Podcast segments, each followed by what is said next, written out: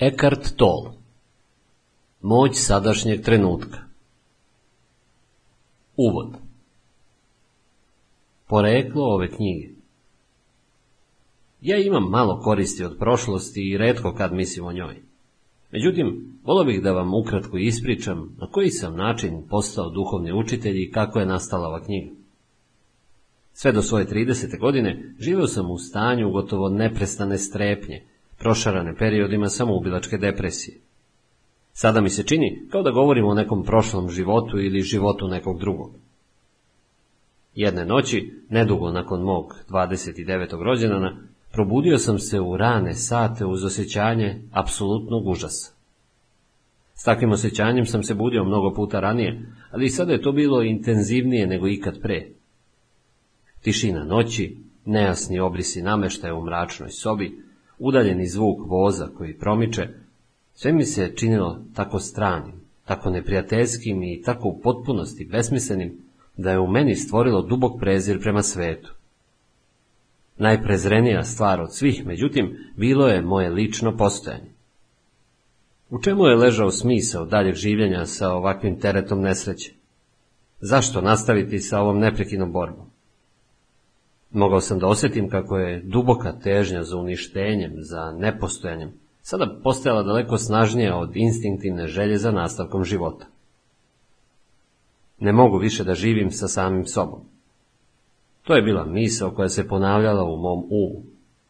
A onda sam iznenada postao svestan koliko je neobična bila ta misao. Jesam li ja jedan ili dvoje? Ako ne mogu da živim sa samim sobom, onda mora da postoje dvojica mene. Ja i onaj sa kojim ja ne može da živi. Možda je, pomislio sam, samo jedan od nas dvojice stvaran. Ovo čudno uviđanje me je toliko zapanjilo da se moj um zaustavio. Bio sam u potpunosti svestan, ali više nije bilo misli. Zatim sam se osjetio uvučenim u nešto što je izgledalo kao vrtlog energije. U početku je to bilo sporo kretanje, ali s vremenom se ubrzavalo. Obuzeo me veliki strah i moje telo je počelo da se trese. Čuo sam reči ne opiri se ničemu, kao da su izgovorene u mojim grudima. Mogao sam da osjetim kako bivam uvučen u nekakvu prazninu. Činilo se kao da se ona nalazi većim delom u meni nego oko mene. Iznenada više nije bilo straha i dozvolio sam sebi da propadnem u tu prazninu. Ne sećam se šta je bilo nakon toga. Probudio me je cvrkut ptica sa spoljne strane prozora. Nikad pre nisam čuo takav zvuk. Moje oči su i dalje bile zatvorene, a ugledao sam sliku skupocenog dijamanta. Tako je, da je dijamant mogao da proizvede zvuk, bio bi baš ovakav. Otvorio sam oči. Prvo svetlo zore probijalo se kroz zavese. Bez jedne misli osjetio sam, znao sam da u svetlosti ima beskrajno više od onoga što mi mislimo. Ta meka svetlucavost koja se probijala kroz zavese bila je ljubav kao takva. Suze su mi navrle na oči. Podigao sam se i prošetao po sobi. Prepoznao sam prostoriju, ipak shvativši da je nikada pre nisam istinski video. Sve je bilo sveže i netaknuto, kao da je upravo nastalo. Podizao sam predmete, olovku, praznu flašu, diveći se lepoti i živosti svega toga. Toga dana sam koračao ulicama grada potpuno očaran čudesnim životom na zemlji, kao da sam tek dospeo na ovaj svet. U toku sledećih pet meseci živeo sam u stanju nenarušenog mira i blaženstva. Nakon toga Intenzitet je donekle opao ili se možda samo činilo tako jer je to postalo moje prirodno stanje. I dalje sam mogao da funkcionišem u svetu, iako sam shvatao da ništa što učinim neće nimalo doprineti onome što već imam. Znao sam, naravno, da mi se dogodilo nešto od velike važnosti, ali nisam uopšte mogao to da razumem. Tek posle nekoliko godina, nakon iščitavanja brojnih duhovnih tekstova i vremena provedenog sa duhovnim učiteljima, uvideo sam da su svi tragali za onim što se meni već desilo. Zaključio sam da je najverovatnije intenzivni pritisak patnje te noći naterao moju svest da odustane od poistovećivanja sa nesrećnim i duboko uplašenim ja, koje, na kraju krajeva, predstavlja izmišljotinu uma. To povlačenje izgleda bilo tako potpuno da je ovo lažno, napaćeno ja u trenutku kolabiralo kao da ste izvukli čep iz igračke za naduvavanje. Ono što je preostalo bila je moja prava priroda, kao uvek prisutno ja jesam, svest u svom čistom stanju koja prethodi po istovećivanju sa formom. Kasnije sam također naučio kako da ulazim u to unutrašnje carstvo u kom vreme i smrt ne postoje i koje sam isprva iskusio kao prazninu, ostajući pritom potpuno svestan. Boravio sam u stanjima tako neopisivog blaženstva i svetosti, da je početno iskustvo koje sam upravo opisao bledo u poređenju sa njima. Došlo je vreme kada sam nakratko ostajao bez ičega na fizičkom polju. Nisam imao veze, posao, dom, društveno određen identitet. Skoro dve godine sam proveo na klupama po parku u stanju potpune radosti. Ali čak i najlepša iskustva dođu i prođu. Možda je još bitnije od bilo kakvog iskustva osnovno osjećanje mira koje me od tada više nije napuštalo. Ponekad je ono veoma snažno, skoro opipljivo, tako da ga i drugi mogu osjetiti. A ponekad se nalazi negde u pozadini, nalik udaljenoj melodiji. Kasnije bi mi ljudi povremeno prilazili i govorili mi, želim da imam to što ti imaš, možeš li mi to dati ili mi pokazati kako da to dobijem?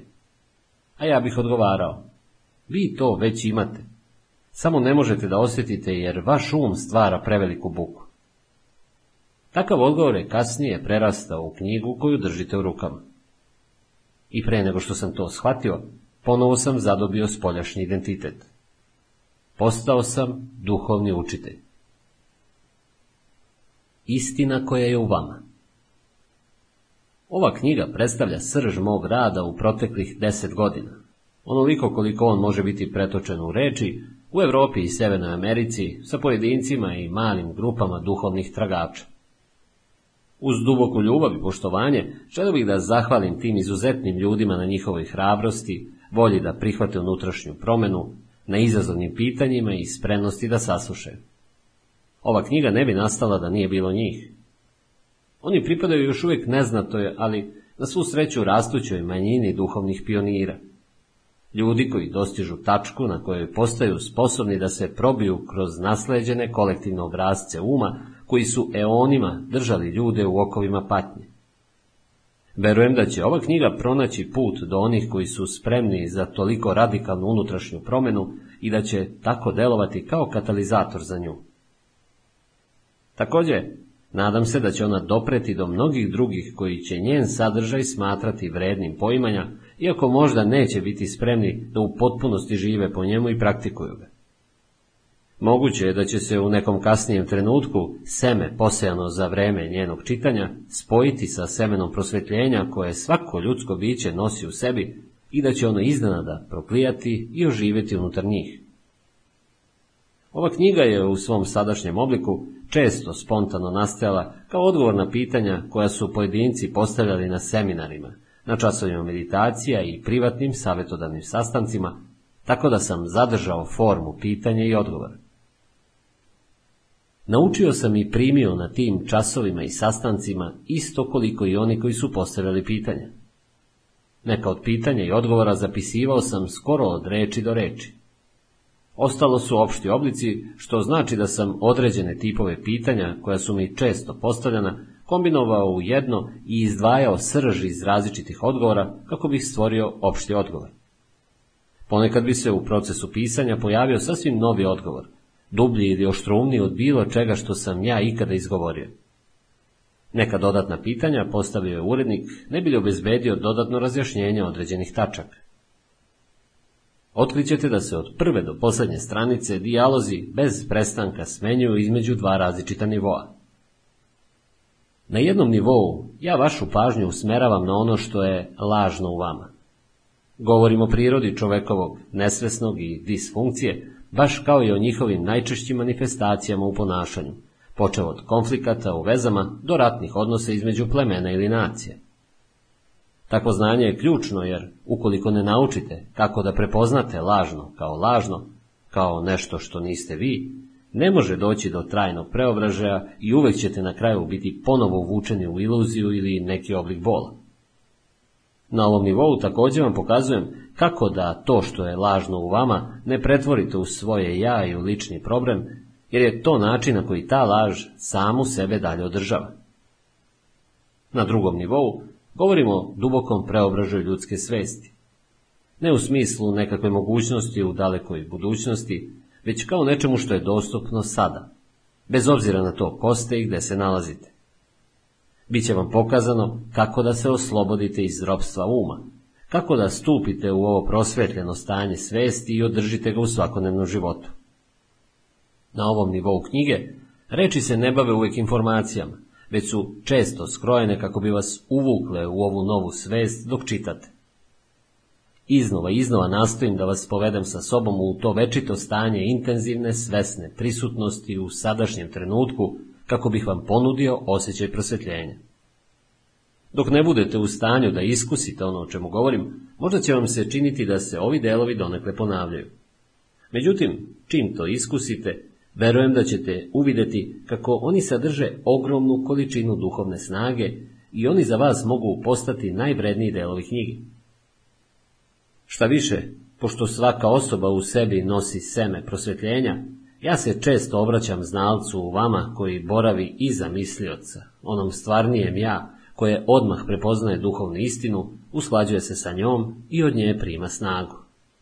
Dok počinjete da čitate ili u ovom slučaju slušate ovu knjigu, značenje određenih reči, kao što su biće ili prisustvo, možda vam isprava neće biti najjasnije. Samo nastavite sa čitanjem. Dok budete čitali, možda će vam padati na um pitanje ili primjedbe. Verovatno ćete dobiti odgovor na njih kasnije u knjizi ili će se ispostaviti da su nevažna kada budete sve dublje zalazili u učenje i u sebe. Nemojte čitati samo umom. Obratite pažnju na bilo kakav emocionalni odgovor tokom čitanja i na osjećanje prepoznavanja duboko iznutra.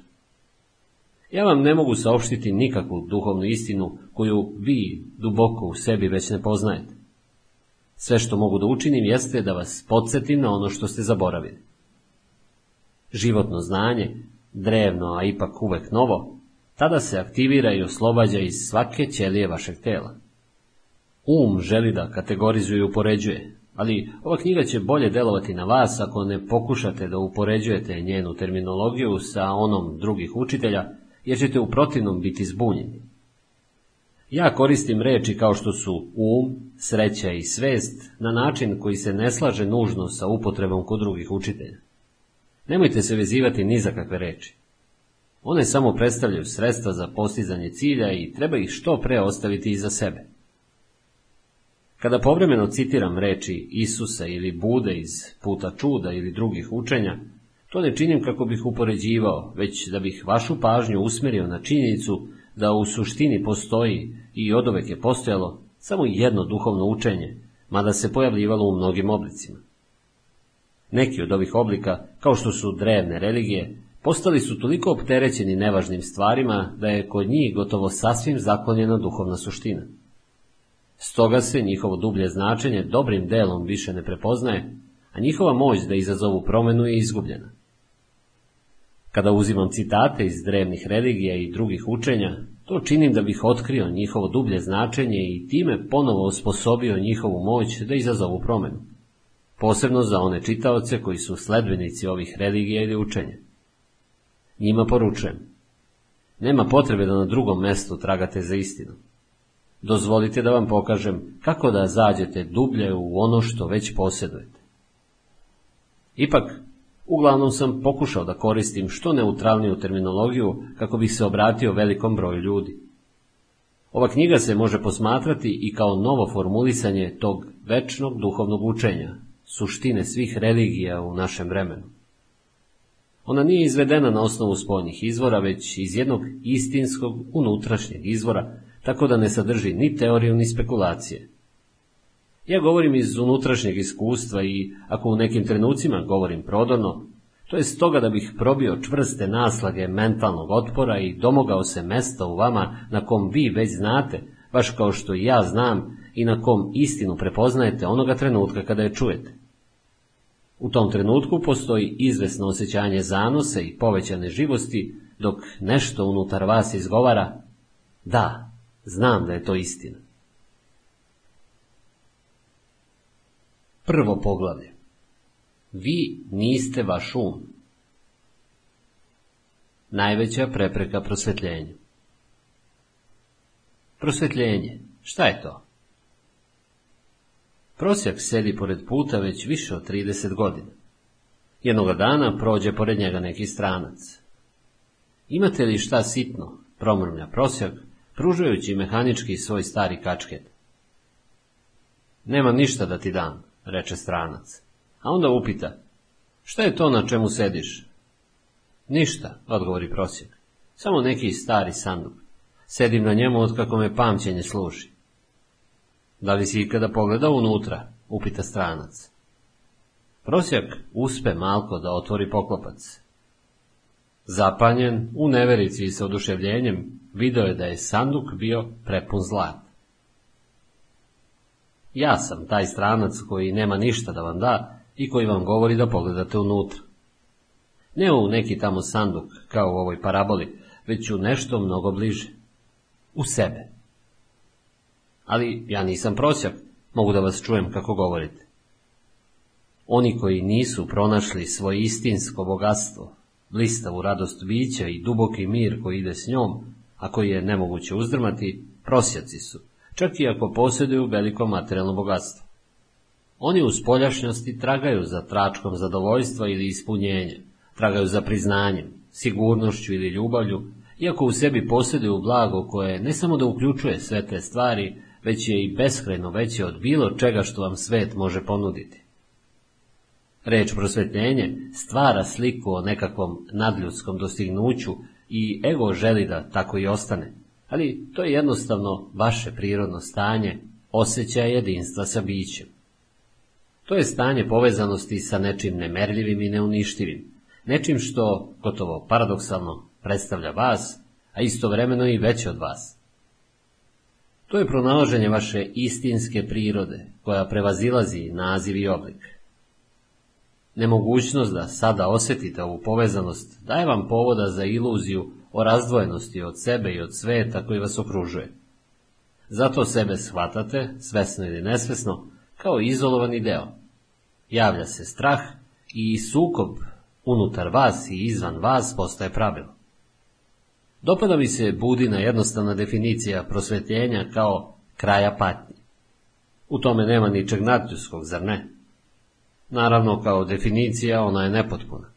Ona vam samo govori šta prosvetljenje nije. Nije patnja. Ali šta preostaje kada više nema patnje? Buda ne govori o tome i njegovo ćutanje vam kazuje da ćete to morati sami da otkrijete. On koristi negativnu definiciju kako um ne bi mogao da je pretvori u nešto u što se može verovati ili u nadljusko dostignuće, cilj koji ne možete da postignete. Uprkos ovoj predostrožnosti, većina budista i dalje veruje da je prosvetljenje namenjeno budi, a ne njima, barem ne u ovom životu. Upotrebili ste reč biće. Možete i da objasnite šta ste pod time mislili. Biće je večni, uvek prisutni jedini život iznad brojnih oblika života koji podležu rođenju i smrti. Međutim, biće se ne nalazi samo iznad, već i duboko unutar svakog oblika kao njegova najdublja, nevidljiva i neuništiva suština.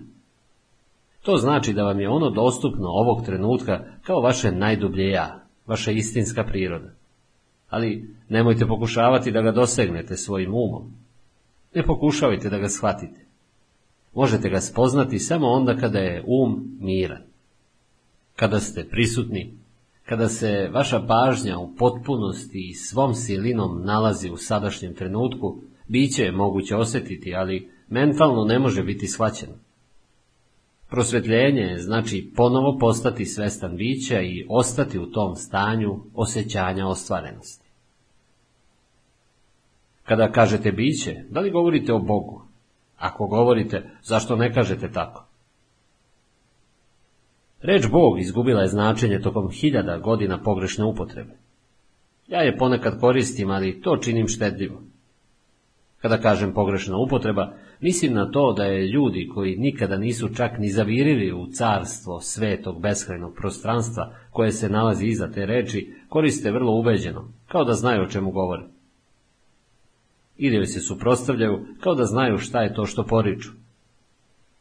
Pogrešna upotreba omogućava pojavu absurdnih verovanja, predubeđenja i egoističnih zabluda, kao što je ona moj ili naš Bog je jedini pravi Bog, a tvoj Bog je lažan. Ili Ničeva poznata izjava, Bog je mrtav. Reč Bog postala je zatvoreni koncept. Onoga trenutka kada je reč izgovorena, mentalna slika se stvara.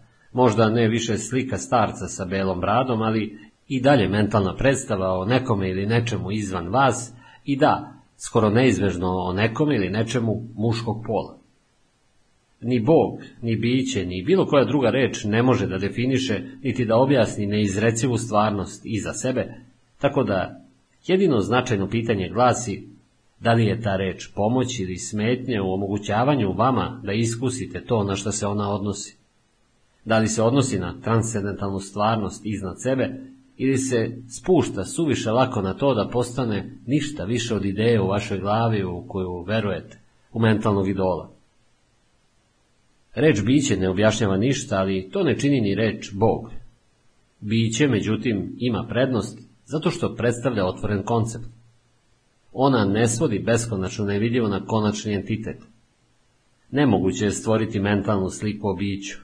Niko ne može da tvrdi kako jedini polaže pravo na njega. Ono je vaša sama suština i dostupno vam je u ovom trenutku kao osjećanje vašeg sobstvenog prisustva, kao shvatanje ja jesam, koje prethodi onom ja sam ovo ili ja sam ono. Stoga, mali je korak od reči biće do iskustva biće.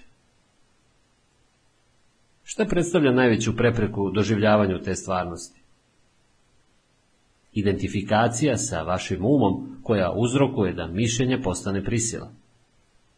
Ne biti u mogućnosti da prestanete sa razmišljanjem predstavlja jezivu zavisnost, ali mi to ne uviđamo jer gotovo svako boluje od nje, tako da se ta zavisnost smatra normalnom. Ova neprestana mentalna buka sprečava vas da pronađete to carstvo unutrašnje smirenosti koje je nerazdvojivo od bića. Ono također stvara i lažno, umom stvoreno ja, koje baca senku straha i patnje. Svim tim stvarima ćemo se detaljnije pozabaviti kasnije. Filozof Descartes je verovao da je došao do najfundamentalnije istine kada je izrekao svoju poznatu tvrdnju mislim, dakle postoji. U stvari, on je rečima uobličio najosnovniju grešku. Izjednačio je mišljenje sa bićem i identitet sa mišljenjem. Prisilni mislilac, što znači gotovo svako, živi u stanju prividne izolovanosti u suludo složenom svetu stalnih problema i sukoba, svetu koji odražava stalno rastuću rasparčanost uma. Prosvetljenje je stanje celosti, stanje bića u celini, a samim tim i stanje mira. To je stanje jedinstva sa životom u njegovom pojavnom aspektu, odnosno sa svetom, kao i sa svojim najdubljim ja i duhovnim životom. Stanje jedinstva sa bićem. Prosvetljenje ne predstavlja samo završetak patnje i stalnih spoljašnjih i unutrašnjih sukoba, već također i kraj jezivog robovanja neprekidnom razmišljanju. Kakvo je to samo neverovatno oslobođenje? Identifikacija sa vašim umom stvara neprovidan paravan od pojmova, oznaka, predstava, reči, sudova i definicija koji blokira svaku istinsku vezu. On stoji između vas i vašeg ja, između vas i vašeg sadruga, između vas i prirode, između vas i Boga. Upravo ovaj paravan od misli stvara iluziju izdvojenosti, iluziju da postojite vi i potpuno različit neko drugi. Tada zaboravljate na ključnu činjenicu da ispod nivoa fizičkih pojava i zasebnih oblika vi činite celinu sa svim što postoji. Pod zaboravljanjem podrazumevam to da više niste u stanju da osjetite ovo jedinstvo kao očiglednu stvarnost. Vi možete verovati da je to istina, ali vi i dalje ne znate da je to istina. Vera može biti utešna. Međutim, samo putem ličnog iskustva ona postaje oslobađajuća. Razmišljanje je postalo bolest. Bolest nastaje onda kada stvari izlete iz ravnoteže. Na primjer, ne postoji ništa loše u deobi razmnožavanju ćelija u telu, ali kada se taj proces nastavi uz zanemarivanje veze sa celokupnim organizmom, ćelije se nekontrolisano šire i mi obolevamo. Um je izvaredan instrument ako se koristi ispravno. Međutim, ako se koristi pogrešno, postaje veoma destruktivan. Da se izrazim preciznije, ne radi se toliko o tome da vi koristite svoj um pogrešno. Uglavnom ga ne koristite uopšte. On koristi vas. To predstavlja bolest. Vi verujete da ste isto što i vaš um. To je zabluda. Instrument je preuzeo kontrolu nad vama. Ne slažem se sasvim. Istina je da se dosta bavim besinnim razmišljanjem, kao i većina ljudi, ali i dalje mogu da odaberem da iskoristim svoj um kako bi se neke stvari postigle i ja to sve vreme činim. To što ste u stanju da rešite ukrštene reči ili da napravite atomsku bombu, ne znači da koristite svoj um. Baš kao što psi vole da glođu kosti, tako um voli da zarije svoje zube u probleme. Zbog toga on rešava ukrštene reči i pravi atomske bombe. Vas ne interesuje ni jedno ni drugo. Dozvolite da vas ovo pitam. Da li ste u stanju da se oslobodite svog uma kad god to poželite? Da li ste pronašli dugme za isključenje? Mislite da u potpunosti prestanem da mislim? Ne, ne mogu, osim možda na trenutak ili dva. Onda vas vaš um iskorišćava. Vi ste se nesvesno poistovetili sa njim, tako da čak i ne znate da ste njegov rob. Gotovo kao da ste nečije vlasništvo, a da to znate, tako da mislite da je entitet koji vas okupira isto što i vi. Početak slobode predstavlja uviđanje da vi niste entitet koji okupira, mislilac. Svest o tome vam omogućava da posmatrate taj entitet. Onog trenutka kada započnete da posmatrate mislioca, aktivira se viši nivo svesti. Tada počinjete da uviđate da postoji prostrano carstvo inteligencije iznad misli i da je misao samo jedan mali aspekt te inteligencije. Uviđate takođe i da sve zaista važne stvari, lepota, ljubav, kreativnost, radost, unutrašnji mir, svoj koren imaju iznad uma. Vi počinjete da se budite. Oslobađanje od sobstvenog uma. Šta tačno podrazumevate pod posmatranjem mislioca? Kada neko ode kod lekara i kaže, čujem glas u svojoj glavi, najverovatnije će biti upućen psihijatru. Činjenica je da na vrlo sličan način praktično svako čuje glas ili nekoliko glasova u svojoj glavi sve vreme, nevoljni misalni proces za koji ne shvatate da ga je moguće zaustaviti. Neprekidni monolozi ili dijalozi. Verovatno ste naletali na ludake, po znacima navoda, na ulici koji bez prestanka pričaju ili mrmljaju nešto sa samim sobom. Pa, to se ne razlikuje mnogo od onoga što vi, kao i svi ostali, po znacima navoda, normalni ljudi radite, osim što to ne radite naglas. Glas daje komentare, spekuliše, sudi, upoređuje, žali se, voli, ne voli i tako dalje. Glas nije neminovno bitan za situaciju u kojoj se u tom trenutku nalazite. Moguće je da on oživljava skoriju ili dalju prošlost ili uvežbava i zamišlja moguće buduće situacije. Pritom, on često zamišlja kako se stvari odvijaju loše i sa negativnim ishodima. To se zove briga. Ponekad je ova zvučna podloga praćena i vizualnim predstavama ili mentalnim filmovima. Čak i ako je glas bitan za trenutnu situaciju, on će nju predstaviti u kategorijama prošlosti. To je zato što glas pripada vašem uslovljenom umu, koji je rezultat vaše celokupne prošlosti, kao i kolektivnog kulturnog načina razmišljanja koji ste nasledili. Tako vi vidite sadašnjost i sudite o njoj kroz oči prošlosti, te dobijate sasvim iskrivljen pogled na nju. Nije neobično ako taj glas postane najveći neprijatelj jedne osobe.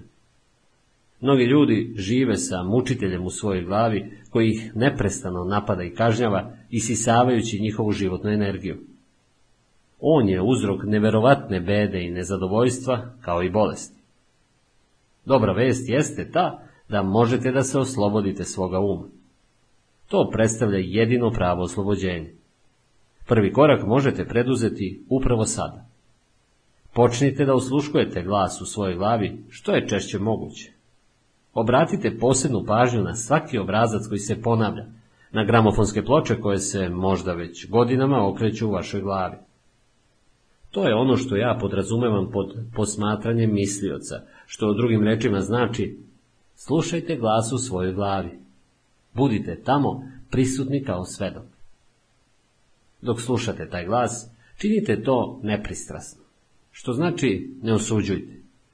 Nemojte osuđivati niti ni podaštavati ono što čujete, jer bi to značilo da je isti taj glas ponovo kročio unutra na zadnja vrata. Ubrzo ćete uvidjeti. Glas je tamo, a ovdje sam ja i mogu da ga čujem i posmatram. Ta samospoznaja ja, to osjećanje sobstvene prisutnosti, nije misao. Ono se uzdiže iznad uma. Stoga dok osluškujete misao, vi ste svesni ne samo te misli, već i samih sebe kao svedoka te misli. Pojavila se nova dimenzija svesti. Dok slušate misao, vi zapravo osjećate svesno prisustvo, vaše dublje ja, iza ili ispod misli. Misao tada gubi svoju moć nad vama i brzo se povlači jer vi više ne osnažujete um poistovećujući se sa njim. To predstavlja početak kraja nevojnog i prisilnog razmišljanja. Kada se misao povuče, vi doživljavate diskontinuitet u toku misli, prazninu ne uma. Isprva će ova praznina biti kratka, možda će trajati nekoliko sekundi, ali postepeno će postajati sve duža. Kada se pojavi, osjetit ćete izvesnu smirenost i spokojstvo unutar sebe. To je početak vašeg prirodnog stanja, opipljivog jedinstva sa bićem koje je obično blokirano umom. Vežbanjem će se osjećaj smirenosti i spokojstva produbljivati. U stvari, toj dubini nema kraja. Također ćete osjetiti i suptilno izlivanje radosti koja izvire iz te dubine, radost bića. To stanje nije nalik transu, nimalo. Ovdje nema gubitka svesti. Slučaj je obrnut. Da je cena mira umanjivanje vaše svesnosti, a cena smirenosti, manjak vitalnosti i budnosti, onda ih ne bi ni vredelo imati. U ovom stanju unutrašnje povezanosti vi ste daleko spremniji, daleko budniji nego u stanju poistovećenosti sa umom. U potpunosti ste prisutni. To također podiže i vibracijonu frekvenciju energetskog polja koje vašem fizičkom telu daje život. Spuštajući se sve dublje u ovo carstvo ne uma, kako ga ponekad nazivaju na istoku, vi spoznajete stanje čiste svesti. U tom stanju osjećate sobstveno prisustvo sa takvim intenzitetom i takvom radošću da celokupno mišljenje, vaše fizičko telo kao i ceo spoljni svet postaju relativno beznačajni u poređenju sa njim. A ipak to nije sebično stanje, već stanje gubitka svog ja. Ono vas vodi iznad onoga što ste ranije smatrali svojim ja. To prisustvo predstavlja vašu suštinu, a u isto vrijeme i nešto neizmjerno veće od vas. Ono što pokušavam da predstavim ovdje može zvučati paradoksalno ili čak kontradiktorno, ali ne postoji drugi način na koji bih to mogao da izrazim. Umjesto da posmatrate mislioca, prazninu u toku misli možete da stvorite jednostavno usmeravajući žižu vaše pažnje ka sadašnjem trenutku. Naprosto postanite intenzivno svesni ovog trenutka. Tako nešto pričinjava veliko zadovoljstvo. Na taj način vi odvačite pažnju od aktivnosti uma i stvarate prazninu ne uma u kojoj ste vrlo pripravni i svesni, ali ne razmišljate. Ovo je suština meditacije. U svakodnevnom životu možete da praktikujete ovo tako što ćete se baviti bilo kojom rutinskom aktivnošću koja inače predstavlja samo sredstvo za postizanje cilja i posvetiti joj apsolutnu pažnju tako da ona sama postane cilj. Na primjer, svaki put kada se penjete ili spuštate stepenicama u svojoj kući ili na poslu, dobro obratite pažnju na svaki korak, svaki pokret, čak i na svoje disanje. Budite potpuno prisutni. Ili, kada perete ruke, obratite pažnju na sve čulne doživljaje povezane sa tom radnjom. Zvuk vode i osjećaj koje ona stvara, pokrete vaših ruku, miris sapuna i tako dalje ili kada uđete u automobil nakon što zatvorite vrata, Umirite se na nekoliko sekundi i usredsredite se na sobstveno disanje. Postanite svesni nečujnog, ali snažnog osjećaja prisustva. Postoji jedan siguran kriterijum po kojem možete da izmerite svoj uspeh pri ovoj vežbi. To je nivo mira koji osjećate iznutra. Stoga, jedini važan korak na vašem putu ka prosvjetljenju jeste ovaj. Naučite kako da prestanete da se poistovećujete sa svojim umom. Svaki put kada stvorite prazninu u toku misli, svetlost vaše svesti postaje jača.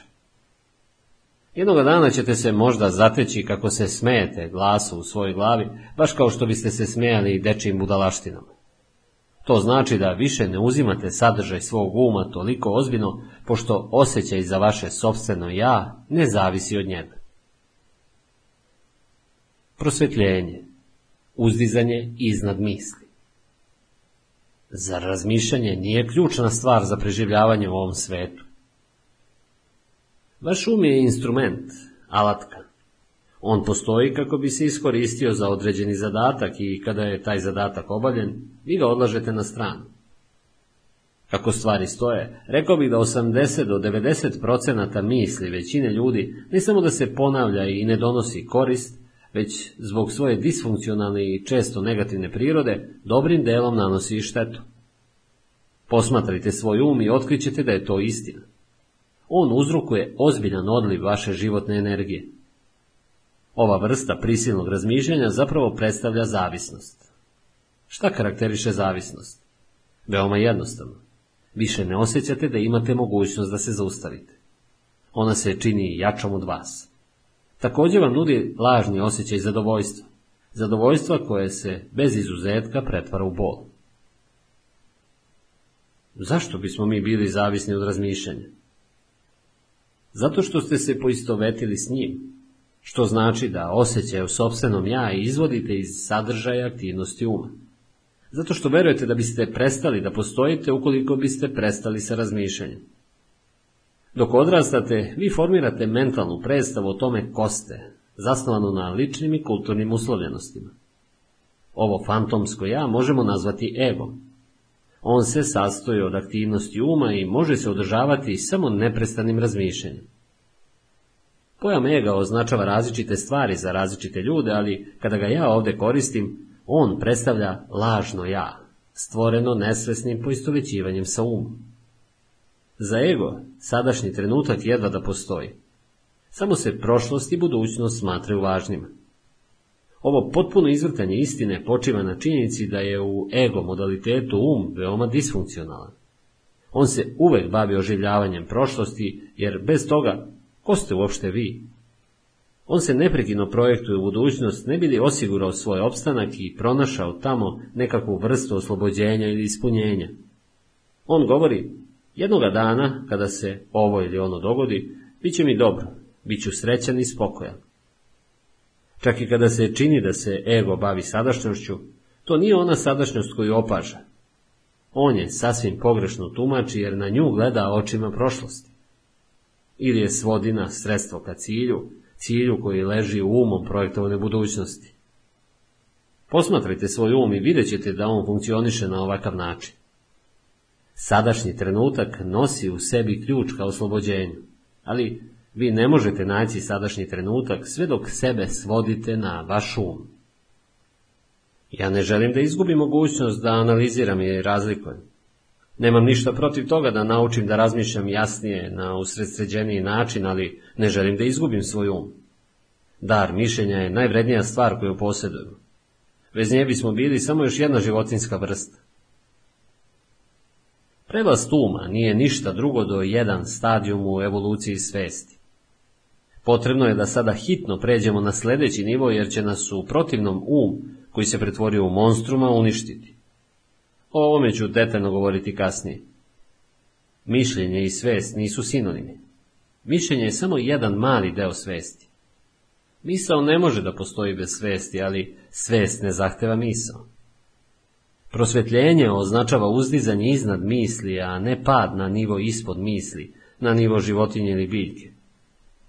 U prosvetljenom stanju vi se i dalje služite svojim umom kada je to potrebno, ali na daleko usredsređeniji i efikasniji način nego ranije. Više ga koristite u praktične svrhe, ali oslobođeni ste od nevoljnih unutrašnjih monologa, a prisutna je i unutrašnja smirenost. Kada koristite svoj um, a posebno kada je potrebno kreativno rešenje, vi približno svakih nekoliko minuta oscilirate između misli i smirenosti, između uma i neuma. Neum predstavlja svesnost bez misli. Jedino je tako moguće razmišljati kreativno jer samo na takav način misao ima bilo kakvu snagu. Sama za sebe, kada više nije povezana sa daleko prostranijim carstvom svesnosti, ona brzo postaje ogoljena, luda i destruktivna. Um je ključna mašina opstanka. Napad na druge umove i odbrana od njih, prikupljanje, pohranjivanje i analiziranje informacija, to je ono u čemu je dobar, ali on uopšte nije kreativan. Svi istinski umetnici, bili toga svesni ili ne, stvaraju iz neuma, iz unutrašnje smirenosti. Um zatim kreativnim impulsima ili uvidima daje oblik. Čak su i slavni naučnici izvestili o tome da su do kreativnih otkrića došli u trenucima mentalne tišine.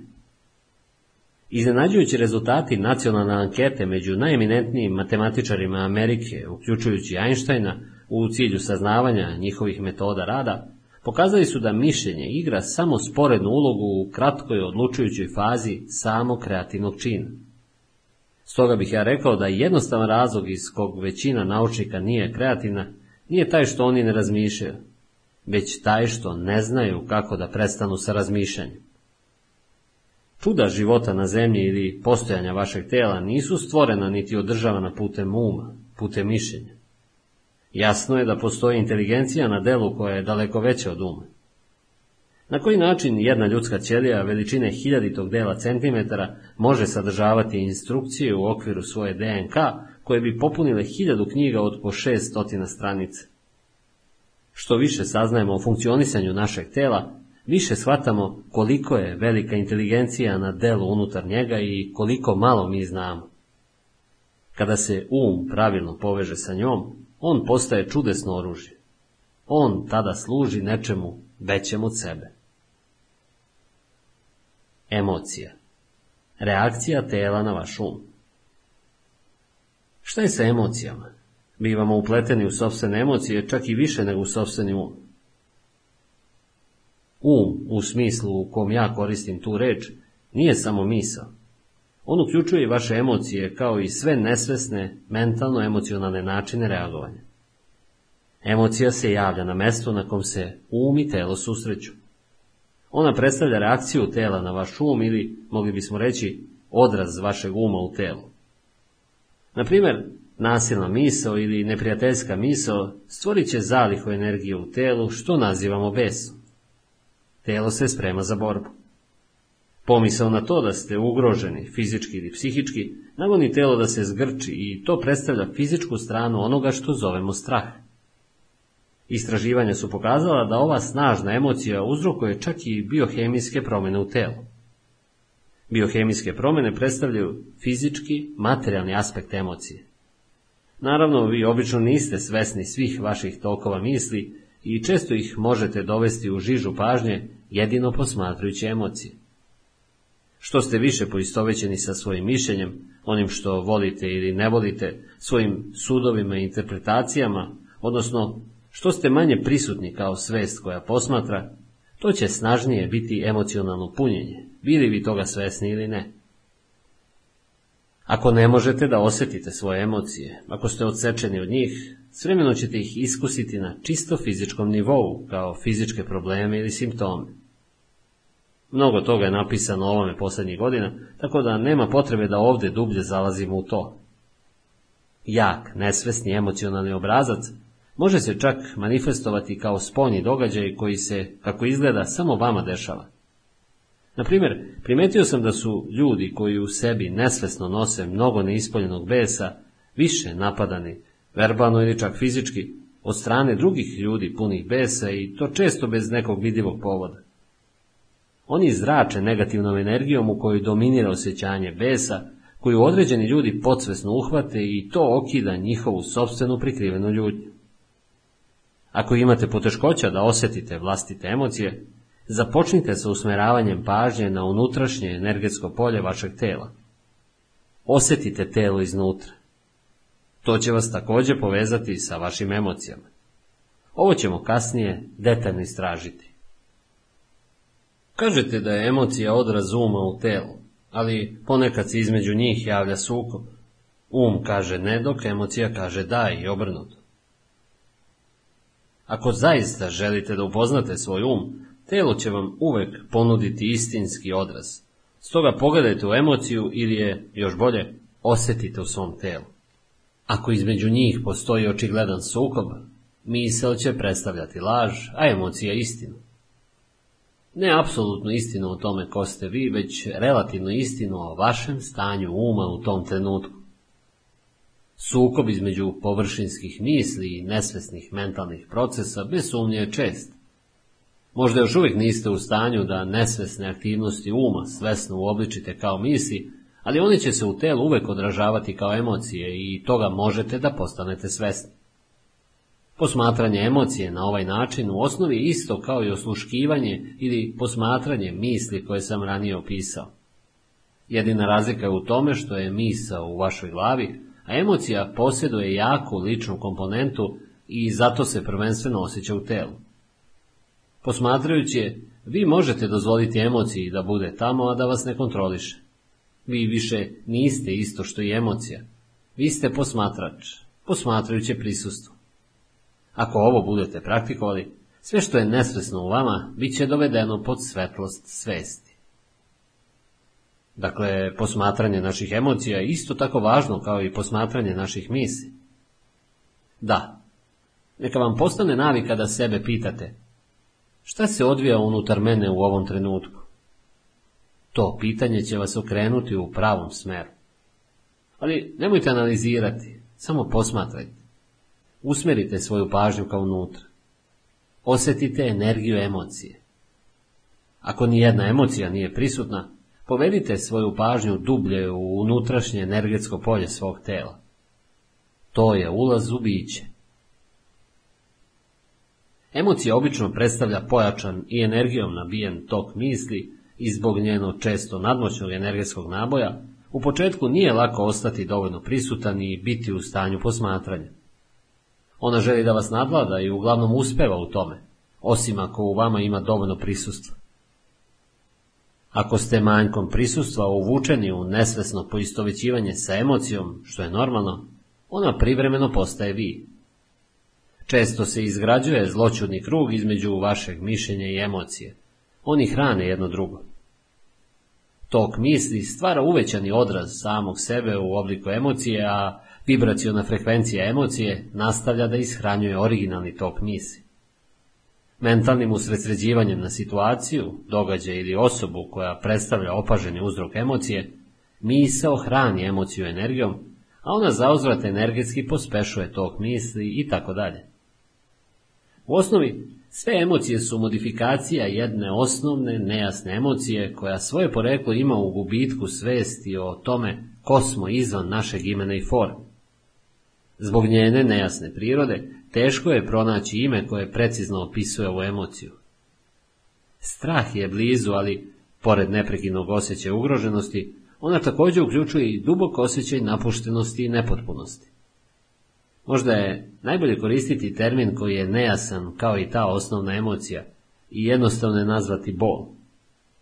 Jedan od glavnih zadataka uma jeste da se suprostavi tom emocionalnom bolu koji je jedan od razloga za njegovu neprestanu aktivnost i da ga odstrani.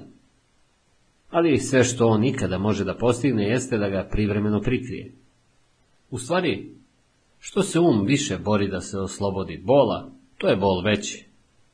Um nikada ne može da iznađe rešenje, niti može da priušti sebi da vi iznađete rešenje, jer je on sam bitan deo problema. Zamislite šefa policije koji pokušava da pronađe palikuću, a palikuća je on sam. Nećete se osloboditi bola, sve dok ne prestanete da izvodite svest o sebi iz poistovećenosti sa umom, odnosno iz ega. A kada prestanete, um će biti srušen sa svoje moćne pozicije i biće će se otkriti kao vaša istinska priroda. Želim da pitam, šta je sa pozitivnim emocijama kao što su ljubav i sreća? One su nerazdvojive od vašeg prirodnog stanja unutrašnje povezanosti sa bićem. Tračci ljubavi i sreće ili kratki trenuci dubokog mira mogući su kad god se pojavi praznina u toku misli. Za većinu ljudi takve praznine nastaju redko i samo slučajno u trenucima kada je um ostao bez teksta, ponekad usled velike lepote, ekstremnog fizičkog napora ili čak velike opasnosti. Iznenada javlja se unutrašnja smirenost. I unutar te mirnoće postoji suptilna ali intenzivna sreća, postoji ljubav, postoji mir. Obično su takvi trenuci kratkog veka jer um brzo iznova uspostavlja svoju bučnu aktivnost koju nazivamo mišljenje. Ljubav, sreća i mir ne mogu da procvetaju sve dok se ne oslobodite dominacije uma. Ali one nisu nešto što bih ja nazvao emocijama. One leže ispod emocija na mnogo dubljem nivou. Zato je potrebno da postanete sasvim svesni svojih emocija i da budete u stanju da ih osetite pre nego što budete sposobni da osetite ono što leži ispod njih. Emocija doslovno znači uznemirenost. Reč dolazi od latinske reči emovere, što znači uznemiravati. Ljubav, sreća i mir su prava stanja bića ili bolje tri aspekta stanja unutrašnje povezanosti sa bićem. Kao takva, ona nemaju suprotnosti. To je zato što potiču iz veće dubine nego um. Emocije su, sa druge strane, kao delovi dualističkog uma, podložne zakonu o suprotnostima. To jednostavno znači da ne možete imati dobro bez lošeg. Stoga je u neprosvetljenom stanju poistovećenosti sa umom, ono što se ponekad pogrešno naziva srećom, uglavnom zapravo period kratkotrednog zadovoljstva u okviru neprekidnog neizmeničnog ciklusa bol zadovoljstva. Zadovoljstvo uvijek je izvedeno iz nečega izvan vas, dok sreća izvire iz vas. Ona ista stvar koja vam danas donosi zadovoljstvo, sutra će vam nanositi bol ili će vas napustiti, tako da će vam njeno odsustvo nanositi bol. A ono što se često naziva ljubavlju, može biti prijatno i uzbudljivo neko vreme, ali to predstavlja zavisničku odanost, stanje ekstremne potrebe koja se može pretvoriti u svoju suprotnost u treptaju oka. Mnoge ljubavne veze, nakon što prođe početna euforija, zapravo osciliraju između ljubavi i mržnje, privlačnosti i napada. Prava ljubav vas ne tera da patite, kako bi i mogla. Ona se ne pretvara iznenada u mržnju, niti se prava sreća pretvara u bol. Kao što sam već rekao, čak i pre nego što ste prosvetljeni, pre nego što ste se oslobodili sobstvenog uma, možete da zavirite u pravu sreću, pravu ljubav ili u duboku unutrašnji mir, spokojan ali ustreptalo živ. Ovo su aspekti vaše prave prirode koja je uglavnom zaklonjena vašim umom. Čak i u okviru normalne zavisničke veze mogu postojati trenuci u kojima se može osjetiti prisustvo nečeg stvarnijeg, nečeg neuništivog. Ali to će biti samo bleskovi koji će uskoro ponovo prekriti šumovi uma. Tada vam može izgledati kao da ste posjedovali nešto veoma vredno i izgubili ga, ili vas vaš um može ubediti da je to i onako bila iluzija. Istina glasi da to nije bila iluzija, već nešto što ne možete izgubiti. To je deo vašeg prirodnog stanja, kog je um u stanju da zamrači, ali ne i da uništi. Čak i kada je nebo potpuno zamračeno, sunce nije nestalo. Ono se i dalje nalazi tamo, sa druge strane oblaka. Buda kaže da bol ili patnja izviru iz želje ili težnje i da je potrebno raskinuti okove želje kako bismo se oslobodili bola. Sve težnje predstavlja um koji traga za spasenjem ili ispunjenjem u spoljnim stvarima i budućnosti kako bi zamenio radost bića. Sve dok sam ja poistovećen sa svojim umom, poistovećen sam i sa tim težnjama, tim potrebama, zahtevima, privrženostima i odbojnostima i pored njih ne postoji ja, osim kao puka mogućnost, neostvareni potencijal, seme koje još nije prokljalo. U tom stanju čak je i moja želja da postanem slobodan i prosvetljen samo još jedna težnja za ispunjenjem i upotpunjenjem u budućnosti. Stoga nemojte tražiti da se oslobodite želje ili dostignete prosvetljenje. Postanite prisutni. Budite tu kao posmatrač uma. Umjesto da citirate Budu, budite Buda, budite onaj probuđeni, što i jeste značenje reči Buda. Ljudska bića su bila pod stegom bola eonima, još od trenutka kada su pali iz stanja uzvišenosti i zakoračili u carstvo vremena i uma, izgubivši svest o biću. Na toj tački su počeli sebe poimati kao besmislene fragmente u stranom univerzumu, nepovezane sa izvorom i između sebe. Bolje je neizbježan sve dok ste poistovećeni sa svojim umom, odnosno sve dok ste nesvesni u duhovnom smislu. Ja ovdje prevashodno govorim o emocionalnom bolu, koji je također i razlog za fizički bol i bolest. Netrpeljivost, mržnja, samosažaljenje, krivica, bes, depresivnost, ljubomore i tako dalje, čak i najmanja razraženost, sve su to oblici bola. I svako zadovoljstvo ili emocionalnu uzvišenost sadrži u sebi klicu bola, svoju nerazdvojivu suprotnost koja će se manifestovati tokom vremena. Svako ko ikada uzeo drogu kako bi dotakao visine, znaće da se uzvišenost na kraju pretvara u potištenost, da se zadovoljstvo pretače u neki oblik bola. Mnogi ljudi također znaju iz ličnog iskustva kako se lako i brzo intimne veze od izvora zadovoljstva mogu pretvoriti u izvor bola. Gledano iz više perspektive, i negativni i pozitivni polariteti predstavljaju dva lice istog novčića. Oba su delovi osnovnog bola koji je nerazdvojivo od egoističnog stanja poistovećenosti svesti sa umom. Postoje dva nivoa vašeg bola. Bol koji stvarate u sadašnjem trenutku i bol iz prošlosti koji dalje živi u vašem umu i telu. Ono o čemu sada želim da govorim jeste prestanak stvaranja bola u sadašnjosti i razgrađivanje bola iz prošlosti. Drugo poglavlje. Svest. Put ka izlasku iz bola. Ne stvarajte više bolu sadašnjosti. Ničiji život nije sasvim oslobođen bola i tuge. Nije li pravo pitanje kako naučiti da se živi sa njima, a ne pokušavati da se oni izbegnu? Najveći deo ljudskog bola je nepotreban. On će sam sebe proizvoditi sve dok nekontrolisani um bude upravljao vašim životom. Bol koji sada proizvodite uvijek predstavlja nekakav oblik neprihvatanja, nekakav oblik nesvesnog otpora prema onome što jeste. Na misalnom nivou otpor predstavlja neki vid suda. Na emocionalnom nivou on predstavlja neki oblik negativnosti. Intenzitet bola zavisi od nivoa otpora prema sadašnjem trenutku, a ovaj zauzvrat zavisi od toga koliko ste snažno poistovećeni sa svojim umom. Um uvek traži način da porekne sadašnji trenutak i pobegne od njega. Drugim rečima, što ste više poistovećeni sa umom, više patite. Ili bi se to moglo ovako reći. Što ste više u stanju da poštujete i prihvatite sadašnji trenutak, to ste oslobođeni od bola, patnje i egoističnog uma. Zbog čega um po navici poriče sadašnji trenutak i opire mu se? Zbog toga što bez vremena, odnosno bez prošlosti i budućnosti, nije u stanju da funkcioniše i kontroliše stvari, tako da večni sadašnji trenutak shvata kao prednju. Vreme i um su zapravo nerazdvojivi. Zamislite zemlju bez ljudi na njoj, nastanjenu samo biljkama i životinjama. Da li bi ona i dalje posjedovala prošlost i budućnost? Da li bismo i dalje mogli smisleno da govorimo o vremenu? Pitanja koliko je sati ili koji je danas dan, kada bi bilo nekoga da to pita, bila bi prilično besmislena. Hrastovo drvo ili orao bili bi zbunjeni takvim pitanjem. Kakvo vreme, pitali bi oni. Pa naravno da je sada. Vreme je sadašnje. Šta drugo postoji?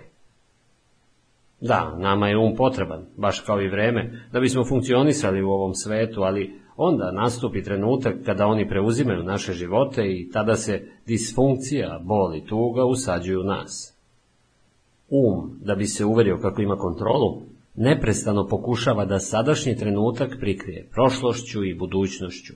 I na taj način vaša istinska priroda postaje zaklonjena umom, dok vitalnost i beskrajni kreativni potencijal bića, koje je nerazdvojivo sadašnjeg trenutka, bivaju prekriveni vremenom.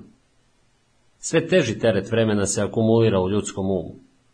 Svi pate pod ovim teretom, ali ga također i povećavaju svaki put kada ignorišu ili poriču taj dragocjeni trenutak ili kada ga svode na sredstvo za dospevanje do nekog budućeg trenutka koji postoji isključivo u njihovom umu, ni pošto u stvarnosti. Nagomilavanje vremena u kolektivnom i individualnom ljudskom umu takođe sadrži veliku količinu zaostalog bola iz prošlosti. Ako više ne želite da stvarate bol sebi i drugima, ako više ne želite da povećavate zaostali bol iz prošlosti koji još uvek živi u vama, onda nemojte da proizvodite više vremena, barem ne više od onoga što je neophodno za bavljanje praktičnim aspektima vašeg života. Kako prestati sa proizvođenjem vremena? U potpunosti prihvatite da je sadašnjost sve što zaista posjedujete. Neka sadašnji trenutak postane centar interesovanja u vašem životu. Dok ste ranije obitavali u vremenu i samo nakratko posjećivali sadašnji trenutak, sada svijte sebi gnezdo u sadašnjem trenutku, a nakratko posjećujte prošlost i budućnost, onda kada bavljenje praktičnim aspektima vašeg života to zahteva. Uvek recite da sadašnjosti. Šta bi moglo biti beskorisnije i nerazumnije od stvaranja unutrašnjeg otpora prema nečemu što već jeste? Šta bi moglo biti nerazumnije od suprostavljanja samom životu, koji je u sadašnjosti i jedino u sadašnjosti? Predajte se onome što jeste. Kažite da životu i posmatrajte kako on počinje da radi za vas, a ne protiv vas. Sadašnji trenutak je ponekad neprihvatljiv, neprijatan ili odvratan. Takav je kakav je. Posmatrajte na koji ga način um obeležava i kako taj proces obeležavanja, to neprestano stvaranje sudova, stvara bol i nesreću. Posmatranjem mehanike uma vi vršite iskorak iz njegovih obrazaca otpora i tada sadašnjem trenutku možete dopustiti da bude. To će vam podariti ukus stanja unutrašnjeg oslobođenja od spoljašnjih uslova, stanja istinskog unutrašnjeg mira. Tek tada posmatrajte šta se dešava i preduzmite korake ako je to potrebno i ako ste u mogućnosti. Prvo prihvatite, a onda delajte. Šta god da u sebi sadrži sadašnji trenutak, prihvatite ga kao da je on vaš izbor. Uvek radite sa njima, a ne protiv njega. Načinite od njega svog prijatelja i saveznika, a ne neprijatelja.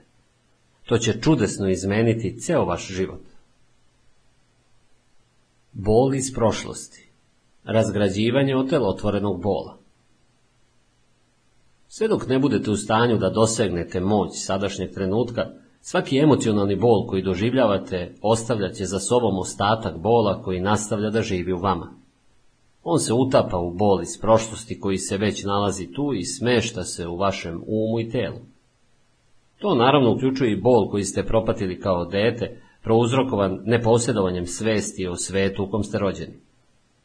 Taj nagomilani bol predstavlja negativno energetsko polje koje okupira vaše telo i vaš um. Ako na njega gledate kao na nekakav nevidljivi, samosvojni entitet, prilično ste blizu istine. To je otelotvoreni emocionalni bol. On ima dva vida postojanja, pritajeni i aktivni. Otelotvoreni bol može biti pritajen 90% vremena, ali u vrlo nesrećnoj osobi on može biti aktivan 100% vremena. Neki ljudi žive gotovo u potpunosti kroz svoj otelotvoreni bol, dok ga drugi možda doživljavaju samo u određenim situacijama, kao što su intimne veze ili situacije povezane sa gubicima u prošlosti, napuštanjima, fizičkim i emocionalnim povredama i tako dalje. Razne stvari ga mogu pokrenuti, naročito ako su u saglasju sa obrazcima bola iz prošlosti. Kada je spreman da se trgne iz pritajene faze, čega i neka misao ili nedužna primetba od strane nekog vama bliskog mogu aktivirati. Neki otelotvoreni bolovi su nepodnošljivi, ali relativno bezopasni, recimo kao dete koje ne prestaje da cmizdri. Drugi predstavljaju zloćudna i destruktivna čudovišta, prave demone. Neki su fizički nasilni, a daleko više ih je emocionalno nasilni. Neki će napadati ljude oko vas ili vama bliske osobe, dok će drugi možda napadati vas, svog domaćina. Misli i osjećanja koje imate o svom životu tada će postati izrazito negativni i samodestruktivni. Na ovaj način često nastaju nesreće i bolesti. Neki otelotvoreni bolovi ponekad svoje domaćine nagone na samoubistvo. Kada mislite da poznajete neku osobu, a onda iznenada budete po prvi put suprostavljeni tom nepoznatom zlobnom stvorenju, doživljavate priličan šok. Međutim, Važnije je posmatrati ga unutar sebe nego u nekome drugome. Obratite pažnju na bilo kakve znake nezadovoljstva u sebi, u bilo kakvom obliku. Možda je u pitanju buđenje od telotvorenog bola. Ono se može javiti u obliku razdraženosti, nestrpljenja, sumornog raspoloženja, želje za povređivanjem, ljutnje, besa, depresije, želje da stvarate dramu u vezi i tako dalje. Uhvatite ga onog trenutka kada se još nalazi u pritajenom stanju. Otelotvoreni bol želi da preživi, baš kao i svaki drugi živi entitet, a može da preživi jedino ako vas navede da se nesvesno poistovetite sa njim. Onda on može da se uzdigne, preuzme kontrolu nad vama, postane isto što i vi i živi kroz vas. Potrebno mu je da kroz vas nabavlja sebi hranu. Hranit će se bilo kakvim iskustvom koje odiše njegovim tipom energije, bilo čime što u nekom obliku stvara dodatni bol, ljutnjom, destruktivnošću, mržnjom, žalom, emocionalnom dramom, nasiljem, pa čak i bolešću. Dakle, otelotvoreni bol će nakon preuzimanja kontrole nad vama kreirati situaciju u vašem životu koja će reflektovati natrag njegovu energetsku frekvenciju kako bi se on mogao ishranjivati. Bol se hrani jedino bolom. Bol se ne može hraniti radošću. Za njega je ona prilično nesvarljiva. Onoga trenutka kada otelotvoreni bol bude preuzeo kontrolu nad vama, vi ćete poželeti još bola. Postaćete ili zločinac ili žrtva. Osjetit ćete potrebu da nanesete bol ili da iskusite bol ili oboje. Između te dve stvari zapravo i nema neke razlike. Vi, naravno, ovoga nećete biti svesni i oštro ćete tvrditi kako ne želite bol. Ali zagledajte pažljivije i otkrićete da su vaše razmišljanje i ponašanje kreirani tako da održavaju bol u vama i u drugima. Da ste toga zaista bili svesni, obrazac bi se raspao jer priželjkivati još bola predstavlja ludost, a niko nije svesno lud. Otelotvoreni bol, ta tamna senka koju baca ego, u stvari se plaši svetlosti vaše svesti. Plaši se razotkrivanja. Njegovo preživljavanje zavisi od vašeg nesvesnog poistovećivanja sa njim, kao i od svesnog straha od suočavanja sa bolom koji živi u vama. Ali ako se ne suočite sa njim, ako u bol ne unesete svetlost vaše svesti, vi ćete primorani da ga iznova i iznova proživljavate. Otelotvoreni bolom se možda može činiti nalik opasnom čudovištu u koje ne smete ni da pogledate, ali ja vas uveravam da je to slabašna utvara koja ne može da nadlada moć vašeg prisustva. Pojedina duhovna učenja tvrde da je sav bol na kraju samo iluzija, i to je tačno. Pitanje glasi, da li je tačno i u vašem slučaju? Puko verovanje ne doprinosi istinitosti tvrdnje. Da li želite da doživljavate bol do kraja svog života, pričajući sve vreme kako on predstavlja iluziju? Hoće li vas to osloboditi bola? Ono što nas ovdje zanima jeste na koji način vi možete da uvidite tu istinu, odnosno da je učinite stvarnom u sobstvenom iskustvu. Dakle, otelotvoreni bol ne želi da ga posmatrate direktno i da ga vidite onako kakav je. Onog trenutka kada ga uočite, osjetite njegovo energetsko polje unutar vas i obratite pažnju na njega, identifikacija će biti prekinuta. Viša dimenzija svesti će stupiti na scenu. Ja je nazivam prisustvo. Vi sada postajete svedok ili posmatrač otelotvorenog bola. To znači da vas on više ne može koristiti pretvarajući se da je isto što i vi i da više ne može da se obnavlja kroz vas. Pronašli ste svoju najdublju snagu. Dosegli ste moć sadašnjeg trenutka. Šta se dešava sa otelotvorenim bolom onda kada postanemo dovoljno svesni da možemo prekinuti našu poistovećenost sa njim? Njega stvara ono nesvesno u nama, a ono svesno u nama ga preobražava u sebe. Sveti Pavle je prekrasno iskazao ovaj univerzalni princip. Sve se pokazuje kada je izneto na svetlost i sve ono što je izneto na svetlost i samo postaje svetlost. Baš kao što se ne možete boriti protiv tame, tako se ne možete boriti ni protiv otelotvorenog bola. Pokušaj da se to učini stvorit će unutrašnji konflikt i samim tim dodatni bol. Dovoljno je posmatrati ga. Posmatranje bola sa sobom nosi i prihvatanje bola kao dela onoga što u tom trenutku jest. Otelotvoreni bol se sastoji od zatočene životne energije koja je odsečena od vašeg ukupnog energetskog polja, privremeno postavši nezavisna kroz neprirodni proces poistovećivanja sa umom. Ona se okrenula protiv sebe same i postala antiživot, poput životinje koja pokušava da proguta sobstveni rep. Šta mislite, zbog čega je naša civilizacija izrasla u takvog razoritelja života? Ali čak i snage koje razaraju život i dalje predstavljaju životnu energiju. Kada prekinete sa poistovećivanjem i postanete posmatrač, otelotvoreni bol će nastaviti da deluje neko vreme i pokušati da vas na prevaru navede da se ponovo poistovetite sa njim. I mada ga vi više ne osnažujete kroz poistovećivanje, on posjeduje izvesni zamah, baš kao vrteška koja neko vreme nastavlja da se okreće iako je niko više ne vrti. Na ovom stadijumu on može da stvara i fizičke nelagode i bolove u raznim delovima tela, ali to neće potrajati. Ostanite prisutni, ostanite svesni. Budite večito oprezni čuvar svog unutrašnjeg prostora. Potrebno je da budete dovoljno prisutni kako biste bili u stanju da direktno posmatrate otelotvoreni bol i osetite njegovu energiju. On tada ne može da kontroliše vaše razmišljanje. Onog trenutka kada se vaše razmišljanje usaglasi sa energetskim poljem otelotvorenog bola, vi ćete se poistovetiti sa njim i ponovo ga ishranjivati svojim mislima. Na primjer, ako je ljutnja prevladavajuća energetska vibracija otelotvorenog bola i ona se pojavlja u mislima koje se bave onim što vam je neko učinio ili onim što ćete mu vi učiniti, onda ste postali nesvesni, a otelotvoreni bol je postao vi. Kada postoji ljutnja, ispod nje se uvijek nalazi bol. Ili kada nastupe mračna raspoloženja i vi upadnete u negativni tok misli, razmišljajući o tome kako je vaš život grozan, vaše razmišljanje se usaglasilo sa otelotvorenim bolom i postali ste nesvesni i podložni njegovom napadu. Nesvestan, kako ja ovdje koristim tu reč, znači poistovećen sa određenim mentalnim ili emocionalnim obrazcem. To podrazumeva potpuno odsustvo posmatrača.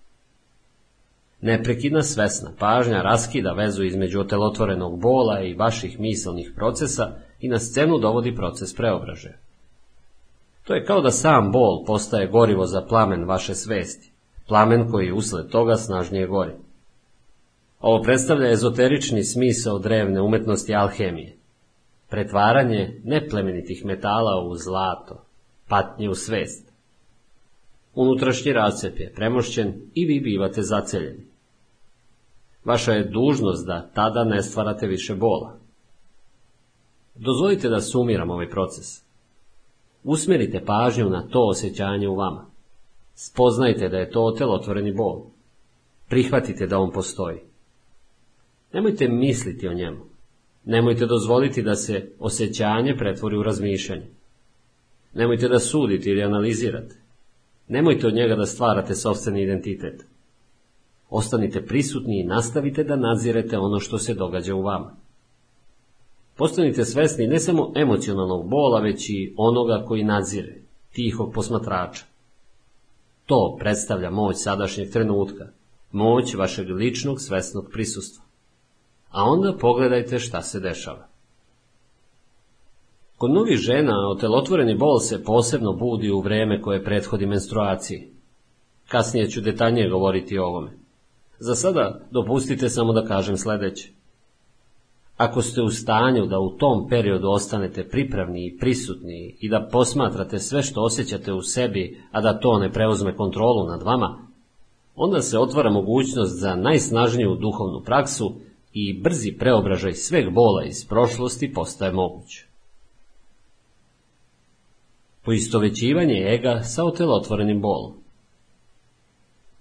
Proces koji sam upravo opisao veoma je snažan, a ipak jednostavan. I dete bi ga moglo naučiti i nadamo se da će jednoga dana i to i biti jedna od prvih stvari koje će deca učiti u školi. Onog trenutka kada budete razumjeli osnovni princip posmatranja onoga što se dešava unutar vas, a razumevate ga putem iskustva, na raspolaganju ćete imati najmoćniju alatku promene. To ne znači da se nećete susresti sa žestokim otporom prema prestanku poistovećivanja sa svojim bolom. To će se desiti, posebno ako ste veći deo života proveli blisko poistovećeni sa svojim emocionalnim otelotvorenim bolom, iako je vaše osjećanje o sobstvenom ja u celini ili dobrim delom obuzeto time. Ovo znači da ste od vašeg otelotvorenog bola stvorili jedno nesrećno ja i da verujete kako ova fikcija uma predstavlja vas. U tom slučaju, nesvesni strah od gubitka sobstvenog identiteta stvorit će jak otpor prema bilo kakvom prestanku poistovećivanja. Drugim rečima, radije biste bili u bolovima, radije biste bili sam otelotvoreni bol, nego zakoračili u nepoznato i rizikovali gubitak vama bliskog nesrećnog ja. Ako se ovo odnosi na vas, posmatrajte otpor unutar sebe. Posmatrajte privrženost svom bolu. Budite na velikom oprezu.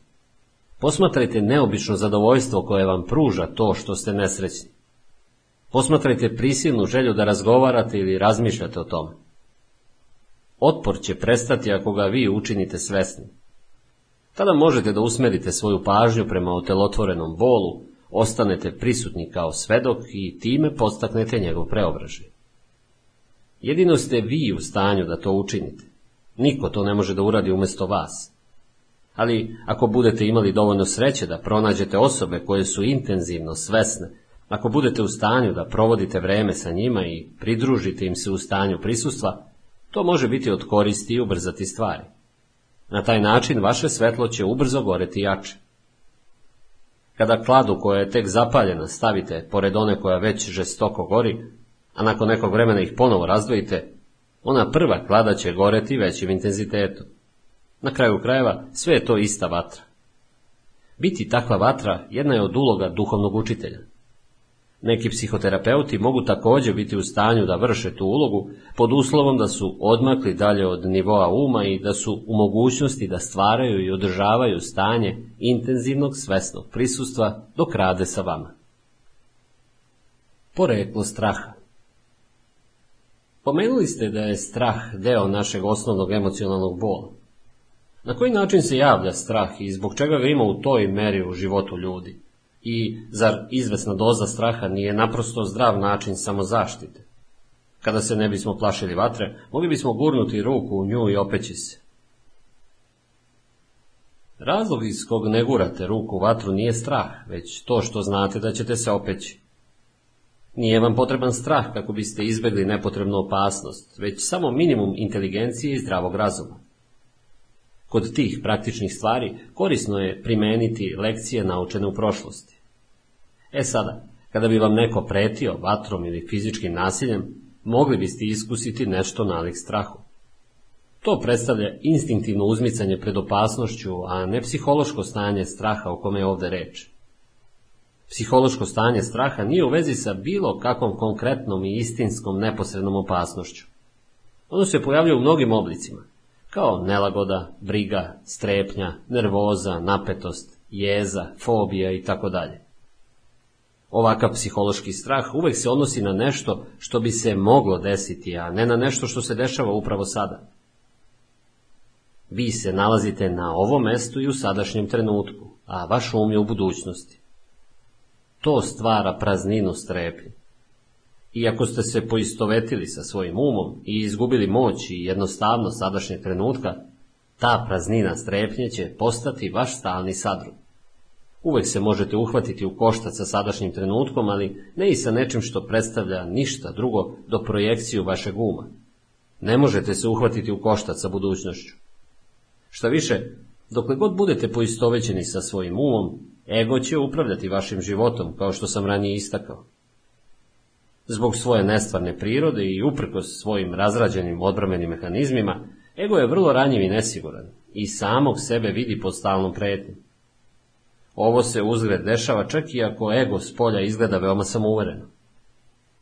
Prisjetite se sada da emocija predstavlja reakciju tela na vaš um. Kakvu to poruku telo neprekidno prima od ega, lažnog, umom stvorenog ja? Opasnost, nalazim se u opasnosti. A koju emociju ova neprekidna poruka stvara? Strah, naravno. Izgleda kao da strah ima mnogo izvora. Strah od gubitka, strah od neuspeha, strah od povrede i tako dalje, ali svi ti strahovi na kraju predstavljaju strah ega od smrti, od uništenja. Za ego smrt se uvek nalazi tu, iza ugla. U ovom stanju poistovećenosti sa umom, strah od smrti utiče na svaki aspekt vašeg života. Na primjer, čak i na izgled tako trivialna i normalna stvar, kao što je prisilna potreba da se u prepirci bude u pravu i dokaže kako ona druga osoba greši, odbrana mentalnog stava sa kojim ste poistovećeni, koren ima u strahu od smrti. Ako se poistovećujete sa mentalnim stavom i pritom niste u pravu, vašem osjećaju za sobstveno ja, zasnovanom na umu, preti ozbiljna opasnost od uništenja. Stoga vi i vaš ego ne možete prihvatiti da niste u pravu. Ne biti u pravu znači umreti. Zbog ovoga su se vodili ratovi i srušene su nebrojene veze. Onog trenutka kada budete prestali da se poistovećujete sa svojim umom, vašem osjećaju za sobstveno ja neće više značiti ništa to da li ste u pravu ili ne. Tako da će silom nametnuta i duboko nesvesna potreba da se bude u pravu, što predstavlja jedan oblik nasilja, prestati da postoji. Bićete u stanju da jasno i glasno iskažete kako se osjećate i šta mislite, ali više pri tome neće biti agresivnosti niti odbrmenog stava. Vaš osjećaj o sobstvenom ja tada će proizaći iz dubljeg i iskrenijeg mesta u vama, a ne iz uma. Čuvajte se svake vrste odbrambenog stava u vama. Šta je to što branite? Iluzorni identitet, predstava u vašem umu, zamišljeni entitet. Time što taj obrazac činite svesnim, time što mu postajete svedok, vi prestajete da se poistovećujete sa njim. U svetlu vaše svesti, nesvesni obrazac će se brzo raspasti. To predstavlja završetak svih prepirki i igara moći koje je toliko štete vezano. Moć nad drugima predstavlja slabost prikrivenu kao snagu. Istinska moć se nalazi unutra i dostupna vam je ovog trenutka.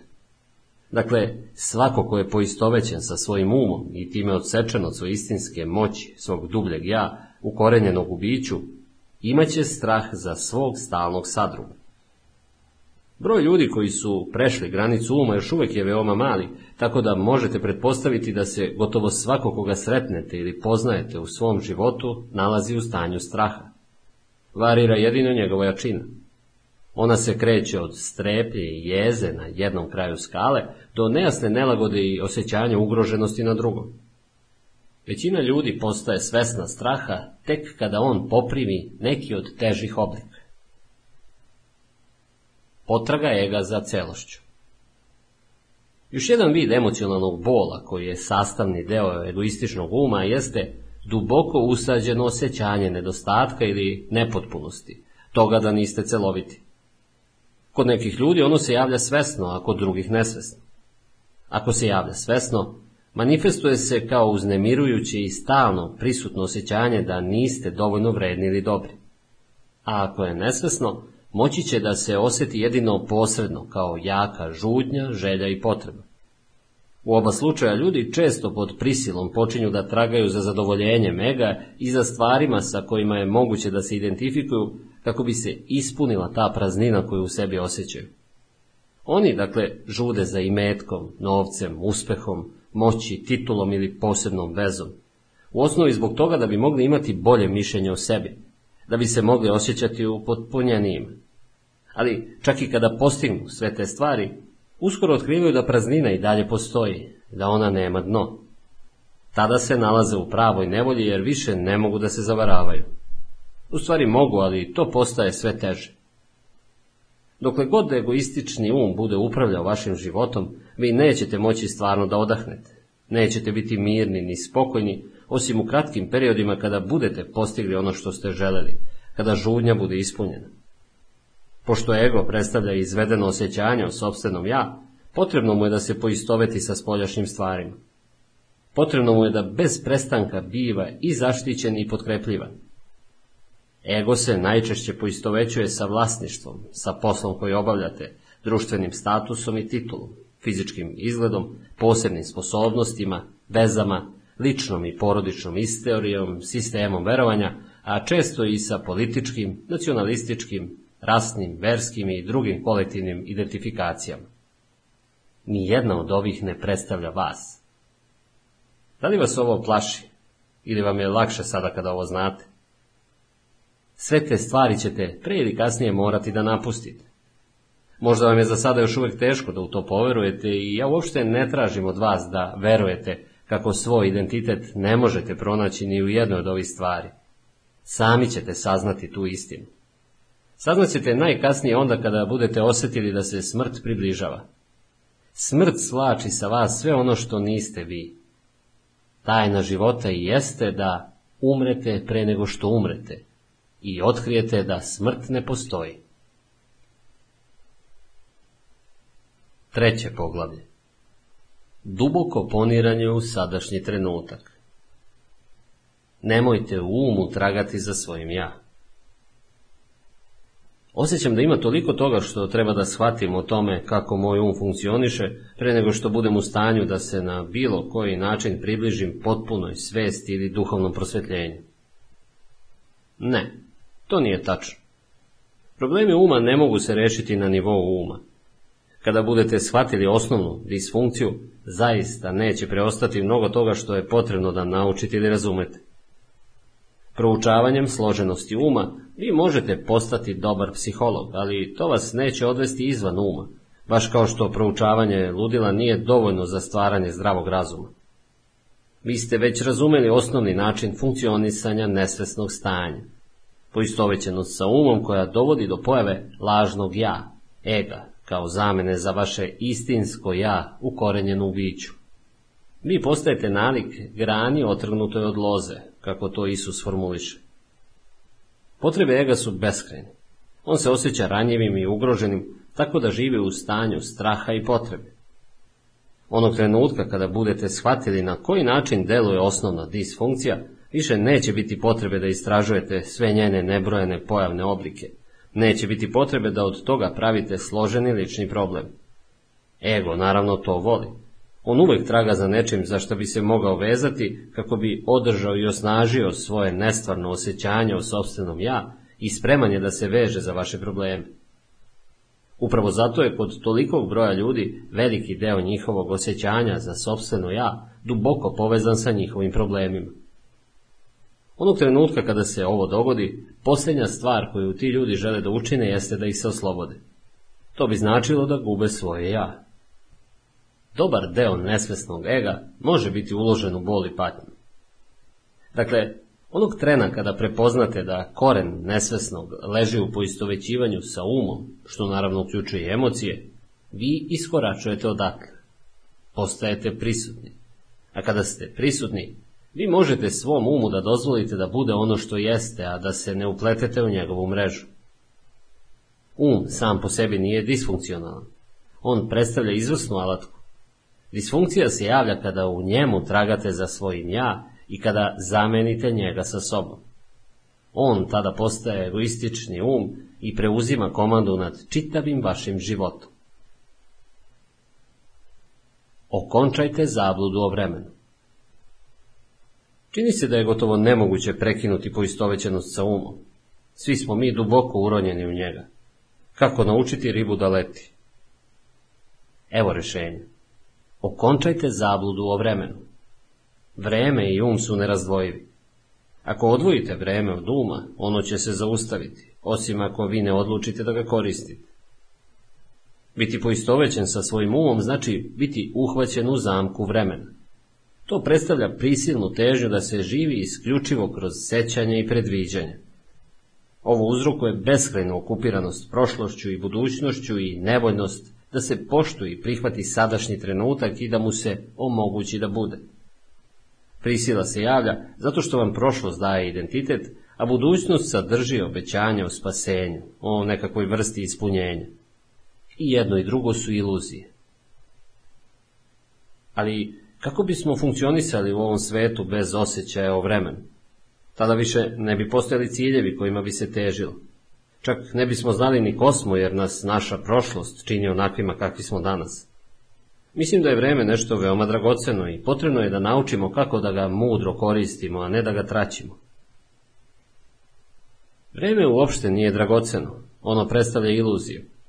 Ono što vi doživljavate nije vreme, već jedna tačka koja se nalazi izvan vremena. sadašnji trenutak. On zaista jeste dragocen.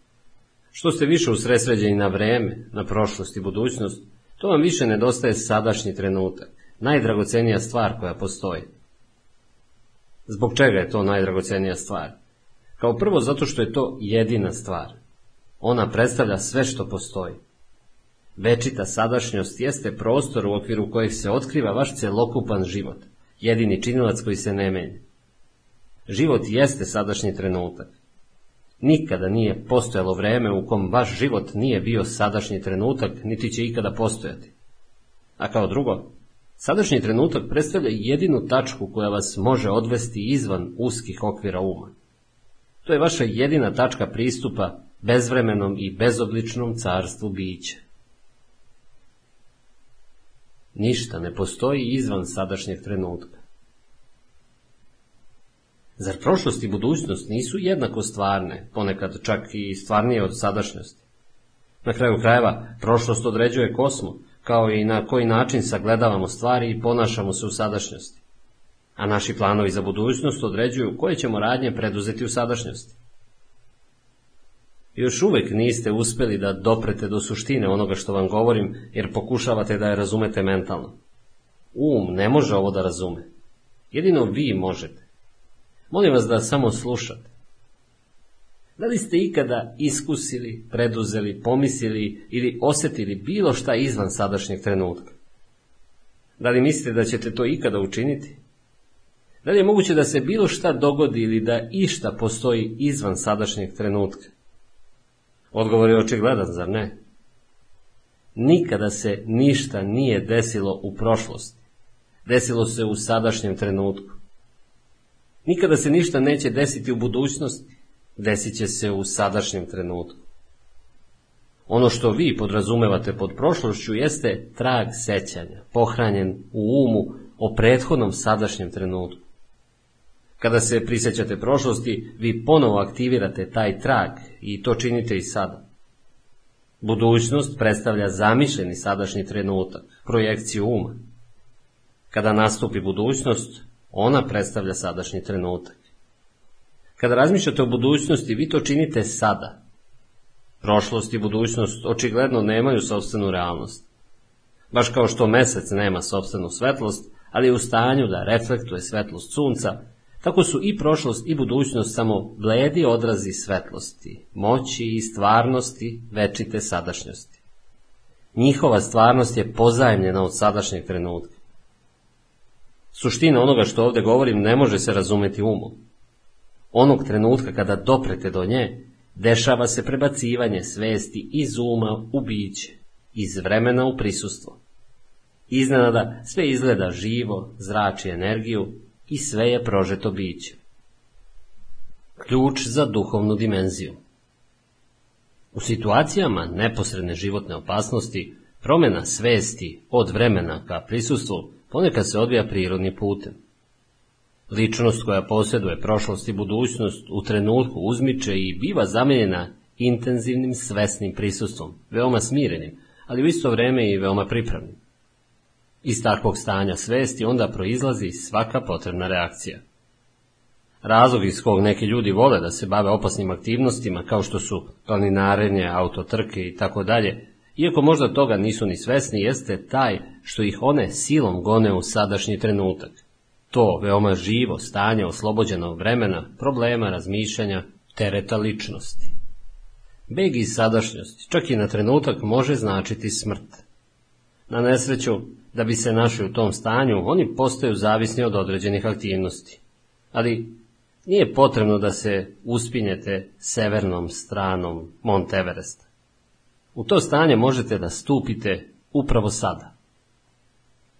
Još od davnina duhovni učitelji svih tradicija ukazivali su na to da je sadašnji trenutak ključ za duhovnu dimenziju. Uprkos tome, izgleda da je to ostalo tajno. Sasvim sigurno se o tome ne uči u crkvama i hramovima. Ako odete u crkvu, možete čuti delovi iz evanđelja poput Ne mislite na sutra jer će se sutra samo brinuti o sebi ili Niko ko se hvata pluga i gleda unatrag nije pogodan za Božije carstvo.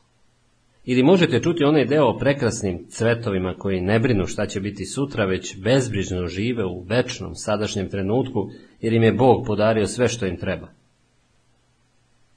Dubokoumnost i suštastvena priroda ovih učenja ostaju neotkrivene. Čini se da niko ne shvata da njih treba proživeti i time prouzrokovati duboku unutrašnju promenu. Cijela suština zena sastoji se u koračanju duž oštrice sadašnjeg trenutka. U tome da tako celovito, tako potpuno budete prisutni da ni jedan problem, nikakva patnja, ništa što ne predstavlja vašu samu suštinu ne može da preživi u vama. U sadašnjem trenutku, u odsustvu vremena, svi problemi se razrešavaju. Patnji je potrebno vreme, ona ne može da preživi u sadašnjem trenutku. Veliki zen učitelj Rinzai je često, kako bi pažnju svojih učenika odvukao od vremena, podizao prst i polako postavljao pitanje. Šta u ovom trenutku nedostaje? To je snažno pitanje koje ne zahteva odgovor na nivou uma. Smišljeno je da bi vašu pažnju odvelo duboko u sadašnji trenutak. Slično pitanje u zen tradiciji glasi, ako ne sada, kada? Sadašnji trenutak također se nalazi u središtu učenja sufizma, mistične grane islama. Sufisti imaju izreku, Sufi je sin sadašnjeg vremena. A Rumi, veliki pesnik i učitelj sufizma, tvrdi, prošlost i budućnost prikrivaju Boga pred našim očima i jedno i drugo spalite vatru. Majstor Ekart, duhovni učitelj iz 13. veka, prelepo je to sažeo.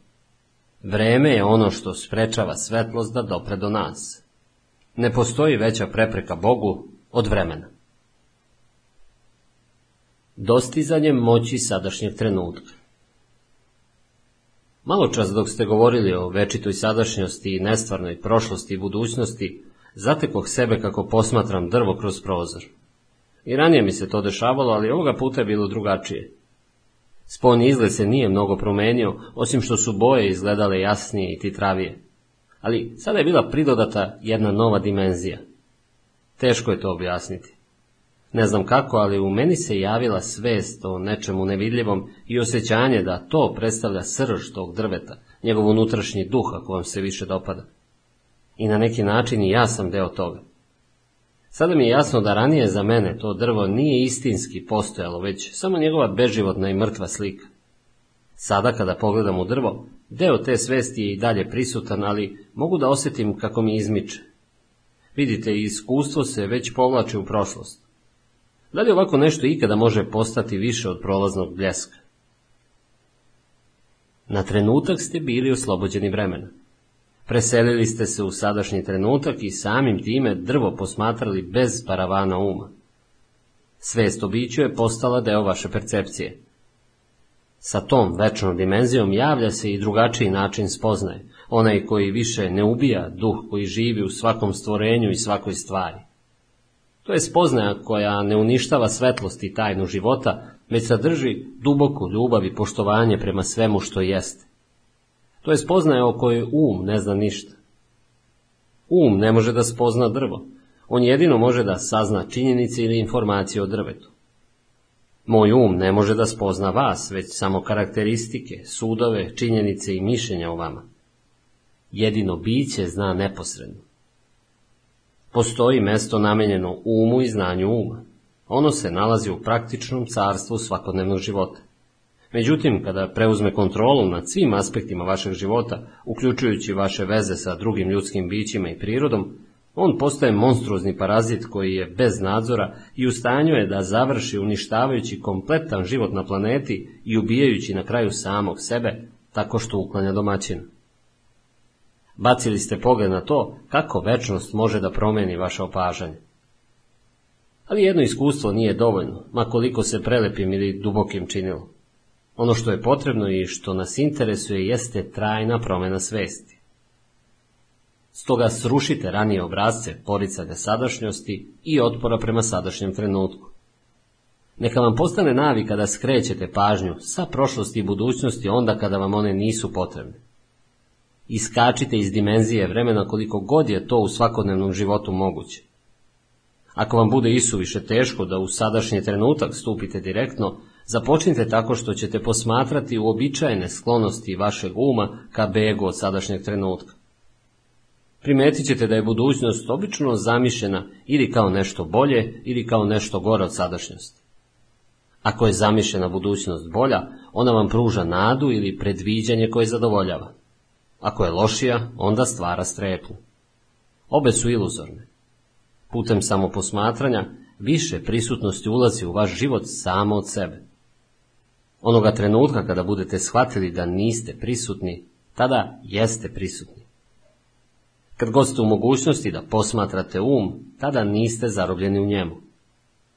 Još jedan činilac se pojavljuje, nešto što ne potiče iz uma, prisustvo svedoka. Budite prisutni kao posmatrač svog uma, svojih misli i emocija, kao i reakcija na različite situacije. Budite u najmanju ruku zainteresovani za svoje reakcije koliko ste zainteresovani za situaciju ili osobu koja vas nagoni da reagujete. Također pripazite i na to koliko se često vaša pažnja nalazi u prošlosti ili budućnosti. Nemojte da osuđujete ili analizirate ono što ste primetili. Posmatrajte misao, osjetite emociju, posmatrajte reakciju. Nemojte od njih praviti lični problem. Tada ćete osjetiti nešto snažnije od bilo koje od tih stvari koje ste posmatrali. Mirno, posmatrajuće prisustvo u pozadini sadržaja vašega uma, tihog posmatrača. Intenzivno prisustvo je potrebno kada određene situacije prouzrokuju reakcije sa snažnim emocionalnim nabojem, kao što su one kada je vaša slika o samima sebi ugrožena, kada se u vašem životu pojavi izazov koji postiče strah, kada stvari pođu naopako ili kada ponovo na videlo izađe emocionalni kompleks iz prošlosti. U tim slučajima vi težite da postanete nesvesni. Reakcija ili emocija preuzima kontrolu nad vama. Vi postajete ona. To sprovodite u ponašanju. Vi odobravate, okrivljujete, napadate, branite, samo što to niste vi. To je obrazac reagovanja. Um u svom uobičajenom modalitetu preživljavanja. Poistovećenost sa umom pruža tom procesu dodatnu energiju, a posmatranje uma izlači energiju iz njega. Poistovećenost sa umom stvara još vremena, a posmatranje uma otvara dimenziju večnosti. Energija koja je izvučena iz uma pretvara se u prisustvo. Onog trena kada budete mogli da osjetite šta znači biti prisutan, postaće vam mnogo lakše da naprosto odlučite da istupite iz dimenzije vremena kad god vam vreme ne bude bilo potrebno iz praktičnih razloga i izađete dublje u sadašnji trenutak. Ovo neće umanjiti vašu sposobnost da koristite um, zapravo će je uvećati. Kada budete zaista koristili svoj um, to će biti oštrije, usmerenije. Napuštanje psihološkog vremena. Naučite da koristite vreme za praktične aspekte vašeg života. Ovo bismo mogli nazvati satnim vremenom. Ali kada ste završili sa tim praktičnim pitanjima, istog časa povratite svest o sadašnjem trenutku. Na ovaj način se neće stvarati nagomilano psihološko vreme, koje predstavlja poistovećenost sa prošlošću i neprekidno prisilno prebacivanje u budućnost. Satno vreme ne označava samo zakazivanje sastanaka ili planiranje putovanja. Ono uključuje učenje lekcija iz prošlosti kako ne bismo iznova ponavljali iste greške. Postavljanje ciljeva i napredovanje ka njima. Predviđanje budućnosti preko fizičkih, matematičkih i sličnih obrazaca i zakona naučenih u prošlosti i preduzimanje odgovarajućih radnji na osnovu naših predviđanja. Ali čak i ovde, u domenu praktičnog života, gde ne možemo da funkcionišemo bez osvrta na prošlost i budućnost, Sadašnji trenutak ostaje suštinski faktor. Svaka lekcija iz prošlosti postaje bitna i primenjuje se u sadašnjosti. Svako planiranje, kao i napredovanje ka postizanju određenog cilja, odvija se u sadašnjosti. Najveći deo pažnje prosvetljenih osoba uvijek je usmeren na sadašnji trenutak, ali one su i dalje periferno svesne vremena. Drugim rečima, one nastavljaju da koriste satno vreme, ali su oslobođene psihološkog vremena. Budite oprezni dok praktikujete ovo kako ne biste satno vreme nesvesno pretvorili u psihološko vreme. Na primjer, ako ste u prošlosti načinili grešku i sada učite iz nje, vi koristite satno vreme. S druge strane, ako se bavite njom mentalno i pritom se pojave samokritika, kajanje ili krivica, onda od greške stvarate sebe i nešto vaše. Pravite od nje deo svog osjećanja o sobstvenom ja i satno vreme postaje psihološko vreme koje je uvek povezano sa lažnim osjećajem identiteta. Nepraštanje nužno nosi sa sobom teški teret psihološkog vremena. Ako sebi postavite cilj i krećete se ka njemu, vi koristite satno vreme. Svesni ste toga kuda želite da idete, ali poštujete i u potpunosti obraćate pažnju na korak koji preduzimate u ovom trenutku. Ako tada postanete pojačano usmereni ka cilju, možda zbog toga što u njemu tragate za srećom, zadovoljenjem ili potpunijim osjećajem u svom ja, više ne uvažavate sadašnji trenutak. On postaje sveden na puki koraka budućnosti, bez stvarne vrednosti. Satno vreme se tada pretvara u psihološko vreme. Put vašeg života više nije avantura, već samo obsesivna potreba da se negde stigne, da se nešto postigne, da se uspe. Vi također više ne uočavate niti mirišete cveće pored puta, a niste ni svesni lepote i čuda života koje se otkriva svuda oko vas kada ste prisutni u sadašnjem trenutku. U stanju sam da uvidim ogromnu važnost sadašnjeg trenutka, ali ne mogu se do kraja složiti sa vama kada kažete da je vreme potpuna iluzija. Kada kažem vreme je iluzija, moja namjera nije da izreknem filozofsku tvrdnju. Ja vas samo podsjećam na jednostavnu činjenicu. Činjenicu tako očiglednu da će vam možda biti teško da je pojmite i možda ćete je smatrati besmislenom, ali kada je jednom budete shvatili, ona će poput mača biti u stanju da proseca sve umom stvorene slojeve komplikacije i problema. Hajde da je ponovim. Sadašnji trenutak je sve što imate. Ne postoji vreme u kom vaš život ne predstavlja ovaj trenutak. Zar to nije činjenica? Ludilo psihološkog vremena Nećete nimalo sumnjati u to da psihološko vreme predstavlja mentalni poremećaj ukoliko pogledate njegove kolektivne manifestacije. One se javljaju, na primjer, u obliku ideologija kao što su komunizam, nacionalsocijalizam ili bilo kakav drugi nacionalizam ili rigidni religiozni sistem verovanja koji deluju pod bezuslovnom pretpostavkom da najviše dobro leži u budućnosti i da stoga cilj opravdava sredstvo. Cilj predstavlja ideju, tačku u umom projektovanoj budućnosti u kojoj će se postići spasenje u nekom od oblika, kao sreća, zadovoljenje, jednakost, oslobođenje i tako dalje. Neretko su sredstva koje omogućavaju da se do tamo stigne ropstvo, mučenje i ubijanje ljudi u sadašnjosti. Na primjer, procenjeno je da je ni manje ni više nego 50 miliona ljudi pobijeno kako bi se ostvario cilj komunizma, kako bi se došlo do boljeg života u Rusiji, Kini i drugim zemljama. To je zastrašujući primjer toga na koji način vera u budućnost stvara pakao u sadašnjosti. Može li postojati ikakva sumnja da psihološko vreme predstavlja ozbiljnu i opasnu mentalnu bolest? Na koji način ovaj obrazac uma deluje u vašem životu? Da li neprestano pokušavate da dospete na neko drugo mesto, tamo gde se ne nalazite? Da li veći deo onoga što činite predstavlja samo sredstvo za postizanje cilja? Da li se ispunjenje nalazi uvek tu iza ugla ili je ograničeno na kratkotrojna zadovoljstva kao što su seks, hrana, piće, droga, veselje ili uzbuđenje? Da li ste stalno usmereni na to da nešto postanete, nešto postignete i to održavate, jer ćete u protivnom odjuriti za nekim novim uzbuđenjem ili zadovoljstvom? Da li verujete da ćete ako postignete više stvari postati ispunjeniji, dovoljno dobri ili psihološki savršeni? Da li čekate da neki muškarac ili žena daju smisao vašem životu? U normalnom stanju svesti, poistovećenom sa umom, odnosno neprosvetljenom, moć i beskrajni kreativni potencijal koji leže skriveni u sadašnjem trenutku, sasvim su zamračeni psihološkim vremenom. Pa život tada gubi svoju vitalnost, svoju svežinu, svoj smisao za čudesno. Stari tokovi misli, emocija, ponašanja, reakcija i želja bivaju ispoljeni u predstavama koje se beskrajno ponavljaju kao scenarije u vašem umu, koji vam daje neku vrstu identiteta, ali prikriva realnost sadašnjeg trenutka. Um tada stvara obsesiju budućnošću kako bi pobegao nezadovoljavajuće sadašnjosti. Negativnost i patnja svoje korene imaju u vremenu. Ali verovanje da će budućnost biti bolja od sadašnjosti ne predstavlja uvijek iluziju. Sadašnjost ume da bude strašna i stvari u budućnosti mogu postati bolje, što se često i dešava. Budućnost je obično replika prošlosti.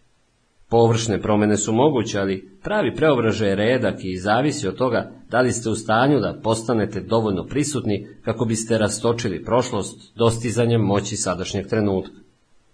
Ono što vi vidite kao budućnost sastavni je deo vašeg sadašnjeg stanja svesti. Ako vaš um nosi teški teret prošlosti, još ćete više tereta iskusiti.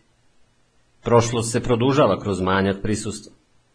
Kvalitet vaše svesti u ovom trenutku jeste ono što oblikuje budućnost, što se naravno može iskusiti samo kao sadašnji trenutak. Možete zaraditi 10 miliona dolara, ali takva vrsta promene bit će samo površinska. Jednostavno ćete nastaviti da proživljavate one iste uslovljene obrazce u jednom luksuznijem okruženju. Ljudi su naučili kako da pocepaju atom. Umjesto da drvenom motkom ubije 10 ili 12 ljudi, jedna osoba sada može da ubije milione jednostavnim pritiskom na dugme. Da li je to istinska promjena? Ako je kvalitet vaše svesti u ovom trenutku ono što određuje budućnost, šta je onda to što određuje kvalitet vaše svesti? Nivo vašeg prisustva. I zato jedino mesto na kom se prava promjena može odigrati i na kom prošlost može biti rastočena, upravo je sadašnji trenutak. Svu negativnost uzrokuje nagomilavanje psihološkog vremena i poricanje sadašnjosti. Nelagodna strepnja, napetost, stres, briga, svi oblici straha prouzrokovani su prevelikom količinom budućnosti, a manjkom prisustvu. Krivica, griža savesti, netrpeljivost, žaljenje, tuga, ogorčenost i svi oblici nepraštanja nastali su zbog prevelike količine prošlosti, a manjka prisustva. Većini ljudi je teško da poveruje da je moguće stanje svesti sasvim oslobođeno negativnosti. A ipak, to je ono oslobođeno stanje na koje svi duhovni učitelji ukazuju. To je obećanje spasenja, ne u iluzornoj budućnosti, već upravo ovdje i sada. Možda će vam biti teško da uvidite da je vreme uzrok vaše patnje ili vaših problema. Vi verujete da su njih prouzrokovale određene situacije u vašem životu i, gledano iz konvencionalnog ugla, to jeste istina. Ali sve dok se ne pozabavite osnovnom disfunkcijom uma koja stvara probleme, njegovom vezom sa prošlošću i budućnošću i poricanjem sadašnjeg trenutka, problemi su u stvari međusobno zamenljivi. Da su kojim čudom svi vaši problemi i uočeni, a uzroci nesreće otklonjeni danas, s tim da vi niste postali pojačano prisutni, odnosno pojačano svesni, uskoro biste sebe zatekli sa sličnom grupom problema ili uzroka patnje, poput senke koja vas prati gde god da krenete. Na kraju krajeva postoji samo jedan problem. Um okovan vremenom. Ne mogu da poverujem u to da ću ikada dosegnuti tačku u kojoj više neću imati nikakvih problema. U ste. Vi nikada ne možete da dosegnete tu tačku zato što ste na toj tački sada. Spasenje ne nastupa s vremenom. Ne možete biti slobodi u budućnosti. Prisustvo predstavlja jedini ključ za slobodu, tako da jedino sada možete biti slobodni. Otkrivanje života koji leži ispod vaše životne situacije. Ne vidim na koji način sada mogu da osjećam slobodu. Kako stvari stoje, trenutno osjećam veliko nezadovoljstvo u pogledu svog života. To je činjenica i pokušaj da ubedim sebe kako je sve u redu, kada to očigledno nije istina, predstavljali bi zabludu. Za mene sadašnji trenutak je vrlo nesrećan, uopšte nije oslobađajući. Ono što mi daje snagu jeste nada ili mogućnost nekakvog poboljšanja u budućnosti. Vi mislite da se vaša patnja nalazi u sadašnjem trenutku, dok je nju u stvari sasvim preuzelo vreme. Ne možete biti i nesrećni i potpuno prisutni u sadašnjem trenutku. Ono što vi podrazumevate pod životom, trebalo bi preciznije nazvati životnom situacijom. To predstavlja psihološko vreme, prošlost i budućnost. Određene stvari u prošlosti nisu se odvijale onako kako ste vi želeli, I dalje se opirete tome što se desilo u prošlosti, a sada se opirete i onome što jeste. Nada je ono što vam daje snagu, ali nada vas drži usmerenim ka budućnosti i taj neprekidni fokus produžava vaše poricanje sadašnjeg trenutka, a time i vašu nesreću. Istina je da je moja sadašnja situacija posljedica stvari koje su se desile u prošlosti, ali to je i dalje moja sadašnja situacija i zatočenost u njoj za mene predstavlja nesreću. Zaboravite na trenutak svoju životnu situaciju i obratite pažnju na svoj život. U čemu je razlika? Vaša životna situacija postoji u vremenu. Vaš život je sadašnjost. Vaša životna situacija je stvar uma. Vaš život je stvara. Pronađite uzani prolaz što vodi ka životu. On se zove sadašnji trenutak. Svedite svoj život na ovaj trenutak.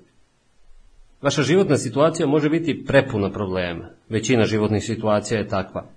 Ali ustanovite da li imate bilo kakvih problema u ovom trenutku. Ne sutra ili za deset minuta, već sada. Da li imate bilo kakvih problema sada? Kada ste prepuni problema, tu nema mesta za pojavu bilo čega novog, nema mesta za rešenje. Stoga, kad god možete, napravite malo mesta, oslobodite malo prostora, tako da možete da otkrijete život koji leži ispod vaše životne situacije. U potpunosti se koristite čulima. Budite tu gde ste. Posmatrajte naokolo. Samo posmatrajte, nemojte da tumačite. Gledajte svetlost, oblike, boje, teksture.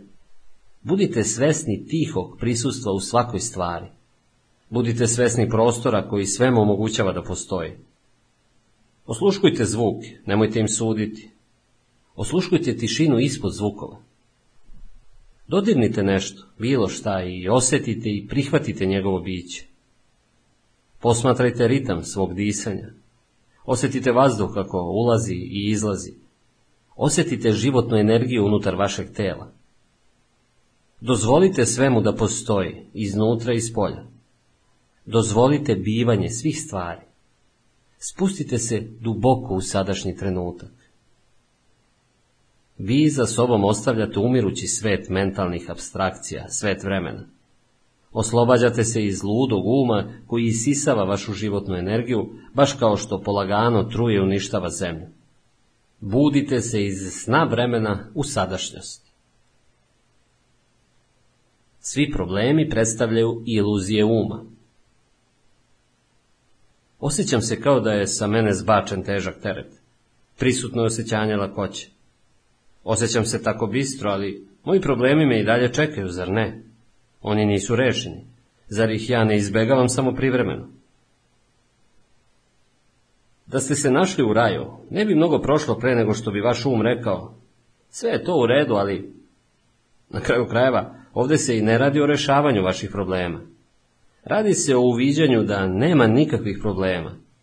Postoje samo situacije kojima se treba baviti ili ih treba ostaviti na miru i prihvatiti kao delove bivanja, sadašnjeg trenutka, sve dok se ne promene ili dok ne bude bilo moguće baviti se njima. Probleme je stvorio um. Kako bi preživeli, potrebno im je vreme. Oni ne mogu preživeti u realnosti sadašnjeg trenutka. Usmerite svoju pažnju na sadašnji trenutak i recite mi koje to probleme imate sada. Ne dobijam odgovor, zato što je nemoguće imati problem kada je vaša pažnja u potpunosti u sadašnjem trenutku. Situaciju koju treba rešiti ili prihvatiti, to da. Zbog čega od nje stvarati problem? Zbog čega od bilo čega stvarati problem? Zar život sam po sebi ne sadrži dovoljno izazova? Zbog čega su vam potrebni problemi? Um nesvesno voli probleme jer vam oni daju neku vrstu identiteta. To je normalno, a isto tako i poremećeno. Problem ukazuje na to da se situacijom bavite mentalno, bez postojane istinske namere ili mogućnosti preduzimanja akcije u sadašnjosti i da nesvesno nje gradite deo vašeg osjećanja o sobstvenom ja. Postojete toliko nadvladani svojom životnom situacijom da gubite osjećanje o životu, o biću. Ili u svom umu nosite besmisleni teret stotina stvari koje ćete možda ili sigurno uraditi u budućnosti, umjesto da usmjerite svoju pažnju na jedinu stvar koju možete uraditi sada. Kada stvarate problem, vi stvarate i bol. Sve što treba da uradite jeste da donesete jednostavan izbor, jednostavnu odluku. Šta god da se desi, ja više sebi neću prouzrokovati bol. Neću više stvarati probleme. Iako je u pitanju jednostavan izbor, on je također i veoma radikalan. Vi nećete doneti takvu odluku, osim ako vam patnje zaista nije preko glave, osim ako vam stvarno nije dosta. I nećete biti u stanju da prođete kroz sve to, osim ako ne dosegnete moć sadašnjeg trenutka. Ako ne budete više stvarali bol samima sebi, nećete ga stvarati ni drugima. Također, više nećete negativnošću stvaranja problema zagađivati ni prelepu zemlju, ni vaš unutrašnji prostor, a ni kolektivni duh čovečanstva. Ako ste se ikada našli u situaciji neposredne životne opasnosti, onda znate da ona nije predstavljala problem. Um nije imao vremena da se zamajava i stvara problem. U istinskoj opasnosti um se zaustavlja, vi postajete potpuno prisutni u sadašnjem trenutku i nešto daleko moćnije preuzima kontrolu nad vama. To je razlog postojanja tolikog broja svedočanstava u kojima obični ljudi iznenada postaju sposobni za neverovatno hrabre poduhvate. U svakoj opasnosti vi ćete ili preživjeti ili nećete preživjeti. Kako god bilo, to ne predstavlja problem. Neki ljudi se ljute kada me čuju kako govorim da su problemi iluzije. Ja pretim da ću oduzeti njihovo osjećanje o sobstvenom identitetu. Oni su mnogo vremena uložili u lažno osjećanje o samima sebi. Tokom mnogih godina svoj celokupni identitet nesvesno su određivali na osnovu svojih problema ili patnji. Šta bi oni bili bez toga? Veliki deo onoga što ljudi govore, misle ili čine zapravo je motivisano strahom, što je naravno uvek povezano sa usmeravanjem pažnje na budućnost i gubljenjem dodira sa sadašnjim trenutkom. Pošto u sadašnjem trenutku ne postoje problemi, tu također nema ni straha. Ukoliko iskrsne situacije u kojoj je potrebno pozabaviti se sadašnjošću, vaša akcija će, ako bude proistekla iz svesti o sadašnjem trenutku, biti jasna i odsečna. Također, verovatnije da će biti uspešna. Ona neće predstavljati reakciju koja potiče od uslovljenosti vašeg uma iz prošlosti, već intuitivni odgovor na situaciju. U ostalim slučajevima, kada bi reagovao vremenom okovani um, shvatit ćete da je korisnije ne činiti ništa i naprosto ostati usresređen u sadašnjem trenutku. Kvantni skok u evoluciji svesti Nakratko mi se ukazivalo to stanje oslobođenosti od uma i vremena koje opisujete, ali prošlost i budućnost su toliko snažne da ne mogu dugo da ih zadržim napolju. Vremenom okovani modalitet svesti duboko je ukorenjen u ljudskoj psihi. Ali ono čime se mi ovdje bavimo predstavlja deo duboke promene koja se odvija u kolektivnoj svesti planete i dalje od toga. To je buđenje svesti iz sna o materiji, obliku izdvojenosti okončavanje vremena. Mi probijamo obrazce uma koji su dominirali ljudskim životom eonima. Obrazce uma koji su stvorili nezamislive patnje u ogromnoj količini. Ja ne koristim reč zlo. Od veće pomoći je to proglasiti nesvesnim ili ludošću. Ovo razbijanje starog modaliteta svesti ili, bolje rečeno, nesvesnog, da li je to nešto što treba mi da preduzimamo ili će to i onako nastupiti? Mislim, da li je ta promjena neizvežna? To zavisi od tačke gledišta. I preduzeti nešto i čekati da se to isto desi samo od sebe, zapravo predstavljaju jedan proces, jer vi ste ujedinjeni sa celokupnom svešću. Te dve stvari je nemoguće odvojiti. Ali ne postoje potpune garancije da će ljudi u tome uspjeti. Taj proces nije neizbežan ili automatski. Vaša saradnja predstavlja njegov suštinski deo. Kako god vi gledali na to, on predstavlja kvantni skok u evoluciji svesti, baš kao i našu jedinu šansu da preživimo kao vrsta. Radost bića Možete koristiti jednostavan kriterijum koji će vas upozoravati na to da li ste dozvolili da kontrolu nad vama preuzme psihološko vreme. Upitajte sami sebe. Ima li radosti, lagodnosti i lakoće u onome što radi? Ako toga nema, onda je vreme zaklonilo sadašnji trenutak i život je shvaćen kao teret ili kao borba. Ako nema radosti, lagodnosti i lakoće u vašem poslu, to ne znači nužno da vam je potrebna promjena onoga što radite. Možda je dovoljno promijeniti ono kako radite. Kako je uvek značajnije nego šta. Pokušajte više pažnje da posvetite samom procesu rada nego rezultatu koji njime želite da postignete.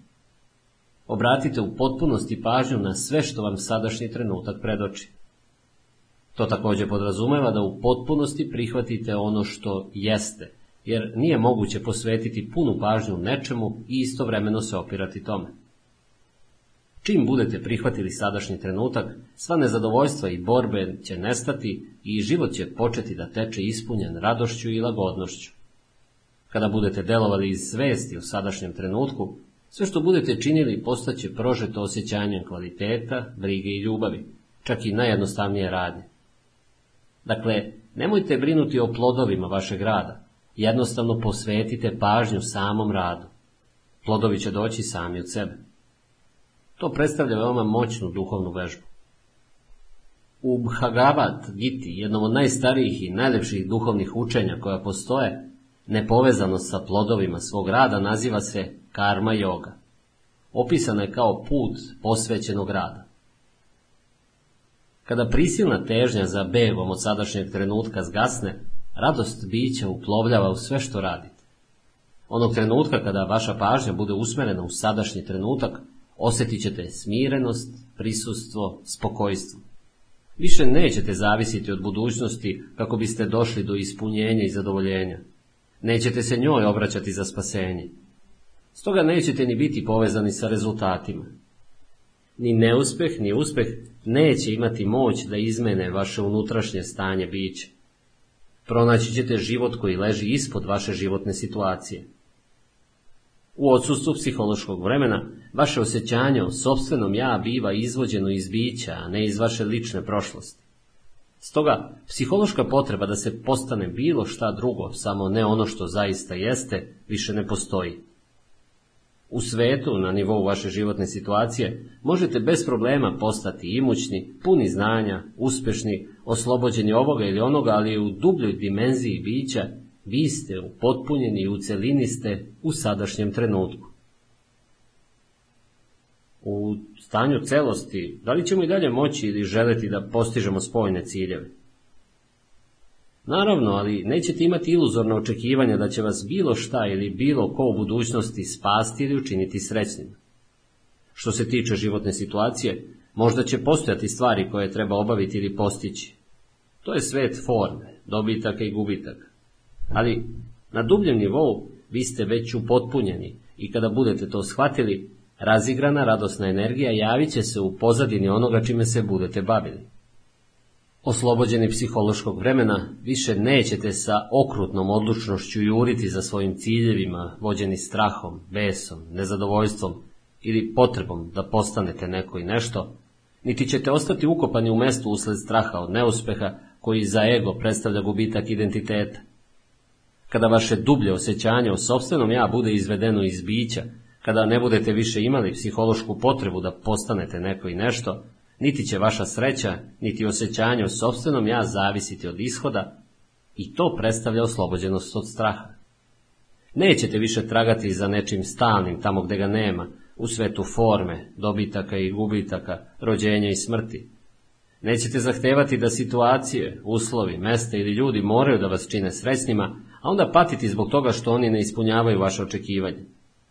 Sve biva priznato, ali ništa nema značaj.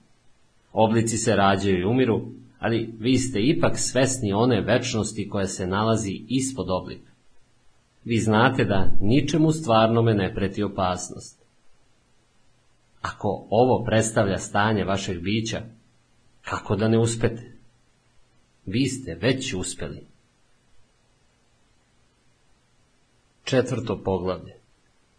Strategije uma za izbjegavanje sadašnjeg trenutka. Gubitak sadašnjeg trenutka. Suštinska iluzija. Čak i ako sasvim prihvatim da je vreme u krajnjoj tački iluzija, kako će to promeniti stvari u mom životu? I dalje moram da živim u svetu kojim u potpunosti vlada vreme. Intelektualno prihvatanje predstavlja samo još jedno verovanje i ono neće mnogo promeniti vaš život. Da bi se uvidela ova istina, potrebno je da je proživljavate. Kada svaka ćelija vašeg tela bude toliko prisutna da se osjeća prepunom života i kada budete mogli svakog trenutka da takav život osjetite kao radost bića, tada se može reći da za vas više ne postoji vreme. Ali ja ipak moram sutra da platim račune, ipak ću ostariti i umreti, baš kao i svi drugi. Kako onda uopšte mogu da kažem da za mene više ne postoji vreme? Sutrašnji računi ne predstavljaju problem. Raspadanje fizičkog tela ne predstavlja problem. Problem predstavlja gubitak sadašnjeg trenutka ili, još bolje, suštinska iluzija koja običnu situaciju, događaj ili emociju pretvara u lični problem i patnju. Gubitak sadašnjeg trenutka jeste gubitak bića. Biti oslobođen vremena znači biti oslobođen prošle psihološke potrebe za identitetom i buduće potrebe za zadovoljenje. To predstavlja najdublju promenu svesti koju možete da zamislite. U nekim redkim slučajevima ta izmena u svesti dešava se dramatično i radikalno jednom zauvek. Kada se ona desi, obično to biva putem potpune predaje usred intenzivne patnje. Većina ljudi, međutim, mora da poradi na tome. Nakon što ste po prvi put uspjeli da zavirite u večno stanje svesti, vi počinjete da se krećete napred-nazad između dimenzije vremena i prisustva. Isprva postajete svesni toga koliko se redko vaša pažnja zaista nalazi u sadašnjem trenutku. Ali znati da niste prisutni predstavlja ogroman uspeh. To znanje jeste prisustvo, čak i ako u početku ono bude trajalo samo nekoliko satnih sekundi pre nego što opet nestane.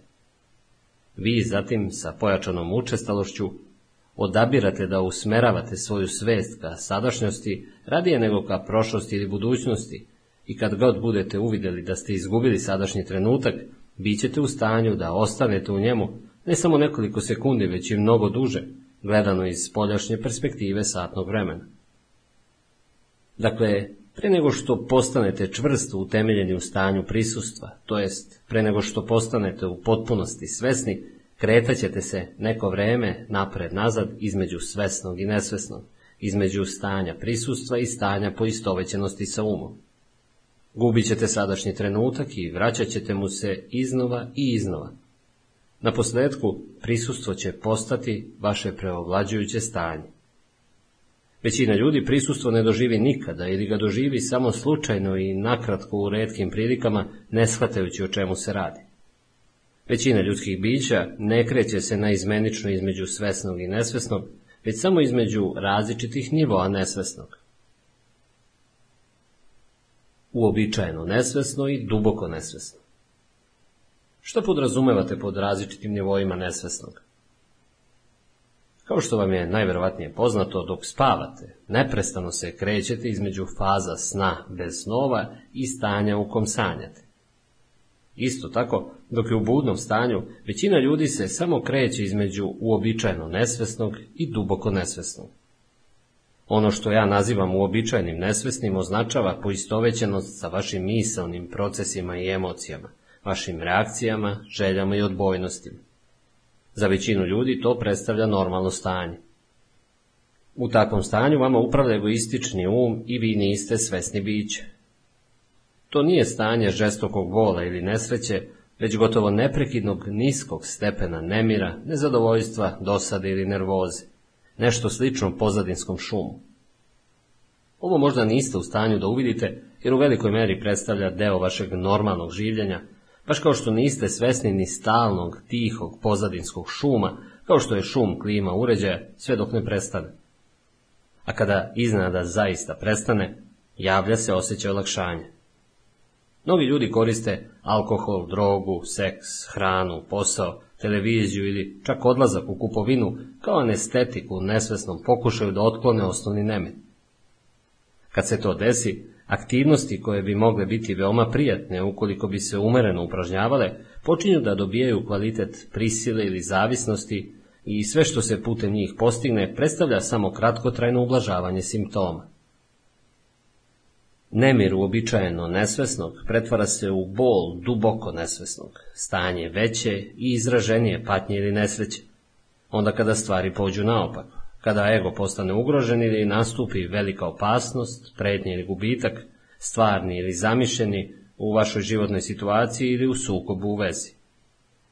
To predstavlja pojačanu verziju uobičajeno nesvesnog i od njega se razlikuje ne u brsti, već u stepenu. Kod uobičajeno nesvesnog, stalni otpor prema onome što jeste ili poricanje tog istog stvara nemir i nezadovoljstvo koje mnogi ljudi prihvataju kao deo normalnog življenja. Kad se otpor poveća pod uticajem nekih izazova ili pretnji za ego, on stvara jaku negativnost kao što su bes, veliki strah, agresija, depresija i tako dalje. Pod dubokim nesvesnim često se podrazumeva to da je otelotvoreni bol aktiviran i da ste se poistovetili sa njim. Fizičko nasilje bi bilo nemoguće bez duboko nesvesnog. Ono se također lako može javiti kad god i gde god masa ljudi ili čak čitava nacija generišu kolektivno negativno energetsko polje. Najbolji pokazatelj vašeg nivoa svesti jeste način na koji se nosite sa izazovima života kada se pojave.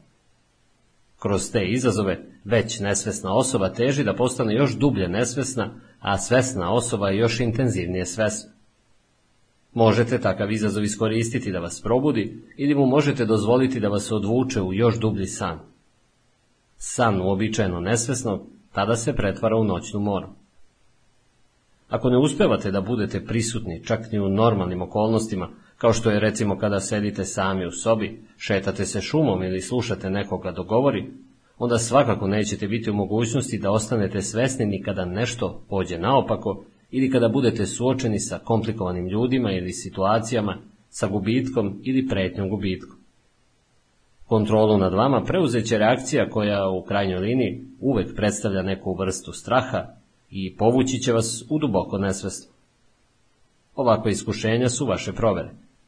Jedino će način na koji se njima bavite, a ne to koliko dugo možete sedeti zatvorenih očiju ili kakve vam se vizije prikazuju, pokazati i vama i ostalima gde se nalazite kada je u pitanju stanje vaše svesti.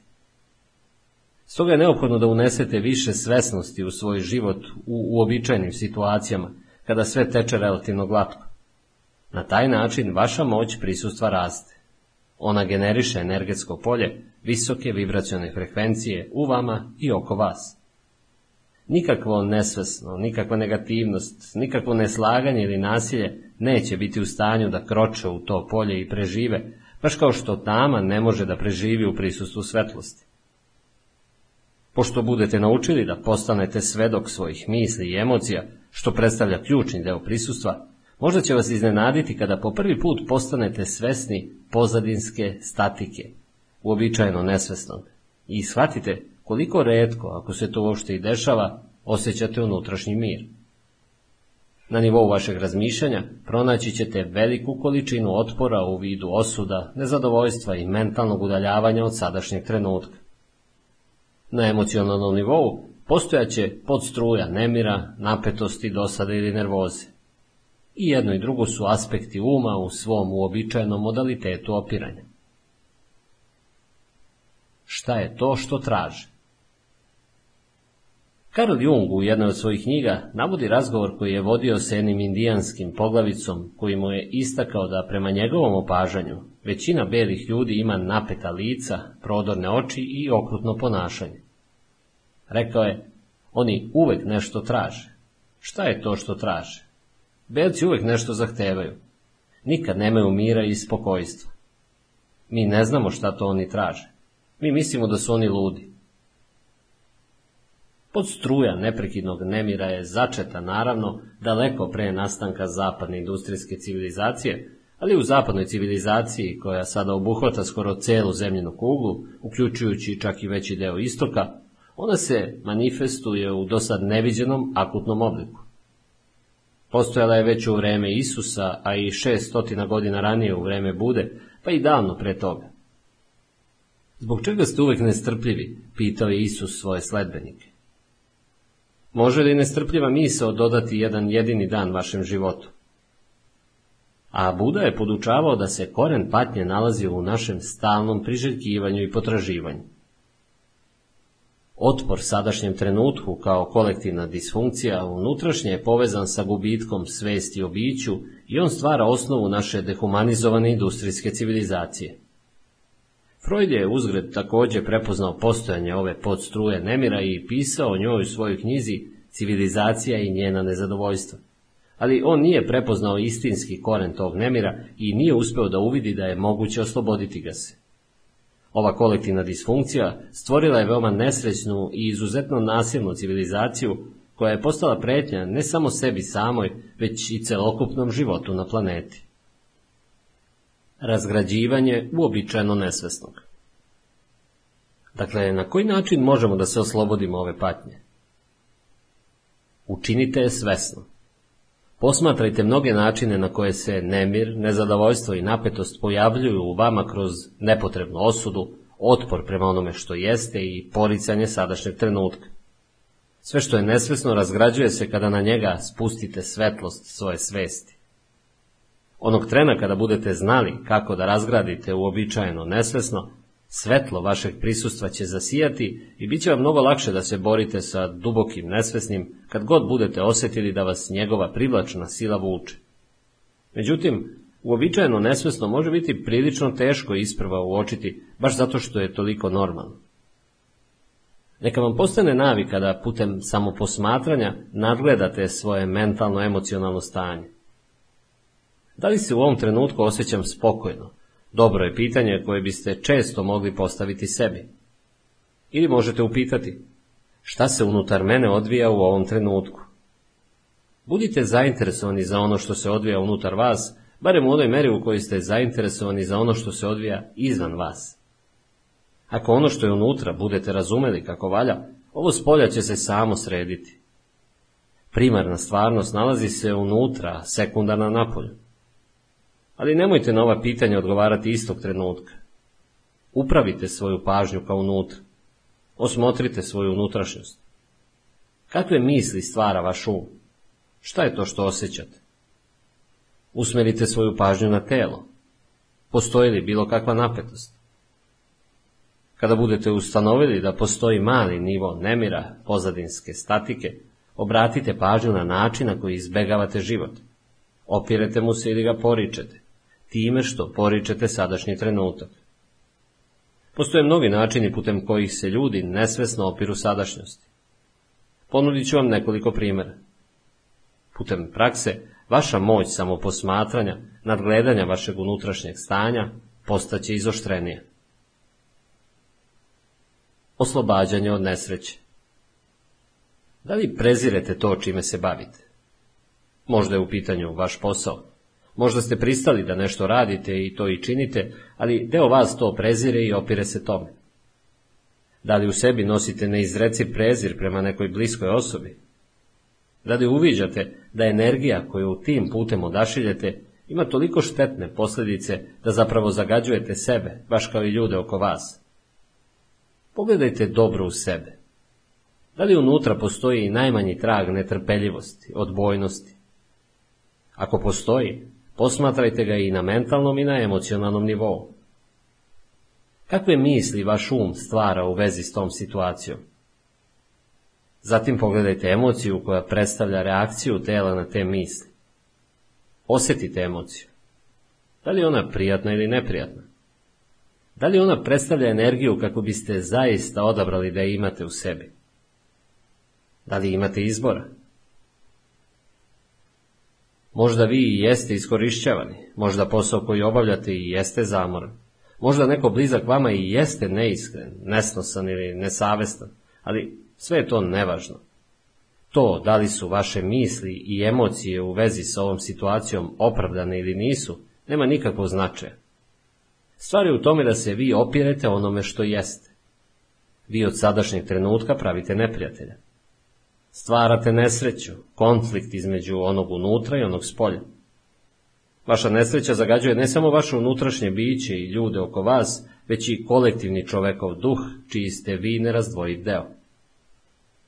Zagađenje planete predstavlja samo spoljni odraz unutrašnje psihičke zagađenosti. odraz miliona nesvesnih pojedinaca koji ne preuzimaju odgovornost za svoj unutrašnji prostor. Ili prestanite da se bavite time čime se bavite, razgovarajte sa dotičnom osobom i izrazite do kraja to što osjećate, ili napustite negativnost koju je vaš um stvorio oko te situacije, koja ne služi ničemu osim ojačavanju lažnog osjećanja o sobstvenom ja. Važno je u potpunosti prepoznati njenu jalovost. Negativnost nikada ne predstavlja najbolji način za bavljanje bilo kakvom situacijom. U stvari, u većini slučajeva ona vas drži pritešnjenima u situaciji, ne dopuštajući stvarnu promenu. Sve što je učinjeno sa negativnom energijom postaće zagađeno njome i s vremenom će omogućiti pojavu dodatnog bola, dodatne nesreće. Šta više, svako negativno unutrašnje stanje je zarazno. Nesreća se širi lakše od fizičke bolesti. Putem zakona rezonance ona pokreće i ishranjuje prikrivenu negativnost u drugima, osim ako na to nisu imuni, odnosno nisu visoko svesni. Da li vi zagađujete ovaj svet ili čistite nered? Vi ste odgovorni za svoj unutrašnji prostor, niko drugi. Baš kao što ste odgovorni i za ovu planetu. Ako se ljudi oslobode unutrašnjeg zagađenja, prestaće da stvaraju i spoljašnje zagađenje. Na koji način možemo da se oslobodimo negativnosti, kako vi sugerišete? Tako što ćete se osloboditi. Na koji način ćete se osloboditi komada brelog uglja kojeg držite u rukama? Na koji način ćete se osloboditi nekakvog teškog i beskorisnog prtljaga kojeg nosite? Tako što ćete shvatiti da više ne želite da podnosite bol ili nosite taj teret, a zatim ga se otarasiti. Duboko nesvesno, kao što je otelotvoreni bol ili neki drugi veliki bol, kao što je gubitak voljene osobe, obično je neophodno preobraziti putem prihvatanja kombinovanog sa svetlošću vašeg prisustva, vašem stalnom pažnju. Mnogi obrazci uobičajeno nesvesnog s druge strane jednostavno se mogu napustiti onog trenutka kada shvatite da imate izbora, da ne predstavljate samo hrpu uslovljenih refleksa. Sve to ukazuje na činjenicu da ste u mogućnosti da dosegnete moć sadašnjeg trenutka. Bez njega nećete imati izbora. Ako neke emocije nazivate negativnim, zar ne stvarate time mentalnu polarizaciju dobrog i lošeg, kako ste to ranije objasnili? Ne. Polarizacija se stvara na ranijem stadijumu, kada je vaš um procenio da je sadašnji trenutak loš. Ova osuda je tada stvorila negativnu emociju. Ali kada neke emocije nazovete negativnim, zar ne govorite zapravo da one ne bi trebalo da postoje, da nije u redu imati takve emocije? Ja mislim da bi trebalo da sebi dozvolimo postojanje bilo kakvih emocija, a ne da ih procenjujemo kao dobre i loše ili govorimo kako ne bi trebalo da ih imamo. U redu je osjećati netrpeljivost, u redu je osjećati bes, razdraženost, neraspoloženje, bilo šta drugo, jer ćemo u protivnom zapasti u stanje depresije, unutrašnjih sukoba ili poricanja. Sve je u redu onako kako je. Naravno, kada se pojavi neki obrazac uma, neka emocija ili reakcija, vi je prihvatate. Niste bili dovoljno svesni da biste imali izbora pri tome. To nije osuda, već samo činjenica. Da ste imali izbora ili shvatili da imate izbora, da li biste odabrali patnju umjesto radosti? Da li biste birali smirenost ili nelagodu, mir ili sukob? Da li biste se odlučili za misao ili osjećanje koje vas odvaja od vašeg prirodnog dobrostanja, radosti unutrašnjeg života. Svako takvo osjećanje ja nazivam negativnim, što jednostavno znači da je loše. Ne u smislu da to nije trebalo da učinite, već kao najjednostavnije činjenično loše, kao kada osjećate mučninu u stomaku. Kako je moguće da su ljudi usmrtili preko 100 miliona svoje braće i sestara samo tokom 20. stoljeća? Ljudska bića koja jedna drugima nanose bol takvih razmera dalje su od svega što možete da zamislite. A u to nije ni uvršteno mentalno, emocionalno i fizičko nasilje, mučenje i okrutnost, koje nastavljaju svakodnevno da primenjuju jedni na drugima, baš kao i na ostalim svesnim bićima. Da li se ona ponašaju na ovaj način zato što su povezana sa svojim prirodnim stanjem, sa radošću unutrašnjeg života? Naravno da ne. Samo su oni ljudi koji se nalaze u duboko negativnom stanju, oni koji se zaista veoma loše osjećaju, u stanju da stvore takvu stvarnost kao odraz toga kako se osjećaju. Sada se bave uništavanjem prirode i planete koji ih održava u životu. Neverovatno, ali istinito. Ljudska bića su jedna opasno poremećena i veoma bolesna vrsta. To nije osuda, to je činjenica. Također je činjenica da se ispod tog ludila zaista nalazi zdrav razum. Isceljenje i iskupljenje su dostižni upravo sada. Vraćajući se konkretno na ono što ste rekli, bez sumnje je istina da prihvativši svoju netrpeljivost, neraspoloženje, ljutnju i tako dalje, vi više ne bivate prisiljeni da ih slepo sprovodite i manje je verovatno da ćete ih preneti na druge. Ali ja se pitam, da li vi to samo zavaravate sebe? Nakon određenog vremena provedenog u praktikovanju prihvatanja, kao što ste vi to činili, doći ćete do tačke na koje je potrebno da pređete na sledeći nivo, na kom se više ne stvaraju negativne emocije. Ako to ne učinite, vaše prihvatanje postaće naprosto mentalna etiketa koja omogućava vašem egu da nastavi da uživa u nesreći i time ojačava svoj osjećaj izdvojenosti od drugih ljudi, od vašeg okruženja, od vašeg ovde i sada. Kao što vam je poznato, izdvojenost predstavlja osnovu za osjećaj identiteta koji ego posjeduje. Istinsko prihvatanje bi istog trenutka preobrazilo ta osjećanja. A da ste zaista duboko u sebi znali da je sve u redu, kako ste se sami izrazili, i što je naravno ispravno, da li biste uopšte posjedovali ta negativna osjećanja? Bez osude, bez otpora prema onome što jeste, ona se ne bi ni pojavila. Vi u svome umu imate ideju o tome kako je sve u redu, ali duboko u sebi ne verujete zaista u to, tako da se stari mentalno-emocionalni obrazci otpora i dalje nalaze na istom mestu. To je ono zbog čega se osjećate loše. To je takođe u redu. Branite li vi to vaše pravo da budete nesvesni, vaše pravo na patnju? Ne brinite, niko vam to neće oduzeti. Kada jednom budete shvatili da vam je od određene vrste hrane muka, da li ćete nastaviti da je jedete i tvrdite kako je u redu osjećati mučninu? Gde god da se nalazite, budite tamo u potpunosti. Možete li dati još neke primere u običajno nesvesno?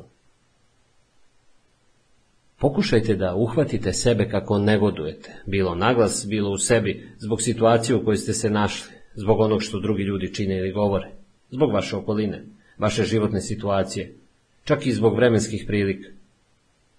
Negodovanje uvek označava neprihvatanje onoga što jeste.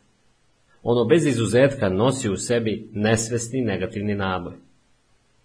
Kada negodujete, vi sebe pretvarate u žrtvu. Kada jasno i glasno zauzmete stav, vi preuzimate kontrolu. Stoga promenite situaciju tako što ćete preduzeti akciju ili zauzeti stav ako je to neophodno ili moguće. Ostavite situaciju takvu kakva je ili je prihvatite. Sve ostalo predstavlja ludost. Uobičajeno nesvesno je uvek na neki način povezano sa poricanjem sadašnjeg trenutka. Sada, naravno, takođe uključuje i ovde. Da li se vi opirete svome ovde i sada? Neki ljudi bi uvek radije bili negde drugde. Njihovo sada nikada nije dovoljno dobro. Otkrite putem samoposmatranja da li je to slučaj u vašem životu. Gde god da se nalazite, budite u potpunosti tamo. Ako ste otkrili da je vaše ovde i sada nepodnošljivo i zbog toga ste nesrećni, imate tri opcije. Izvucite sebe iz situacije, promenite situaciju ili je sasvim prihvatite. Ako želite da preuzmete odgovornost za svoj život, onda morate da odaberete neku od ove tri opcije i morate da odaberete sada. A onda prihvatite posledice, bez gledanja kroz prste, bez negativnosti, bez psihičkog zagađenja. Održavajte svoj unutrašnji prostor čistim. Ako budete preduzimali bilo kakvu akciju, izlačili se iz svoje situacije ili je menjali, prvo odbacite negativnost ako je to uopšte moguće. Akcija koja proističe iz uvida u ono što je potrebno, efikasnija je od akcije koja proističe iz negativnosti. Bilo kakva akcija često je bolja od nepreduzimanja akcije, naročito ako ste duže zatečeni u nesrećnoj situaciji. Ako je u pitanju greška, bar ćete nešto naučiti, tako da to više ne predstavlja grešku. Ako i dalje ostanete u bezizlaznoj situaciji, nećete naučiti ništa. Da li vas strah sprečava da preduzmete akciju? Priznajte strah, posmatrajte ga, posvetite mu pažnju, budite u potpunosti prisutni u njemu. Time ćete preseći vezu između straha i razmišljanja. Ne dozvolite da vam strah dopre do uma. Iskoristite moć sadašnjeg trenutka. Nju strah ne može da pobedi. Ako zaista ništa ne možete da učinite kako biste promenili vaše ovde i sada i niste u stanju da se izvučete iz situacije, onda prihvatite svoje ovde i sada tako što ćete odbaciti celokupan unutrašnji otpor. Lažno, nesrećno ja koje voli da se osjeća bedno, ogorčeno ili samo sažaljivo, tada više neće moći da preživi. To se zove predaja. Predaja ne označava slabost. U njoj se nalazi ogromna snaga. Jedino osoba koja se predala posjeduje duhovnu snagu. Putem predaje bit ćete iznutra oslobođeni situacije. Možda ćete tada uvideti da se situacija menja i bez vašeg učešća. U svakom slučaju, bit ćete slobodni. Ili postoji nešto što bi trebalo da radite, ali to ne činite. Podignite se i uradite to odmah. U suprotnom, u potpunosti prihvatite sobstvenu neaktivnost, lenjost ili pasivnost u ovom trenutku, ako je to vaš izbor. Sasvim se posvetite tome. Uživajte u tome. Budite lenji ili neaktivni koliko god možete. Ako se tome posvetite do kraja i sasvim svesno, ubrzo ćete istupiti odatle. Ili možda nećete. Kako god bilo, neće postojati unutrašnji sukob, otpor, negativnost. Da li ste pod stresom? Da li ste toliko okupirani napredovanjem ka budućnosti da je sadašnjost svedena na sredstvo za stizanje do tog cilja? Stres je prouzrokovan željom da se bude tamo dok se nalazite ovde, odnosno željom da se bude u budućnosti dok se nalazite u sadašnjosti. To je razdor koji vas cepa iznutra. Ludost je živeti sa takvim unutrašnjim razdorom.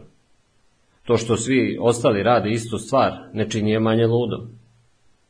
Vi možete, ako je to potrebno, i da se krećete brzo, radite brzo ili čak da trčite bez projektovanja budućnosti i otpora prema sadašnjosti. Dok se krećete, radite, trčite, činite to do kraja. Uživajte u protoku energije, visoke energije tog trenutka. Sada više niste pod stresom, više se ne cepate na dva dela. Jednostavno se krećete, trčite, radite i uživate u tome. Ili možete da odustanete od svega toga i sedite na klupi u parku. Ali dok to činite, posmatrajte svoj um. Možda će vam reći, trebalo bi da radiš, uludo trošiš svoje vreme. Posmatrajte um, smešite mu se. Da li prošlost zauzima veliki deo vaše pažnje? Da li često govorite i mislite o njoj, bilo pozitivno, bilo negativno? O velikim stvarima koje ste postigli, svojim avanturama i iskustvima, o tome kako ste žrtva, o groznim stvarima koje su vam učinjene ili možda onome što ste vi nekom drugom učinili? Da li vaši miselni procesi stvaraju krivicu, ponos, ogorčenost, ljutnju, grižu savesti ili samo sažaljenje?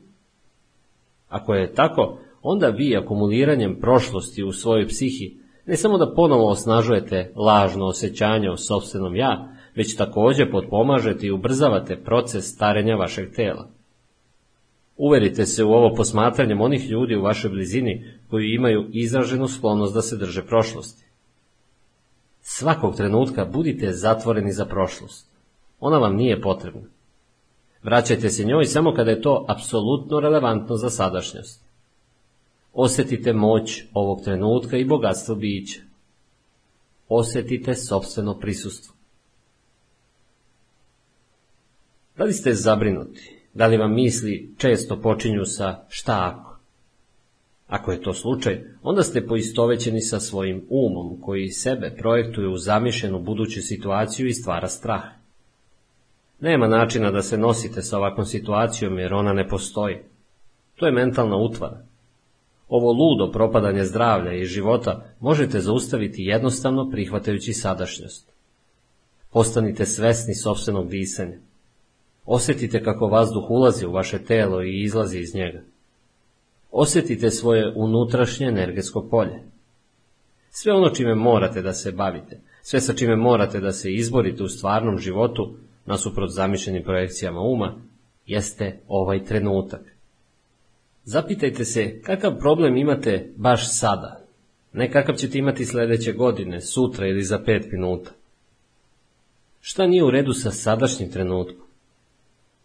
Uvek ćete biti u stanju da se nosite sa sadašnjim trenutkom, ali nikada nećete moći da se nosite sa budućnošću. Nije to potrebno. Rešenje, snaga, pravi korak ili pomoć naći će se tu kada vam budu bili potrebni. Ne pre toga, niti kasnije. Jednog dana ću uspeti. Da li vaša namera u toj meri odlači vašu pažnju s toga da sadašnji trenutak svodite na sredstvo za postizanje cilja? Da li vam ona uskraćuje radost samog izvršavanja? Da li vi to čekate kako biste počeli da živite? Ako razvijete takav mentalni obrazac, bez obzira na to šta budete postigli ili dobili, sadašnjost vam nikada neće biti dovoljno dobra. Budućnost će se uvek činiti boljom. Savršen recept za stalno nezadovoljstvo i neispunjenje, zar se ne slažete? Da li ste vi po navici ona ili ona što čeka? Koliki deo svog života provodite čekajući? Čekanje u redu u pošti, u zakrčenom saobraćaju, na aerodromima, da neko dođe i tako dalje. To je ono što ja nazivam čekanjem malih razmera. Čekanje velikih razmera uključuje čekanje na godišnji odmor, na bolji posao, na to da deca odrastu, na vezu prepunu razumevanja, na uspeh, na zaradu, na to da se postane značajan, da se postane prosvetljen. Nije neobičajeno da ljudi provedu cele svoje živote čekajući da počnu da žive. Čekanje predstavlja stanje uma. U osnovi, ono znači da vi želite budućnost, a ne sadašnjost. Ne želite ono što imate, a želite ono što nemate. Kod svake vrste čekanja, vi nesvesno stvarate unutrašnji sukob između svog ovde i sada, gde ne želite da budete i projektovane budućnosti gde želite da budete.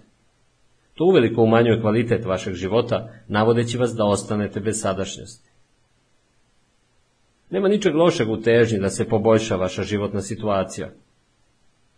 Vi ste u stanju da poboljšate svoju životnu situaciju, ali ne i da poboljšate svoj život. Život je primaran. Život je vaše najdublje unutrašnje biće. On već predstavlja celinu, potpun je i savršen. Vaša životna situacija se sastoji od vaših životnih okolnosti i iskustava. Nema ničeg lošeg u postavljanju ciljeva i težnji da se stvari postignu. Greška leži u tome što se ta situacija koristi kao zamena za osjećanje života, za biće, iako je jedina tačka pristupa njemu sadašnji trenutak. Vi ste tada nalik arhitekti koji ne obraća pažnju na temelje zgrade, već provodi mnogo vremena radeći na nadgradnju. Na primjer, mnogi ljudi čekaju na prosperitet. On ne može nastupiti u budućnosti. Kada budete ispoštovali, priznali i u potpunosti prihvatili svoju trenutnu realnost, tamo gde ste, ono što ste, ono što ovog časa radite, kada u potpunosti budete prihvatili ono što ste dobili, tada ćete postati zahvalni na onome što imate, zahvalni na onome što jeste, zahvalni na biću. Zahvalnost na sadašnjem trenutku i na bogatstvu života u sadašnjosti predstavlja istinski prosperitet. On ne može doći u budućnosti. A onda se s vremenom taj prosperitet za vas ispoljava na različite načine. Ako niste zadovoljni onim što imate ili ste čak frustrirani ili ljuti zbog svog sadašnjeg manjka, to će vas možda motivisati da postanete bogati, ali čak i ako budete zarađivali milione, nastavit ćete da proživljavate unutrašnje stanje manjka i duboko u sebi i dalje ćete se osjećati neispunjeni. Možda ste u stanju da priuštite sebi mnoge stvari koje novac može da kupi, ali one će dolaziti i prolaziti, uvek vas ostavljajući sa osjećanjem praznine i potrebom za daljim telesnim ili psihološkim zadovoljenjem. Nećete boraviti u biću i zahvaljujući tome osjećati bogatstvo života u sadašnjosti koji sam po sebi predstavlja istinski prosperitet. Stoga, odustanite od čekanja kao stanja uma. Kada uhvatite sebe da počinjete da čekate, izvucite se odatle. Uđite u sadašnjost. Jednostavno budite to što jeste i uživajte u tome. Ako budete prisutni, nikada se neće javiti potreba da bilo šta čekate. Ovo su samo neke od uobičajenih strategija za poricanje sadašnjeg trenutka, koje su deo uobičajeno nesvesno. Lako ih je prevideti jer su u velikoj meri deo normalnog života. Pozadinski šum neprekidnog nezadovoljstva. Ali što više budete primjenjivali nadziranje svog unutrašnjeg mentalno-emocionalnog stanja, lakše će vam biti da uvidite kada ste zarobljeni u prošlosti ili budućnosti, odnosno u nesvesnom, i da se iz sna o vremenu probudite u sadašnjost. Ali pazite, lažno nesrećno ja, zasnovano na poistovećenosti sa umom, živi od vremena. Ono zna da sadašnji trenutak predstavlja njegovu smrt i zbog toga se osjeća veoma ugroženo njime. Učinit će sve što može kako bi vas izvukao odatle. Pokušat će da vas drži okovane vremenom. Unutrašnji cilj vašeg životnog puta Mogu da vidim istinitost onoga što govorite, ali i dalje mislim da mora postojati cilj našeg životnog puta. U protivnom ćemo naprosto plutati, a cilj označava budućnost, zar ne? Na koji način da to pomirimo sa životom u sadašnjosti?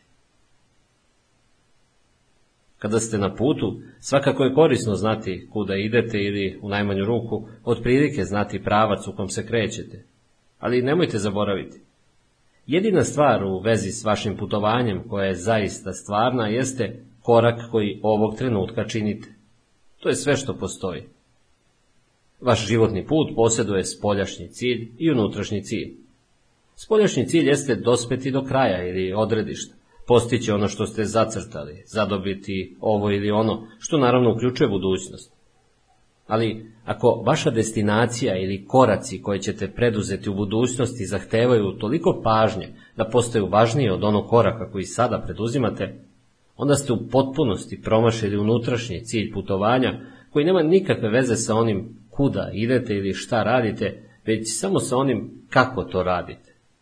On nema nikakve veze sa budućnošću, već samo sa kvalitetom vaše svesnosti u ovom trenutku. Spoljašnji cilj pripada horizontalnoj dimenziji vremena i prostora. Unutrašnji cilj podrazumeva produbljivanje vašeg bića u vertikalnoj dimenziji večnog sadašnjeg trenutka. Vaše spoljašnje putovanje može sadržati milion koraka. Vaše unutrašnje putovanje ima samo jedan, onaj korak koji preduzimate upravo sada. Kako budete postajali dublje svesni ovog koraka, uviđat ćete da on u sebi već sadrži sve ostale korake, kao i samo odredište. Taj jedan korak tada biva preobražen u izraz savršenstva, čiji neverovatne lepote i kvaliteta. On će vas odvesti u biće i svetlost bića će sijati kroz njega. On ujedno predstavlja i nameru i ispunjenje vašeg unutrašnjeg puta, puta u same sebe. Da li od ikakvog značaja to da li ćemo postići naš spoljašnji cilj? To da li ćemo uspjeti ili omanuti na ovom svetu? To će vam biti značajno sve dok ne shvatite svoj unutrašnji cilj. Nakon toga, spoljašnji cilj postaće samo igra koju možete da nastavite da igrate samo zato što uživate u njoj. Isto tako je moguće potpuno propasti u spoljašnjoj nameri, a u isto vreme ostvariti do kraja unutrašnju nameru. Ili obrnuto što se zapravo češće i događa.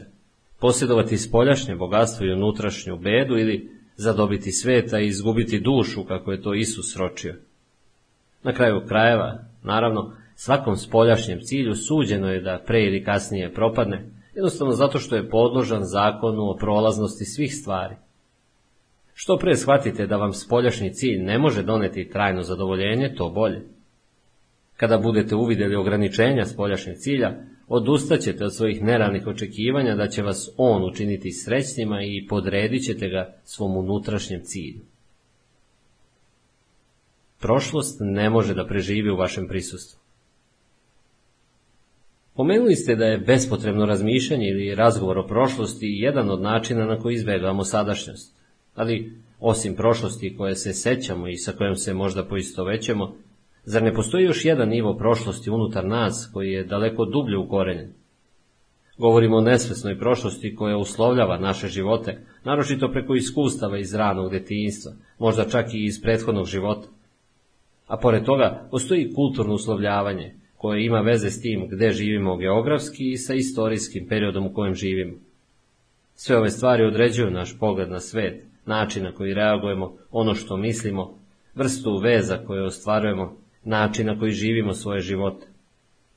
Kako je ušte moguće da ikada postanemo svesni svega toga ili da se toga oslobodimo? Koliko bi to trajalo? I čak i kada bismo uspeli, šta bi nam na kraju preostalo? Šta preostaje kada se iluzije okončaju? Nema potrebe da istražujete nesvesnu prošlost u sebi, osim onog dela koji se ispoljava u ovom trenutku kao misao, kao emocija, želja, reakcija ili kao spoljašnji događaj koji vam se dešava. Sve što treba da znate o nesvesnoj prošlosti u vama izneće na videlo izazovi sadašnjosti. Ako budete kopali po prošlosti, ona će postati rupa bez dna. Uvek će je biti još. Možda ćete misliti da vam treba dodatno vreme kako biste prošlost razumeli ili kako biste je se rešili. Drugim rečima, da će vas budućnost na kraju osloboditi prošlosti. To je obmana. Jedino vas sadašnjost može osloboditi prošlosti. Dodatno vreme vas ne može osloboditi vremena. Dosegnite moć sadašnjeg trenutka. U tome leži rešenje. Šta predstavlja moć sadašnjeg trenutka? Ništa drugo do moć vašeg prisustva, vašu svest oslobođenu misalnih oblika. Dakle, bavite se prošlošću na nivou sadašnjosti. Što više pažnje posvećujete prošlosti, to je više osnažujete i sve je verovatnije da ćete od nje načiniti svoje ja. Nemojte me pogrešno razumeti. Pažnja je ključna stvar, ali nekada je usmerena na prošlost kao prošlost. Obratite pažnju na sadašnjost. Obratite pažnju na svoje ponašanje, na svoje reakcije, raspoloženja, misli, emocije, strahove i želje dok se pojavljuju sadašnjosti. U vama postoji prošlost. Ako ste u stanju da budete dovoljno prisutni da posmatrate sve ove stvari, ne kritički niti analitički, već bez presuđivanja, onda se zaista bavite prošlošću i razgrađujete je putem moći svog prisustva. Ne možete sebe pronaći odlaskom u prošlost. Sebe pronalazite dolaskom u sadašnjost. Zar nije korisno razumeti prošlost i samim time razumeti zbog čega činimo određene stvari, reagujemo na određene načine ili zašto nesvesno stvaramo našu karakterističnu vrstu drame, obrazce u vezama i tako dalje. Postajući sve više svesni svoje trenutne stvarnosti, možda ćete iznenada steći izvesni uvidi u to zbog čega ste uslovljavani baš na te određene načine i zbog čega, na primjer, vaše veze slede određene obrazce, tako da ćete se možda prisetiti stvari koje su se dogodile u prošlosti ili ih videti jasnije. To je dobro i može biti od koristi, ali nije i neophodno. Ono što je neophodno jeste vaše svesno prisustvo. To razgrađuje prošlost. To predstavlja silu promene. Stoga, nemojte pokušavati da razumete prošlost, već budite prisutni koliko god možete. Prošlost ne može da preživi u vašem prisustvu. Ona može da opstane jedino u vašem odsustvu. Peto poglavlje. Stanje prisustva. To nije ono što vi mislite. Neprekidno govorite da stanje prisustva predstavlja rešenje. Ja to razumem, ali ne znam da li uopšte posjedujem takvo iskustvo.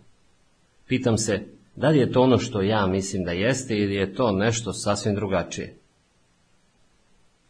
To nije ono što vi mislite. Nemoguće je misliti o prisustvu i um ga ne može shvatiti. Razumeti prisustvo znači biti prisutan. Napravite jedan mali eksperiment. Zatvorite oči i recite sebi. Pitam se koja će mi biti sledeća misao. Onda postanite veoma pripravni i čekajte sledeću misao. Budite kao mačka koja posmatra mišju rupu. Kakva misao će se pojaviti iz mišje rupe? Probajte to sada. Pa? Bilo je potrebno čekati dosta dugo pre nego što se sledeća misao pojavila. Upravo tako. Sve dok se nalazite u stanju intenzivnog prisustva, oslobođeni ste misli. Smireni ste, ali ipak veoma pripravni. Istog trenutka kada se vaša svesna pažnja spusti ispod određenog nivoa, misli nagrnu unutra. Mentalna buka se vraća, smirenost je izgubljena. Ponovo ste se vratili u vreme. Kako bi testirali nivo prisustva svojih studenata, neki zen majstori su imali običaj da im se prikradaju s leđa i iznenada ih udaraju štapom. Kakav šok! Ako je student bio u potpunosti prisutan i u stanju opreza, ako je držao stegnuta leđa i lampu da gori, što je jedna od analogija koje je Isus koristio za prisustvo, bio je u stanju da primeti učitelja kako mu se približava s leđa i zaustavi ga ili se izmakne.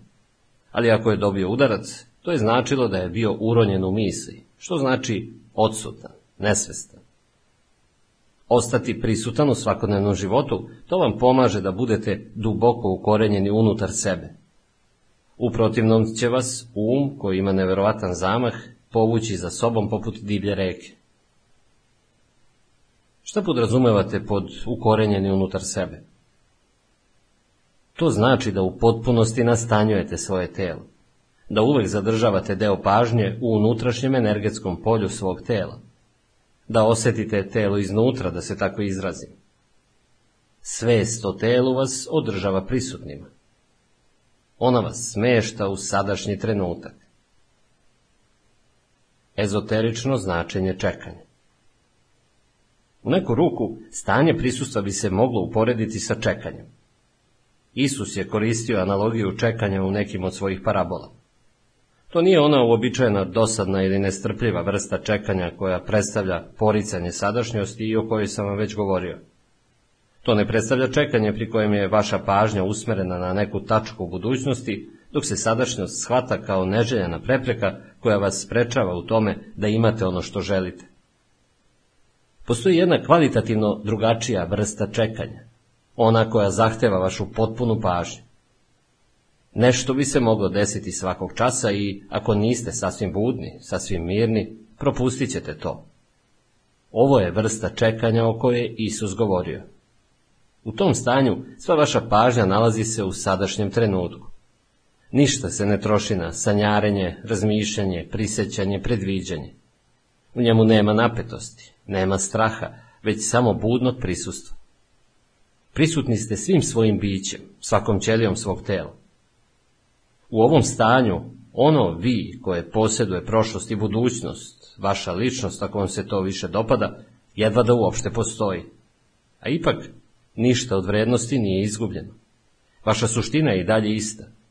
U stvari, vi ste upotpunjeniji nego ikada pre ili, još bolje, jedino u sadašnjem trenutku vi ste zaista vi. Budite kao sluga koji čeka povratak svog gospodara, kaže Isus. Sluga ne zna u koji će se čas vratiti njegov gospodar. Stoga on ostaje budan, pripravan, miran, spreman, kako ne bi propustio gospodarov povratak.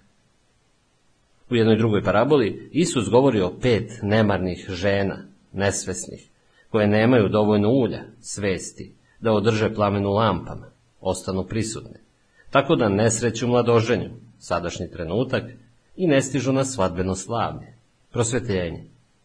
Njih pet stoje nasuprot pet mudrih žena koje imaju dovoljno ulja, ostaju prisutne. Čak i ljudi koji su pisali evanđelja nisu razumeli značenje ovih parabola, tako da su se prva pogrešna tumačenja i izvrtanja javila pri njihovom zapisivanju. Sa pogrešnim tumačenjima koje su usledila, pravo značenje se sasvim izgubilo. Ovo nisu parabole o kraju sveta, već o kraju psihološkog vremena. One ukazuju na transcendentnost egoističnog uma i mogućnost života u potpuno novom stanju svesti. Lepota se pojavljuje u dubokom miru vašeg prisustva. Ono što ste vi upravo opisali jeste nešto što ja s vremena na vreme nakratko iskusim kada se oko mene ne nalazi niko i ništa osim prirode. Da, zen učitelji koriste reč satori kako bi opisali blesak uvida, trenutak ne uma i potpunog prisustva. Iako satori ne predstavlja trajnu promenu, budite mu zahvalni kada nastupi jer vam on pruža delić prosvetljenja. Možda ste ga zaista iskusili mnogo puta, a da niste znali o čemu se radi, niti shvatali njegov značaj. Da bi čovjek postao svestan lepote, uzvišenosti, svetosti prirode, potrebno je prisustvo. Da li ste ikada tokom vedre noći izurili u beskraj svemira, zatečeni njegovom apsolutnom tišinom i nepojmljivim prostranstvom? Da li ste osluškivali, zaista osluškivali zvuk planinskog potoka u šumi? Ili pesmu kosa u sumrak tihe letnje večeri? Kako bi postao svestan svih tih stvari, um treba da bude umiren. Potrebno je da na trenutak odložite svoj lični prtljak pun problema, pun prošlosti ili budućnosti, baš kao i svoje znanje, jer ćete u protivnom gledati, a nećete videti. Slušat ćete, a nećete čuti. Potrebno je vaše potpuno prisustvo. Ispod lepote spoljašnjih oblika postoji još nešto. Nešto što se ne može imenovati, nešto neopisivo, nekakva duboka unutrašnja sveta suština.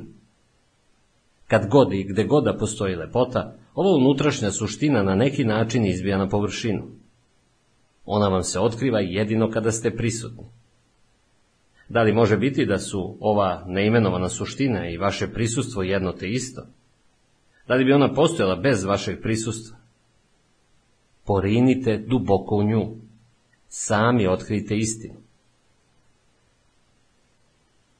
Iskusivši ove trenutke prisustva, najvjerovatnije niste uvidjeli da ste nakratko boravili u stanju neuma. To je zato što je praznina između tog stanja i priliva misli bila previše uska. Možda je vaš satori trajao samo nekoliko sekundi pre nego što se um upetljao, ali on je ipak postojao. U protivnom ne biste uspjeli da doživite lepotu. Um ne može ni da prepoznaje ni da stvara lepotu. Samo na nekoliko sekundi, koliko ste bili u potpunosti prisutni, ta lepota ili svetost nalazila se tamo. Zbog suženosti, praznine i nedostatka budnosti i opreza sa vaše strane, verovatno niste bili u stanju da vidite osnovnu razliku između opažanja, odnosno nemisaone svesti o lepoti, i njenog imenovanja i prikazivanja u obliku misli. Vremenska praznina bila je toliko mala da se činilo kako je u pitanju samo jedan proces.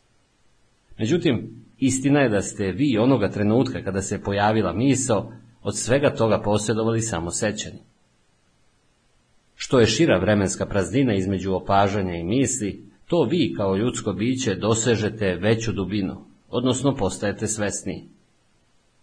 Mnogi ljudi su u toj meri okovani svojim umovima da za njih lepota prirode zapravo ne postoji.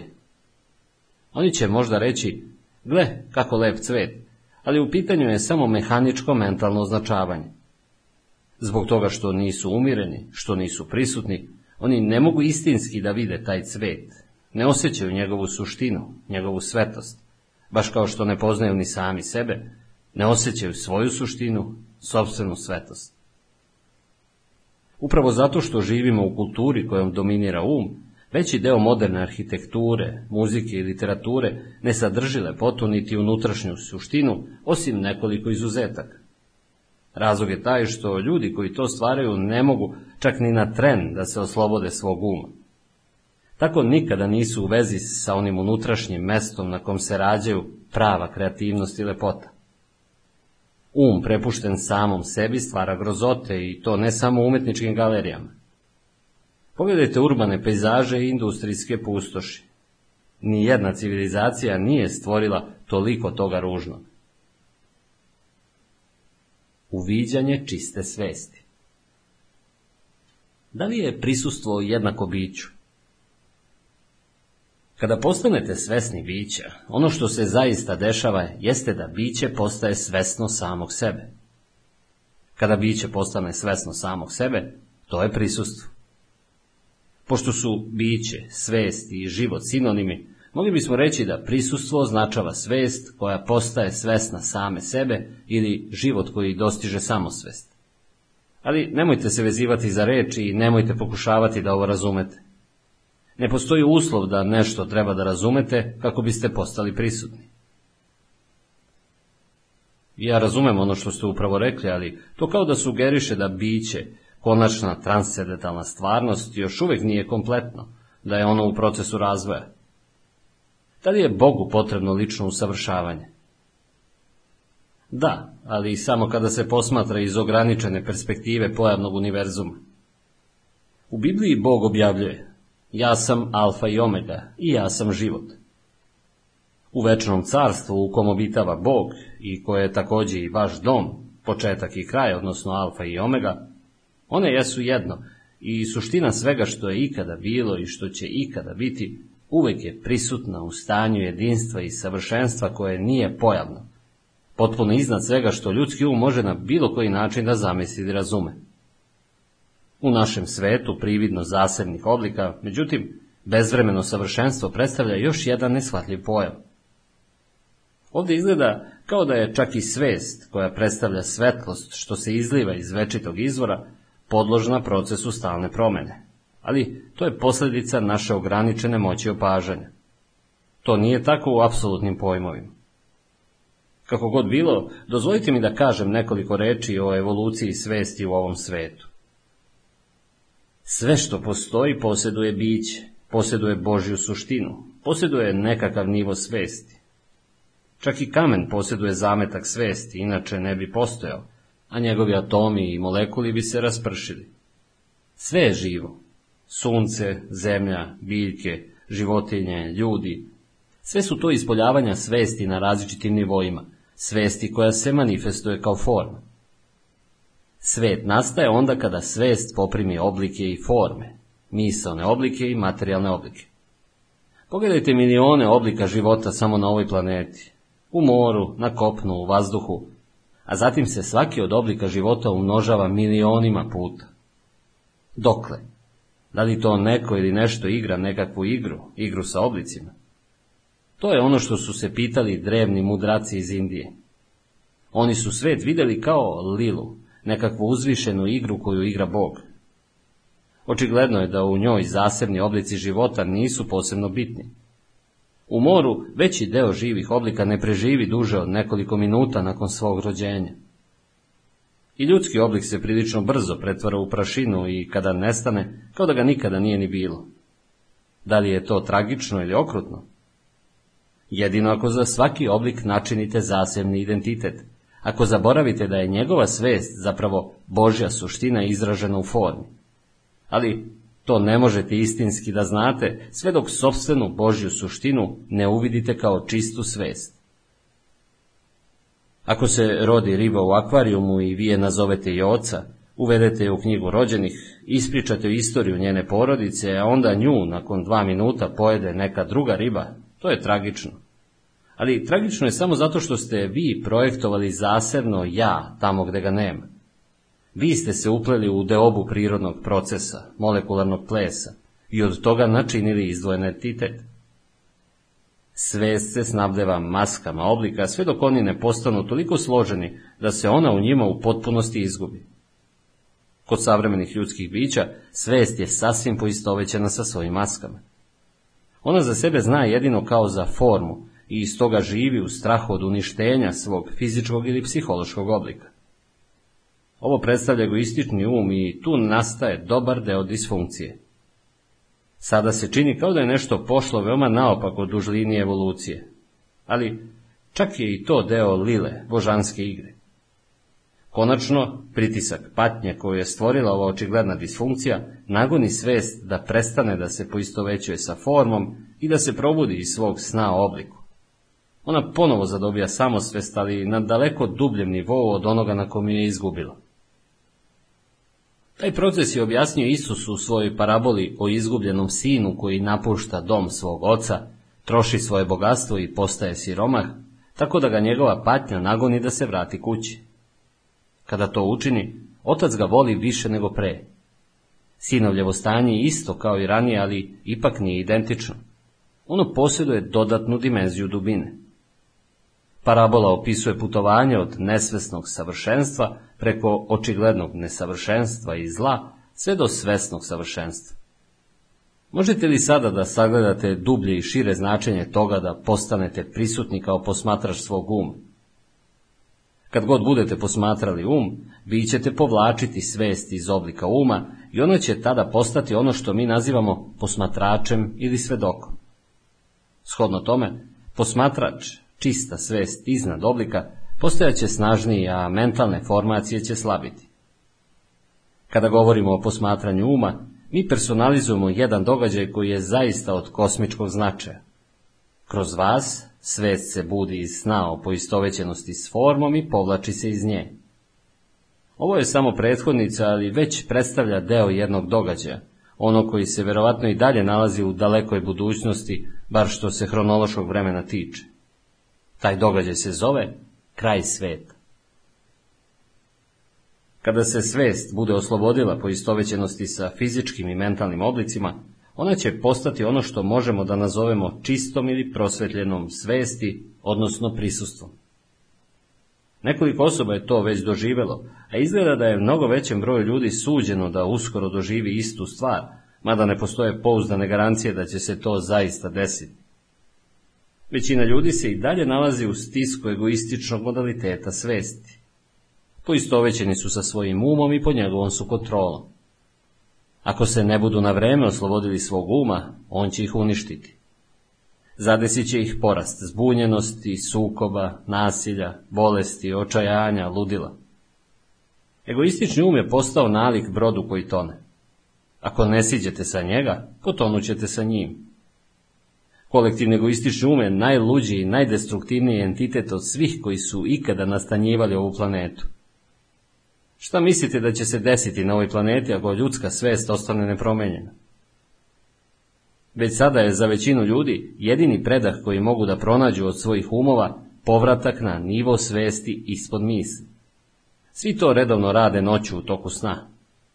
Ali do izvesne granice to se postiže i kroz seks, alkohol i ostale droge koje potiskuju preveliku aktivnost uma da nije alkohola, sredstava za smirenje, antidepresiva, baš kao ilegalnih droga, što se sve konzumira u ogromnim količinama, ludilo ljudskog uma postalo bi još očiglednije nego što je sada. Ja verujem da bi veliki deo stanovništva, kada bi mu se uskratile njegove droge, počeo da predstavlja opasnost za sebe i za druge. Ove droge vas naravno jednostavno drže svezanima u disfunkciji. Njihova raširena upotreba samo odgađa kolaps starih struktura uma i hitnu potrebu za uzvišenijom svešću. Iako individualni korisnici mogu pronaći nekakvo olakšanje od svakodnevnih muka koje im nanosi njihov um, oni zapravo bivaju sprečeni da generišu dovoljno svesnog prisustva kako bi se uzdigli iznad misli i tako došli do istinskog oslobođenja. Spuštanje na nivo svesti ispod uma, a to je predmisaoni nivo naših dalekih predaka, životinja i biljaka, za nas ne predstavlja rešenje. Nema uzmicanja. Ako ljudska vrsta želi da preživi, moraće da nastavi da se kreće ka sledećem stadiju. Svest evoluira širom univerzuma u milijardama oblika. Stoga, čak i ako ne uspemo, to neće biti važno u kosmičkim razmerama. Ništa što se zadobije u svesti nikada se ne gubi, već se jednostavno ispoljava kroz neki drugi oblik. Ali sama činjenica što ja ovde govorim, a vi to slušate ili čitate, predstavlja jasan znak da nova svest zaista polaže temelje na ovoj planeti. U ovome nema ničeg ličnog, ja vas ne podučavam. Vi ste svesni i slušate sami sebe. Postoji jedna istočnjačka izreka. Učitelj i učenik zajedno stvaraju učenje. U svakom slučaju, reči same po sebi nisu značajne. One ne predstavljaju istinu. One samo ukazuju na nju. Ja govorim iz prisustva i dok budem govorio, vi ćete možda biti u mogućnosti da mi se pridružite u tom stanju. Iako svaka reč koju izgovaram ima istoriju, naravno, i dolazi iz prošlosti, kao što to čini svaki jezik, reči koje vam ja sada kazujem Nosioci su visokoenergetske frekvencije prisustva, prilično udaljene od značenja koje kao reči pokrivaju. Tišina je još moćniji nosilac prisustva, stoga čitajući ovo ili slušajući kako govorim, postanite svesni tišine između i ispod reči. Budite svesni praznine. Osluškivati tišinu gde god da se nalazite jednostavan je i direktan način da postanete prisutni. Čak i ako postoji buka, ispod i između zvukova uvek se nalazi izvesna tišina. Osuškivanje tišine će istog časa u vama izazvati mir. Jedino mir u vama može da pojmi tišinu izvan vas. A šta je drugo tišina do prisustvo, svest oslobođena misalnih oblika? Evo i živog primjera onoga o čemu smo govorili. Hrist, realnost vašeg božanskog prisustva. Nemojte se hvatati ni za jednu reč. Reč Hrist možete da zamenite sa prisustvom ako vam se čini da to ima više smisla. Hrist predstavlja vašu božansku suštinu ili sobstvo, kako se to često naziva na istoku. Jedina razlika između Isusa i prisustva jeste ta što se Hrist odnosi na uzvišenost koja vlada u vama, bez obzira na to da li ste vi svesni ili ne, dok prisustvo označava vašu probuđenu uzvišenost ili božansku suštinu. Mnogi nesporazumi i lažna verovanja u vezi s Hristom postaće jasnije ako budete uvideli da u Hristu nema prošlosti ili budućnosti. Reći da je Hrist bio ili da će biti predstavlja kontradikciju u pojmovima. Isus je bio. Bio je čovjek koji je živeo pre 2000 godina i koji je uvideo božansko prisustvo, svoju istinsku prirodu. I stoga je rekao, pre nego što je Avram bio, ja jesam. Nije rekao, ja sam već postojao pre nego što se Avram rodio. To bi značilo da se on i dalje nalazi u okviru dimenzije, vremena i formalnog identiteta. Reči ja jesam upotrebljene u rečenici koja počinje u prošlom vremenu pokazuju radikalnu promenu, prekid u vremenskoj dimenziji. To je konstatacija dubokog smisla, slična zen konstatacijama. Isus je pokušao direktno, a ne putem nejasne misli, da predoči značenje prisustva, samospoznaje. On je istupio iz svesne dimenzije kojom upravlja vreme i zakoračio u bezvremeno carstvo. Dimenzija večnosti je dospela u ovaj svet. Večnost naravno ne označava beskrajno vreme, već nepostojanje vremena. Stoga je čovek Isus postao Hrist, nosilac čiste svesti. A na koji način je Bog samog sebe definisao u Bibliji? Da li je rekao, ja sam od uvek bio i za uvek ću biti? Naravno da nije. To bi stvarnost predalo u ruke prošlosti i budućnosti. Bog je rekao, ja sam onaj koji jesam. Tu ne postoji vreme, već samo prisustvo. Drugi dolazak Hristov predstavlja preobražaj ljudske svesti, premeštanje iz vremena u prisustvo, iz razmišljanja u čistu svest, a ne pojavljivanje nekakvog čoveka ili žene.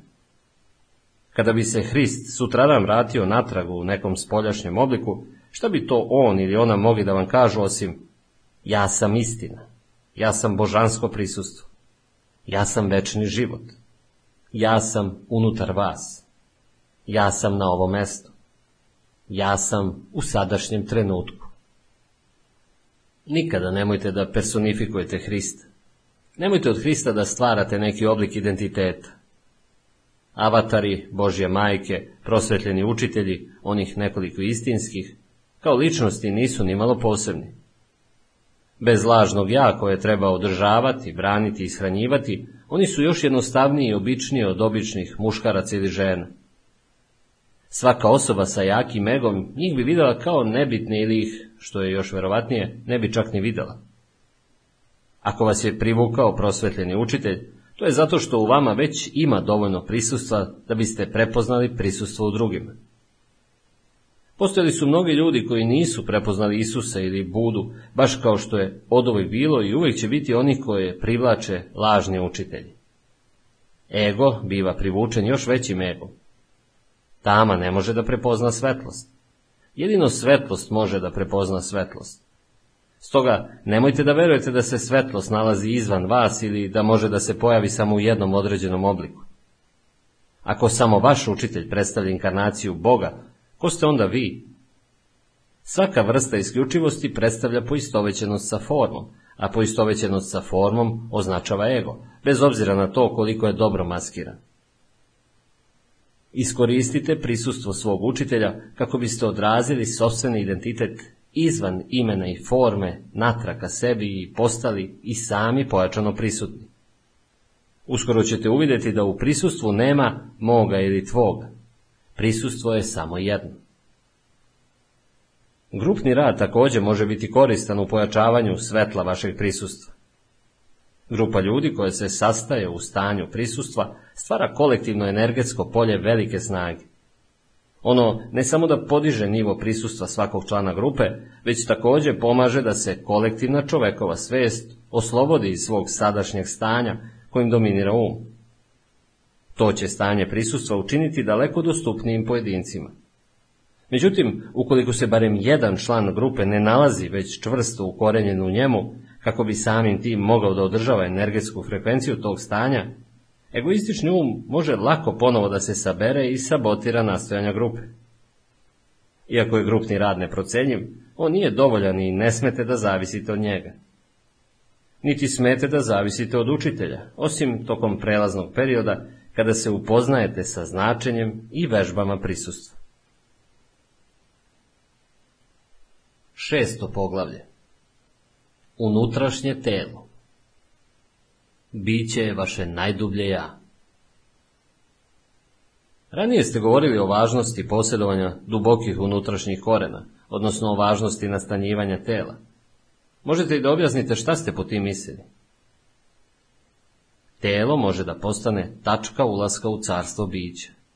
Hajde da zađemo u tu dublju sadašnjost. Još uvijek ne znam da li u potpunosti razumem šta podrazumevate pod bićem. Voda. Šta podrazumevate pod tim? Ne razumem. Eto šta bi riba rekla kada bi imala ljudski um. Molim vas da ne pokušavate da razumete biće. Već ste značajno uspjeli da zavirite u njega, ali um će uvijek pokušavati da ga sabije u neku malu kutiju i zatim zalepi etiketu na nju. To ne može biti učinjeno. Biće ne može postati objekt znanja. U biću i subjekt i objekt postaju jedno. Biće se može osjetiti kao uvijek prisutno ja jesam koje se nalazi izvan imena i oblika. Osjetiti, a shodno tome i saznati da vi jeste i boraviti u tom duboko ukorenjenom stanju predstavlja prosvetljenje. Predstavlja onu istinu za koju je Isus rekao da će vas osloboditi. Osloboditi čega? Osloboditi vas iluzije da ne predstavljate ništa više od vašeg fizičkog tela i uma. Ta iluzija o sobstvenom ja, kako je Buda naziva, predstavlja osnovnu grešku.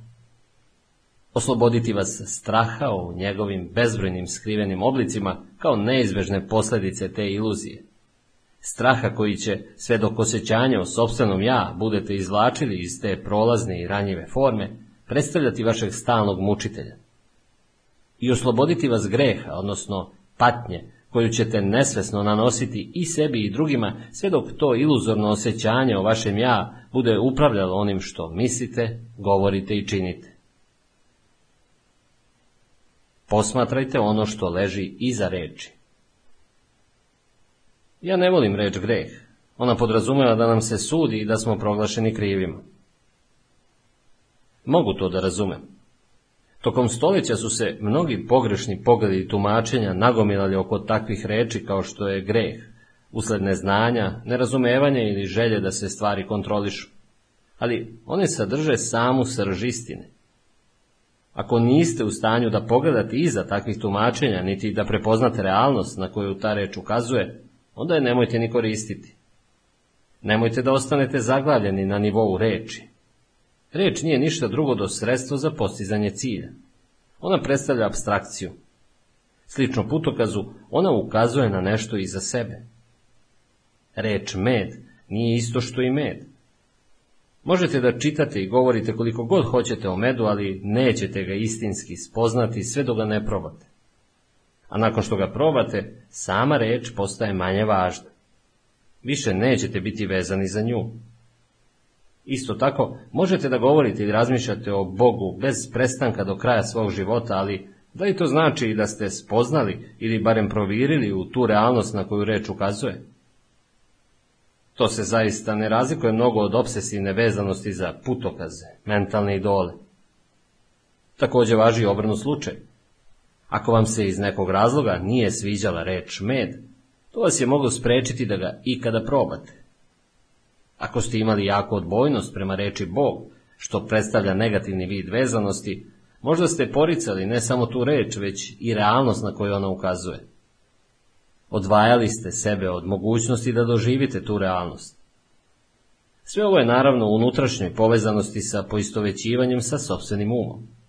Dakle, ako vam neka reč više ne odgovara, odbacite i zamenite onom koja vam odgovara. Ako ne volite reč greh, onda to nazovite nesvesnim ili ludilom.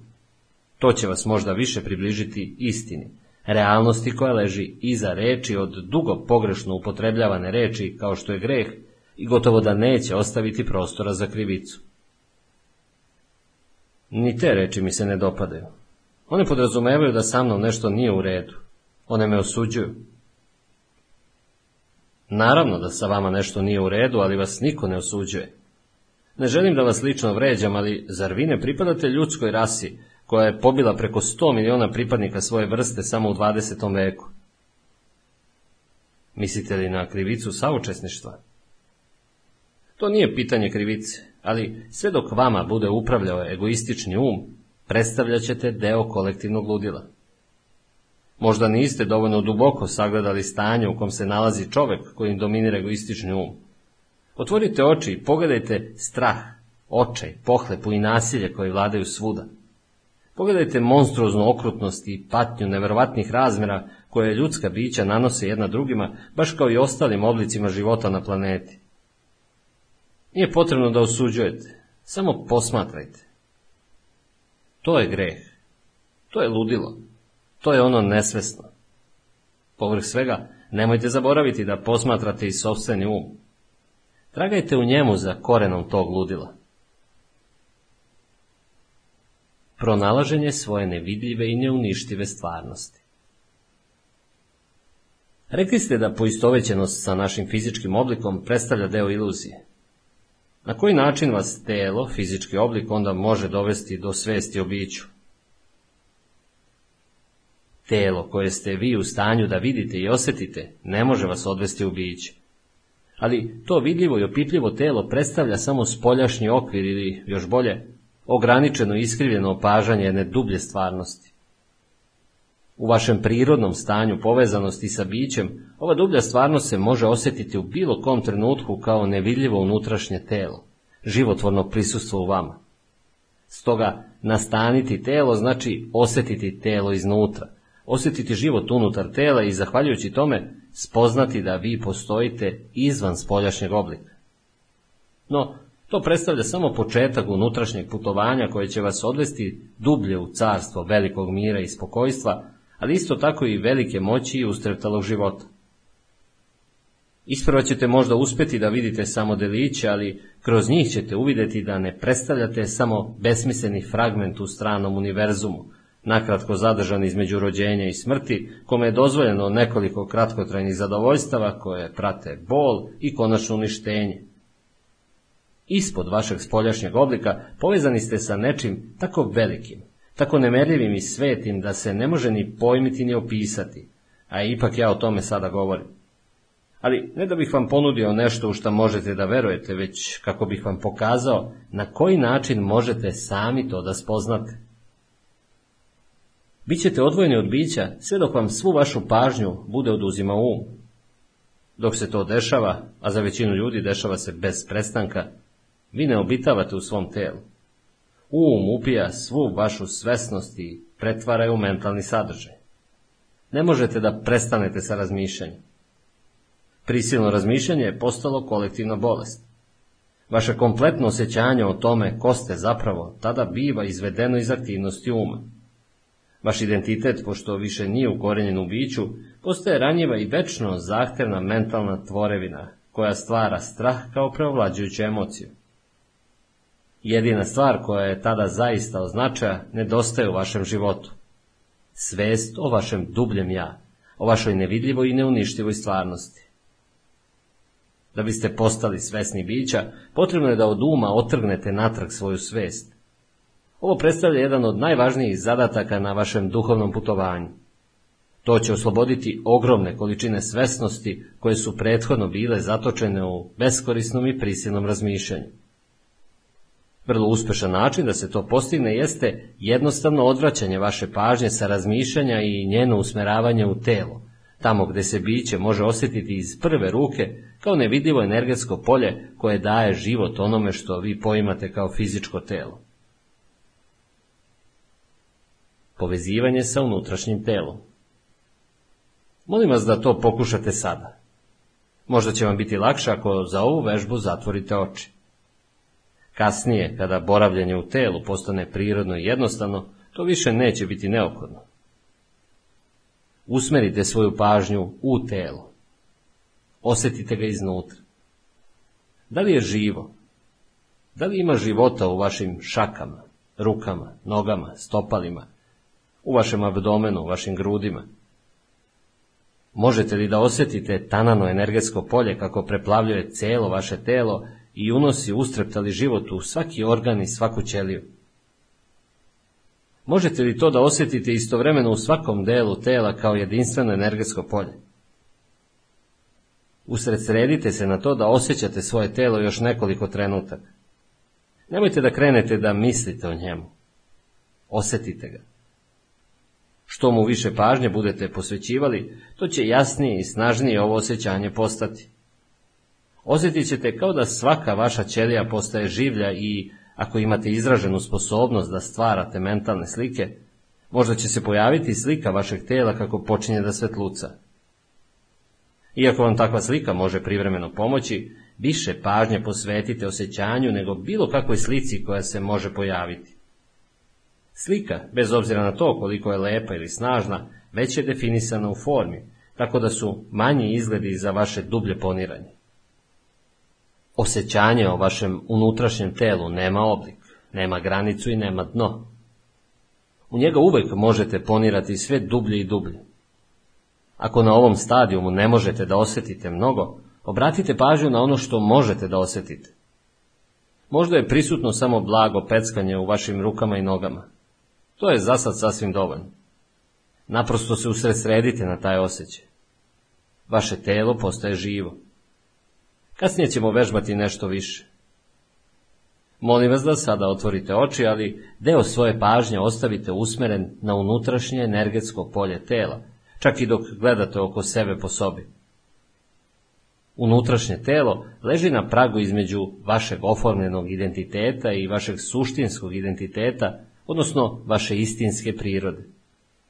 Nemojte nikada da izgubite kontakt sa njim. Promena kroz telo Zbog čega većina religija prezire ili poriče telo? Čini se da su duhovni tragači telo uvek smatrali smetnjom ili čak grehom. Zbog čega tako malo tragača postaju pronalazači?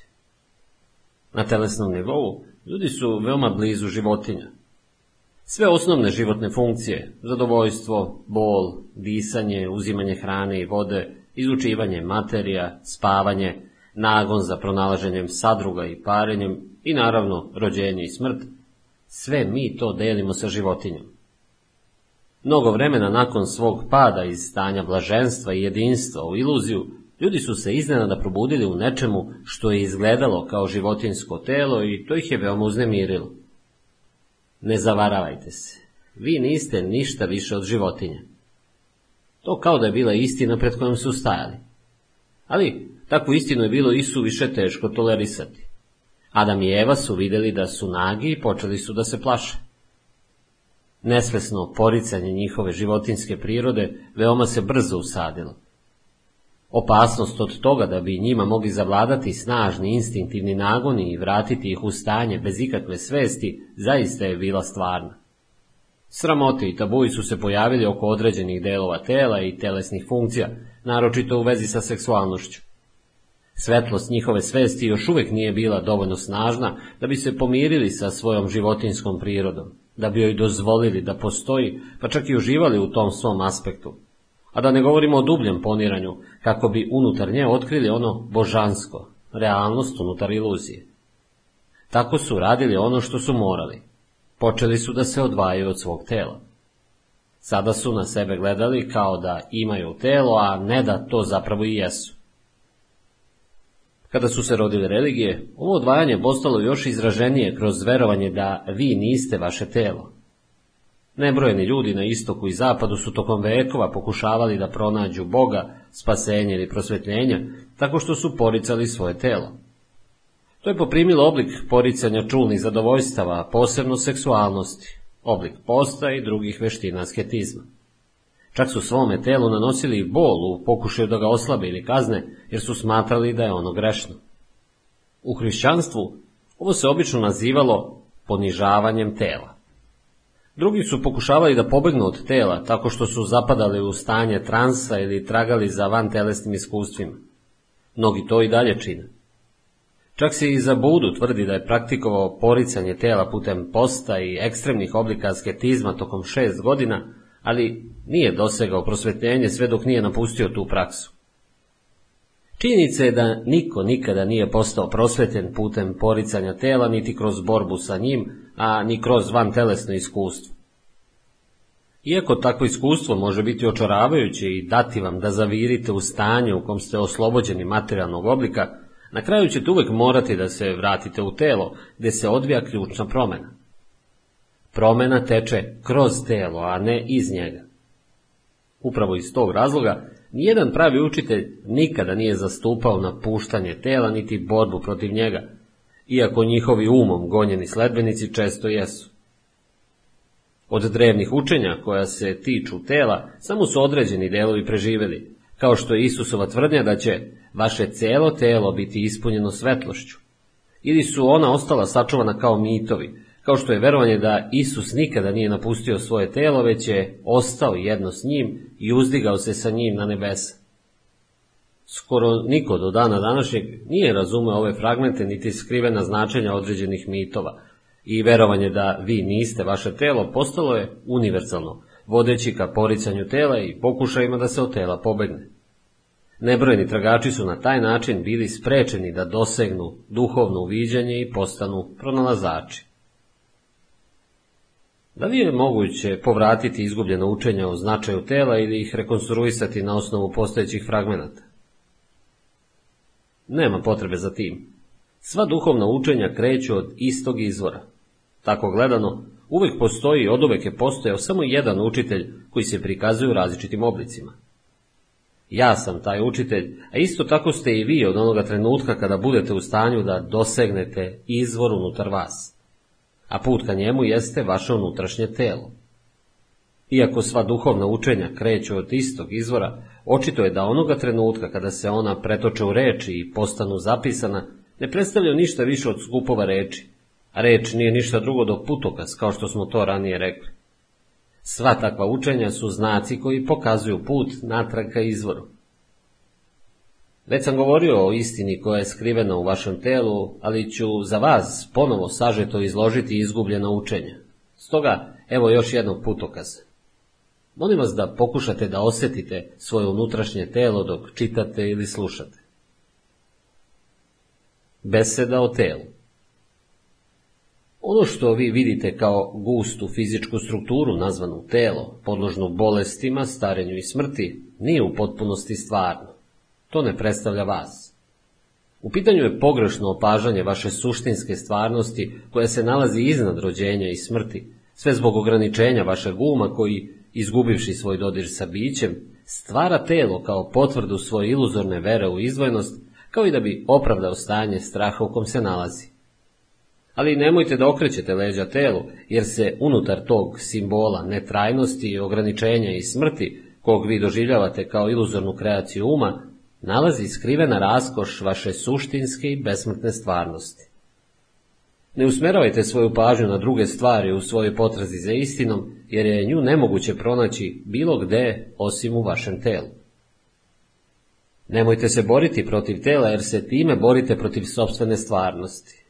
Vi jeste vaše telo. Ono telo koje možete da vidite i dodirnete predstavlja samo iluzornu masku. Ispod njega leži nevidljivo unutrašnje telo, ulaz u biće, u nepojavni život. Kroz unutrašnje telo vi ste nerazdvojivo povezani sa ovim nepojavnim jedinim životom. Oslobođeni ste rođenja, oslobođeni smrti, večno prisutni. Kroz unutrašnje telo vi ste zaovek sjedinjeni sa Bogom. Duboko se ukorenite unutar sebe. Ključna stvar jeste biti u stanju stalne povezanosti sa svojim unutrašnjim telom, osjećati ga sve vreme. To će ubrzano produbiti i promeniti vaš život. Što više svesti budete usmerili u unutrašnje telo, to će veća biti njegova vibraciona frekvencija, slično osvetljenju, koje postaje jače kako vi odvrtanjem regulatora povećavate dotok električne energije. Na ovom višem energetskom nivou negativnost ne može da utiče na vas i vi imate tendenciju da privučete k sebi nove okolnosti koje odražavaju ovu veću frekvenciju. Ako budete usmerili svoju pažnju u telo što je više moguće, bit ćete postavljeni u sadašnji trenutak. Nećete se izgubiti u spoljašnjem svetu, a nećete se izgubiti ni u umu. Misli i emocije, strahovi i želje, sve se to i dalje može naći u izvesnoj meri tamo, ali neće vas nadladati. Molim vas da proverite kuda je vaša pažnja usmerena u ovom trenutku. Vi me slušate ili čitate ove reči u knjizi. To predstavlja centar vaše pažnje. Također ste periferno svesni i vaše okoline, drugih ljudi i tako dalje. Šta više, možda je prisutna i neka aktivnost uma u vezi sa onim što čujete ili čitate, nekakav mentalni komentar. Ali ipak nema potrebe da vam bilo šta od ovoga oduzme pažnju u celini. Pokušajte istovremeno da budete i u dodiru sa svojim unutrašnjim telom. Ostavite deo svoje pažnje usmeren kao unutra. Nemojte dozvoliti da sve ode napolje. Osjetite vaše celo telo iznutra kao jedinstveno energetsko polje. Može se reći da je to kao da ste slušali, odnosno čitali celim svojim telom. Neka vam to bude vežba u danima i nedeljama koje dolaze. Ne prepuštajte svu svoju pažnju umu i spoljašnjem svetu. Po svaku cenu se usredsredite na ono što radite, ali istovremeno osjetite unutrašnje telo kada god je to moguće. Ostanite ukorenjeni unutar sebe. A zatim posmatrajte na koji način to menja stanje vaše svesti i kvalitet onoga što radite. Kada god čekate i gde god to bilo, iskoristite to vreme da osjetite unutrašnje telo. Na taj način, zakrčenja saobraćaja i čekanje u redu postoje uživanje. Umjesto da se mentalno projektujete što dalje od sadašnjeg trenutka, zađite dublje u njega tako što ćete dublje porinuti u telo. Veština posjedovanja svesti o unutrašnjem telu razviće se u potpuno nov način života, stanje neprestane povezanosti sa bićem i to će u vaš život uneti izvesnu dubinu koju nikada ranije niste spoznali. Lako je ostati prisutan kao posmatrač svog uma kada ste duboko ukorenjeni unutar svog tela. Bez obzira na to šta se dešava napolju, ništa vas više ne može uzdrmati. Ako ne postanete prisutni, a nastanjivanje svog tela uvek predstavlja ključni deo toga, mama će nastaviti da vlada vaš um. Zapis koji ste naučili nekada davno, uslovljenost vašeg uma, diktirat će vaše mišljenje i ponašanje. Možda ćete moći da se toga oslobodite nakratko, ali i redko kada na duši. Ovo se pokazuje posebno tačnim kada nešto pođe naopako ili kada se javi neki gubitak ili uznemirenost. Vaša uslovljena reakcija će tada biti nevoljna, automatska i predvidljiva, posticana jednom jedinom osnovnom emocijom koja leži u pozadini stanja poistovećenosti svesti sa umom. Strahom. Stoga, kada nastupe takvi izazovi, baš kao što uvek i nastupaju, neka vam bude navika da se istog trena okrenete kao unutra i usredsredite se što je moguće više na unutrašnje energetsko polje vašeg tela. Za to nije potrebno mnogo vremena, samo nekoliko sekundi ali neophodno je da to učinite onoga trenutka kada se pojavi izazov. Bilo kakvo odlaganje dozvolit će uslovljenoj mentalno-emocionalnoj reakciji da se pojavi i preuzme kontrolu nad vama. Kada ste usmereni kao unutra i osjećate unutrašnje telo, istog trenutka postajete staloženi i prisutni dok povlačite svoju svest iz uma. Ako takva situacija zahteva odgovor, on će proisteći sa ovog dubljeg nivoa. Baš kao što je sunce beskrajno svetlije od plamena sveće, tako beskrajno više razuma ima u biću nego u vašem umu. Sve dok ste u svesnom kontaktu sa svojim unutrašnjim telom, nalik ste drvetu koje je duboko ukorenjeno u zemlji ili kući sa dubokim i čvrstim temeljima. Ovu potonju analogiju koristio Isus u uglavnom pogrešno shvaćenoj paraboli o dvojici ljudi koji grade kuću. Jedan čovjek je gradi na pesku, bez temelja, i kada nastupe oluje i poplave, kuća biva uništena. Onaj drugi čovjek kopa duboko, sve dok ne dospe do kamena, a onda gradi svoju kuću, koju poplave ne uništavaju. Pre nego što stupite u telo, dajte oproštaj. Bilo mi je veoma neugodno da prilikom pokušavanja usmerim pažnju na unutrašnje telo. Javila se uznemirenost i nekakva mučnina. Zbog toga nije bilo moguće da doživim ono o čemu govorite. To što ste osjetili jeste preostala emocija koje verovatno niste ni bili svesni sve dok niste počeli da usmeravate pažnju na unutrašnje telo. Ukoliko je prvo ne poklonite izvesnu pažnju, emocija će vas sprečiti da ostvarite pristup unutrašnjem telu koje počiva na jednom dubljem nivou ispod nje. Pažnja ne podrazumeva to da počnete da razmišljate o njoj. Ona znači da samo posmatrate emociju, osjetite u potpunosti i na taj način potvrdite i prihvatite onako kako jeste. Neke emocije se lako prepoznaju, bez, strah, duboka žalost i tako dalje. Neke druge mogu biti mnogo teže za označavanje. To mogu biti tek nejasna osjećanja, te skobe, tromosti ili napetosti na pola puta između emocije i fizičkog osjećaja.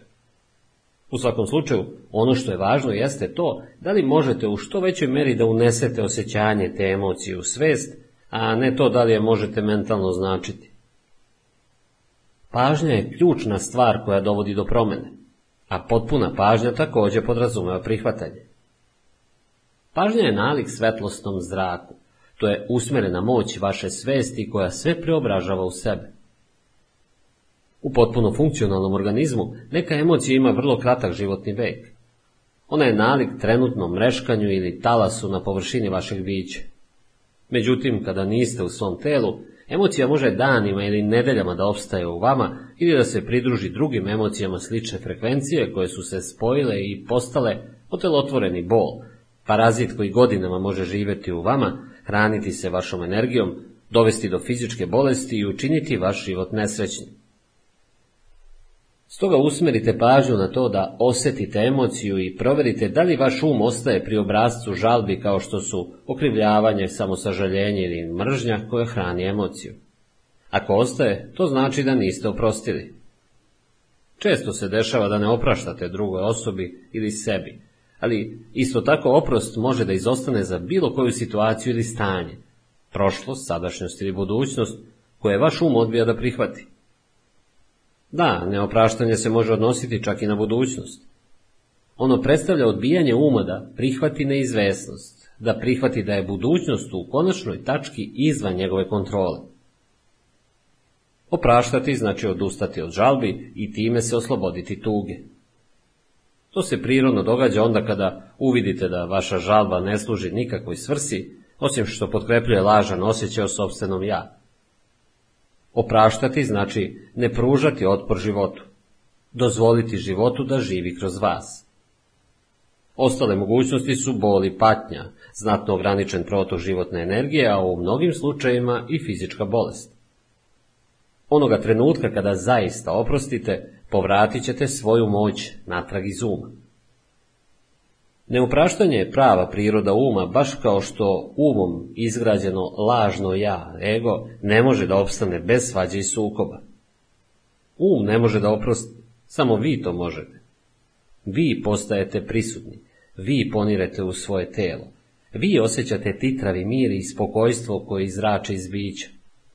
To je razlog zbog kojeg je Isus rekao, pre nego što zakoračite u hram, oprostite vaša spona sa nepojavnim.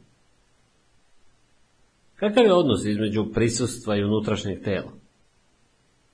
Prisustvo je čista svest, svest koja je vraćena iz uma, iz sveta oblika.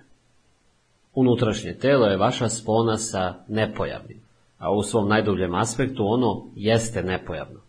Izvor iz kojeg svest zrači kao što svetlo zrači iz sunca. Svesnost u unutrašnjem telu je svest koja se seća svog porekla i vraća se izvoru. Da li je nepojavno isto što i biće? Da, reč nepojavno pokušava putem negacije da izrazi ono što je neizrecivo, nepojmljivo ili nezamislivo. Ona ukazuje na ono što ona jeste time što izražava ono što nije. Biće je sa druge strane pozitivan termin. Molim vas, nemojte se vezivati ni za jednu od ovih reči i nemojte početi da verujete u njih. One nisu ništa drugo do putokazi. Rekli ste da je prisustvo svest koja je vraćena natrag iz uma. Ko je vraća natrag? Vi. Ali, pošto vi u svojoj biti jeste svesni, mogli bismo isto tako reći da je to zapravo buđenje svesti iz sna obliku. To ne znači da će vaš sobstveni oblik istog trenutka nestati u eksploziji svetlosti. Vi možete nastaviti dalje u svom sadašnjem obliku, a ipak biti svesni onog bezobličnog i besmrtnog koje se nalazi duboko u vama. Moram priznati da je to daleko izvan moje moći shvatanja, a ipak na nekako dubljem nivou čini mi se da znam o čemu govorite. Više je nalik osjećanju nego bilo čemu drugom. Da li sam u zabludi? Ne, niste. Osjećanje će vas više od razmišljanja približiti istini o tome ko ste. Ne mogu vam reći ništa što vi duboko u sebi već ne znate. Kada dostignete izvesni stepen unutrašnje povezanosti, vi prepoznajete istinu kada je čujete. Ako još uvek niste dostigli taj stepen, vežbanje svesti o telu dovešće vas do neophodnog produbljavanja. Usporavanje procesa starenja U međuvremenu, svest o unutrašnjem telu ima druge prednosti u fizičkom carstvu. Jedna od njih je značajno usporavanje starenja fizičkog tela. Dok spoljašnje telo prirodno stari i vene prilično brzo, unutrašnje telo se s vremenom ne menja, osim što ga možete dublje osjećati i potpunije boraviti u njemu. Ako sada imate 20 godina, energetsko polje vašeg unutrašnjeg tela će se osjećati potpuno isto i kad budete imali 80. Ono će biti isto toliko lepršavo i puno života. Čim se vaše uobičajeno stanje promeni od toga da ste izvan tela i zarobljeni u svom umu, u to da ste u telu i prisutni u sadašnjem trenutku, vaše fizičko telo će se osjećati okretnije, slobodnije i živahnije. Što je više svesti u telu, njegova molekularna struktura zapravo postaje manje gusta. Više svesti znači slabljenje iluzije o materijalnosti. Kada se budete poistovetili sa večnim unutrašnjim telom u većoj meri nego sa spoljašnjim telom, kada prisustvo postane vaš uobičajeni modalitet svesti, a prošlost i budućnost prestanu da vladaju vašom pažnjom, nećete više nagomilavati vreme u svojoj psihi i u ćelijama tela. Nagomilavanje vremena kao psihološkog tereta prošlosti i budućnosti znatno umanjuje kapacitet samoobnavljanja ćelija. Prema tome, ako nastanite unutrašnje telo, spoljašnje telo će stariti mnogo sporije, a čak i kada bude starilo, Vaša večna suština će isijavati kroz spoljašnji oblik i vi nećete odavati izgled stare osobe. Da li postoji bilo kakav naučni dokaz za to? Isprobajte ovo i vi ćete biti dokaz. Ojačavanje imunološkog sistema Druga prednost ove vežbe u fizičkom carstvu jeste značajno ojačavanje imunološkog sistema, koje se javlja kada nastanite telo. Što više svesti unosite u telo, imunološki sistem postaje jači. To je kao da se svaka ćelija budi i raduje. Telo voli kada mu poklanjate pažnju. To je također i moćan oblik samoisceljenja. Najveći broj bolesti se ušunja kada niste prisutni u telu. Ako gazda nije u kući, raznorazni sumnjivi tipovi će se useliti u nju. Kada budete nastanili svoje telo, nezvanim gostima će biti teško da uđu. Nije samo vaš fizički imunološki sistem taj koji se osnažuje. Vaš psihički imunološki sistem također je veoma pojačan. Potonji vas štiti od negativnih mentalno-emocionalnih polja, sile drugih ljudi koja su visoko zarazna. Nastanjujući telo, vi se ne zaštićujete tako što postavljate blokade, već tako što podižete frekvenciju vibracije vašeg ukupnog energetskog polja, tako da sve što vibrira na nižoj frekvenciji, kao što su strah, vez, potištenost i drugo, sada postoji u onome što je zapravo drugačiji vid realnosti. Sve to više ne zalazi u vaše polje svesti ili, ako zađe, ne morate da pružate nikakav otpor jer će proći pravo kroz vas. Molim vas, nemojte samo prihvatiti ili odbacivati ono što govorim. Stavite to na probu. Postoji jedna jednostavna, ali moćna, samoisceljujuća meditativna vežba koju možete raditi kada god osjetite potrebu da podignete svoj imunološki sistem. Ona je naročito efikasna ukoliko se upotrebi čim osjetite prve znake neke bolesti, ali isto tako deluje i na bolesti koje su se već ustalile ako je koristite učestalim intervalima i u snažnu koncentraciju. Također, ona će osujetiti bilo kakav prekid u vašem energetskom polju zbog nekog oblika negativnosti. Ipak, ta vežba nije zamena za praktikovanje obitavanja u telu iz trenutka u trenutak. U suprotnom, njen efekat će biti samo privremen. Evo te vežbe. Kada ste slobodni na nekoliko minuta, preplavite svoje telo svesnošću, a pogotovo neka to bude posljednja stvar koju ćete uraditi pre nego što zaspite uveče i prva stvar pre nego što ustanete ujutru. Zatvorite oči. Ispružite se na leđa. Odaberite različite delove svog tela na koje ćete isprava vrlo kratko usmeriti pažnju. Šake, stopala, ruke, noge, abdomen, grudi, glava i tako dalje. Osjetite životnu energiju u tim delovima tela što intenzivnije možete. Ostanite u svakom od njih oko 15 sekundi. Potom pustite da vam pažnja projuri nekoliko puta kroz telo kao talas, od stopala do glave i natrag. To treba da potraje samo oko jednog minuta. Nakon toga osjetite unutrašnje telo u njegovoj celokupnosti kao jedinstveno energetsko polje. Zadržite to osjećanje nekoliko minuta. Za to vreme budite intenzivno prisutni, prisutni u svakoj ćeliji svog tela. Nemojte se brinuti ako um povremeno uspe da vam odvuče pažnju iz tela, pa se izgubite u nekoj misli. Čim primetite da se to dogodilo, samo vratite pažnju na unutrašnje telo. Neka vas dah odvede u telo.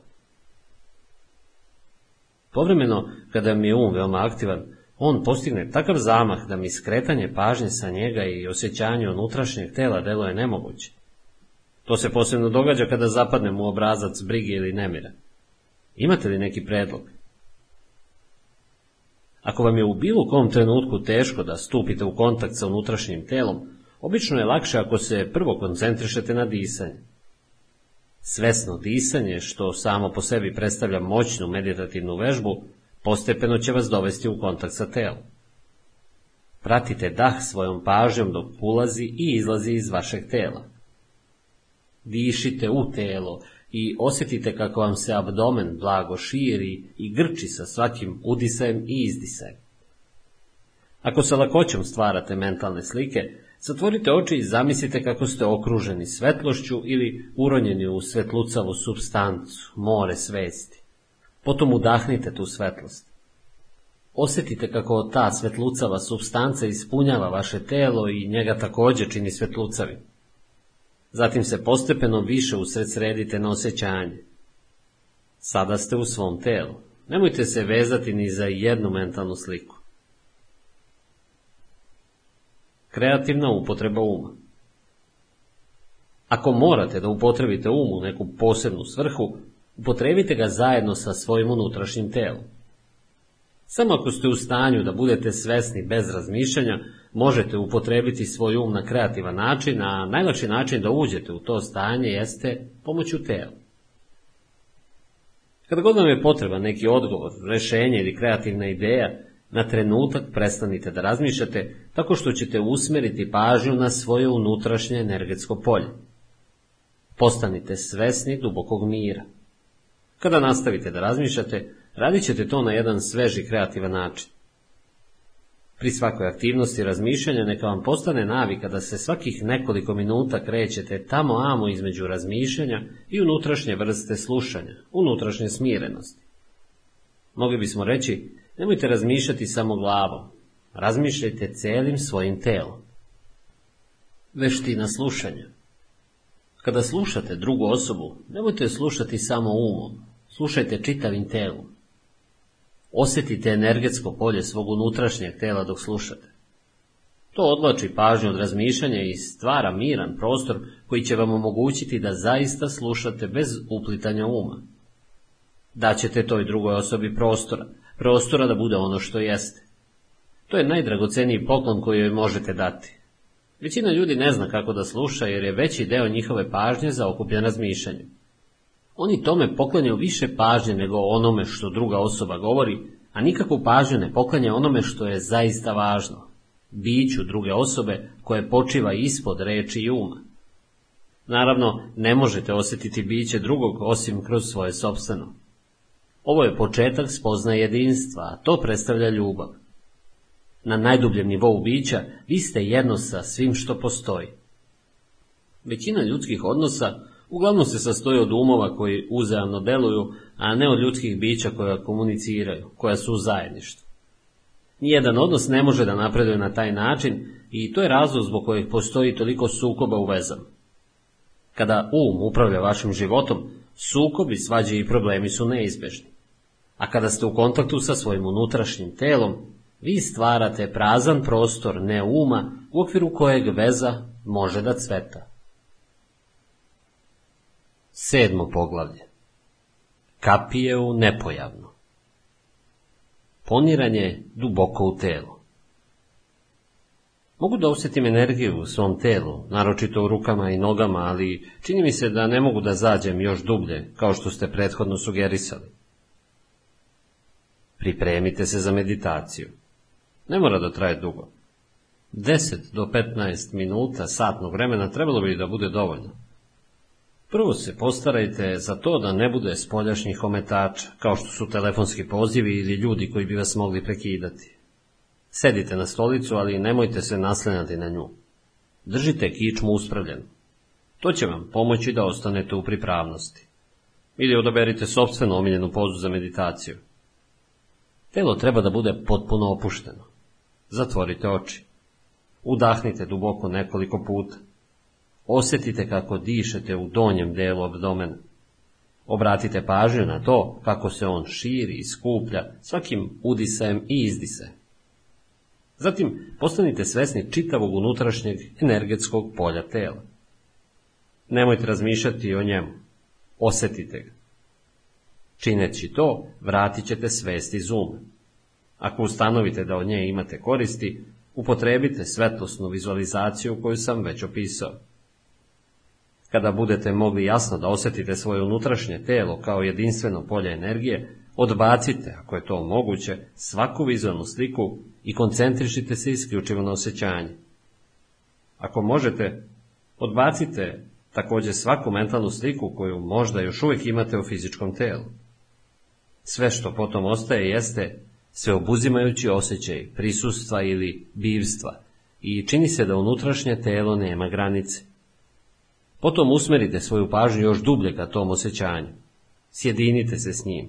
Stopite se sa energetskim poljem, tako da više ne postoji opaženo dvojstvo posmatrača i posmatranog, vas i vašeg tela. Sada se također poništava i razlik između unutrašnjeg i spoljašnjeg, tako da unutrašnjeg tela više nema. Poniranjem duboko u telo, vi ste ga prevazišli.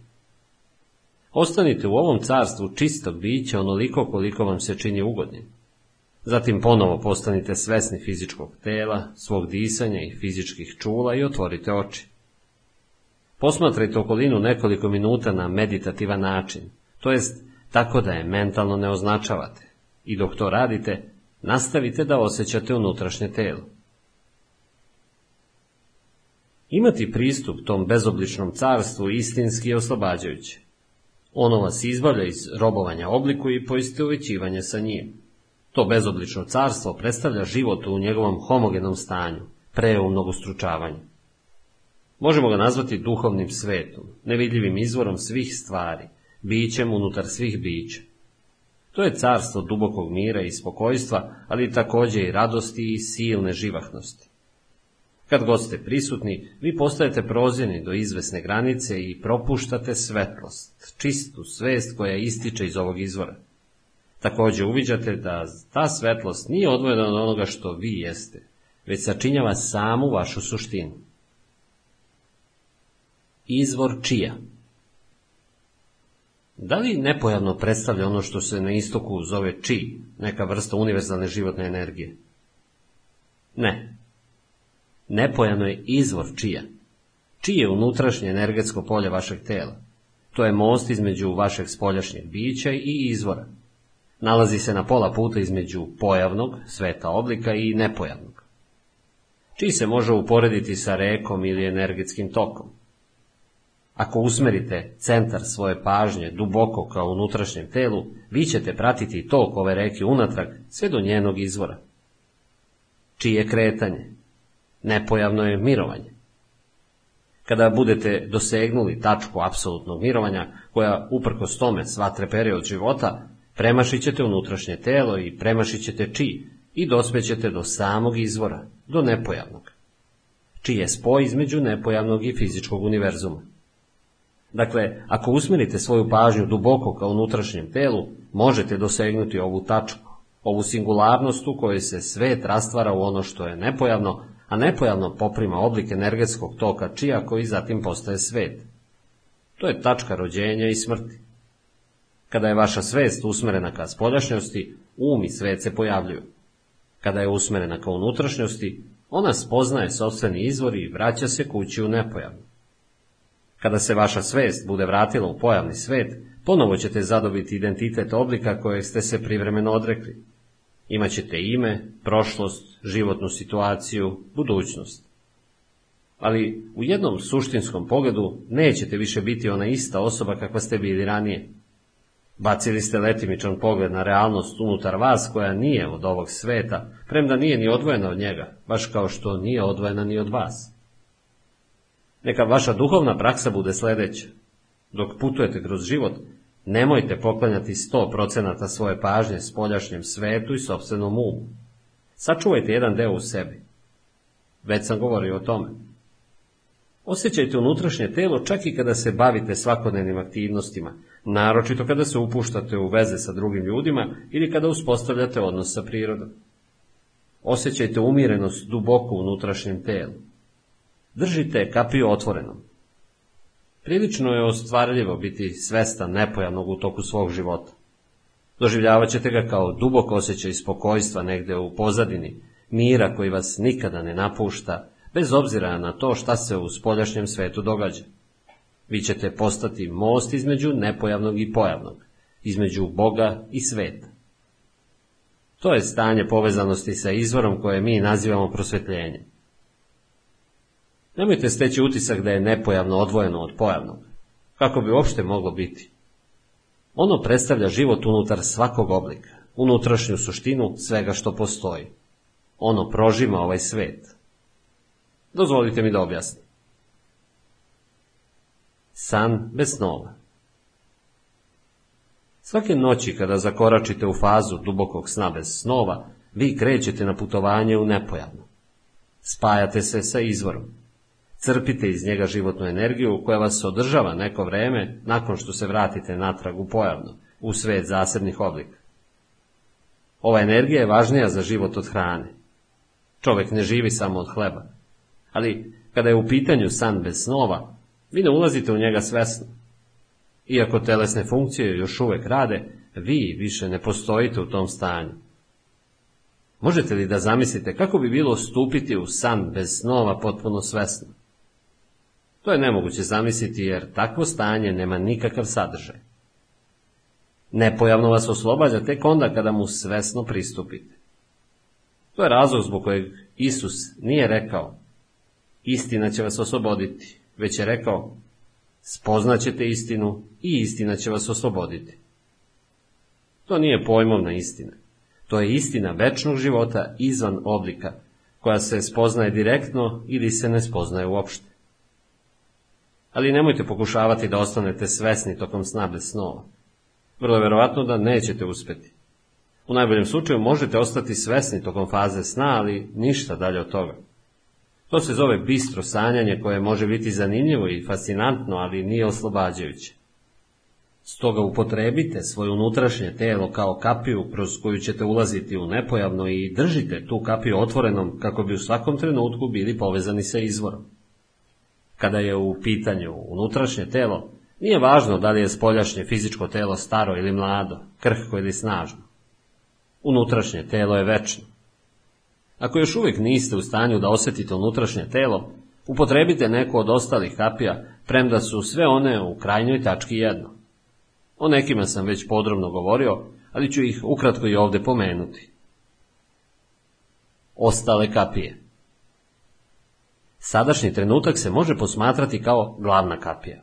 On je suštinski aspekt svake druge kapije, uključujući i unutrašnje telo. Ne možete biti u svom telu, a da niste intenzivno prisutni u sadašnjem trenutku.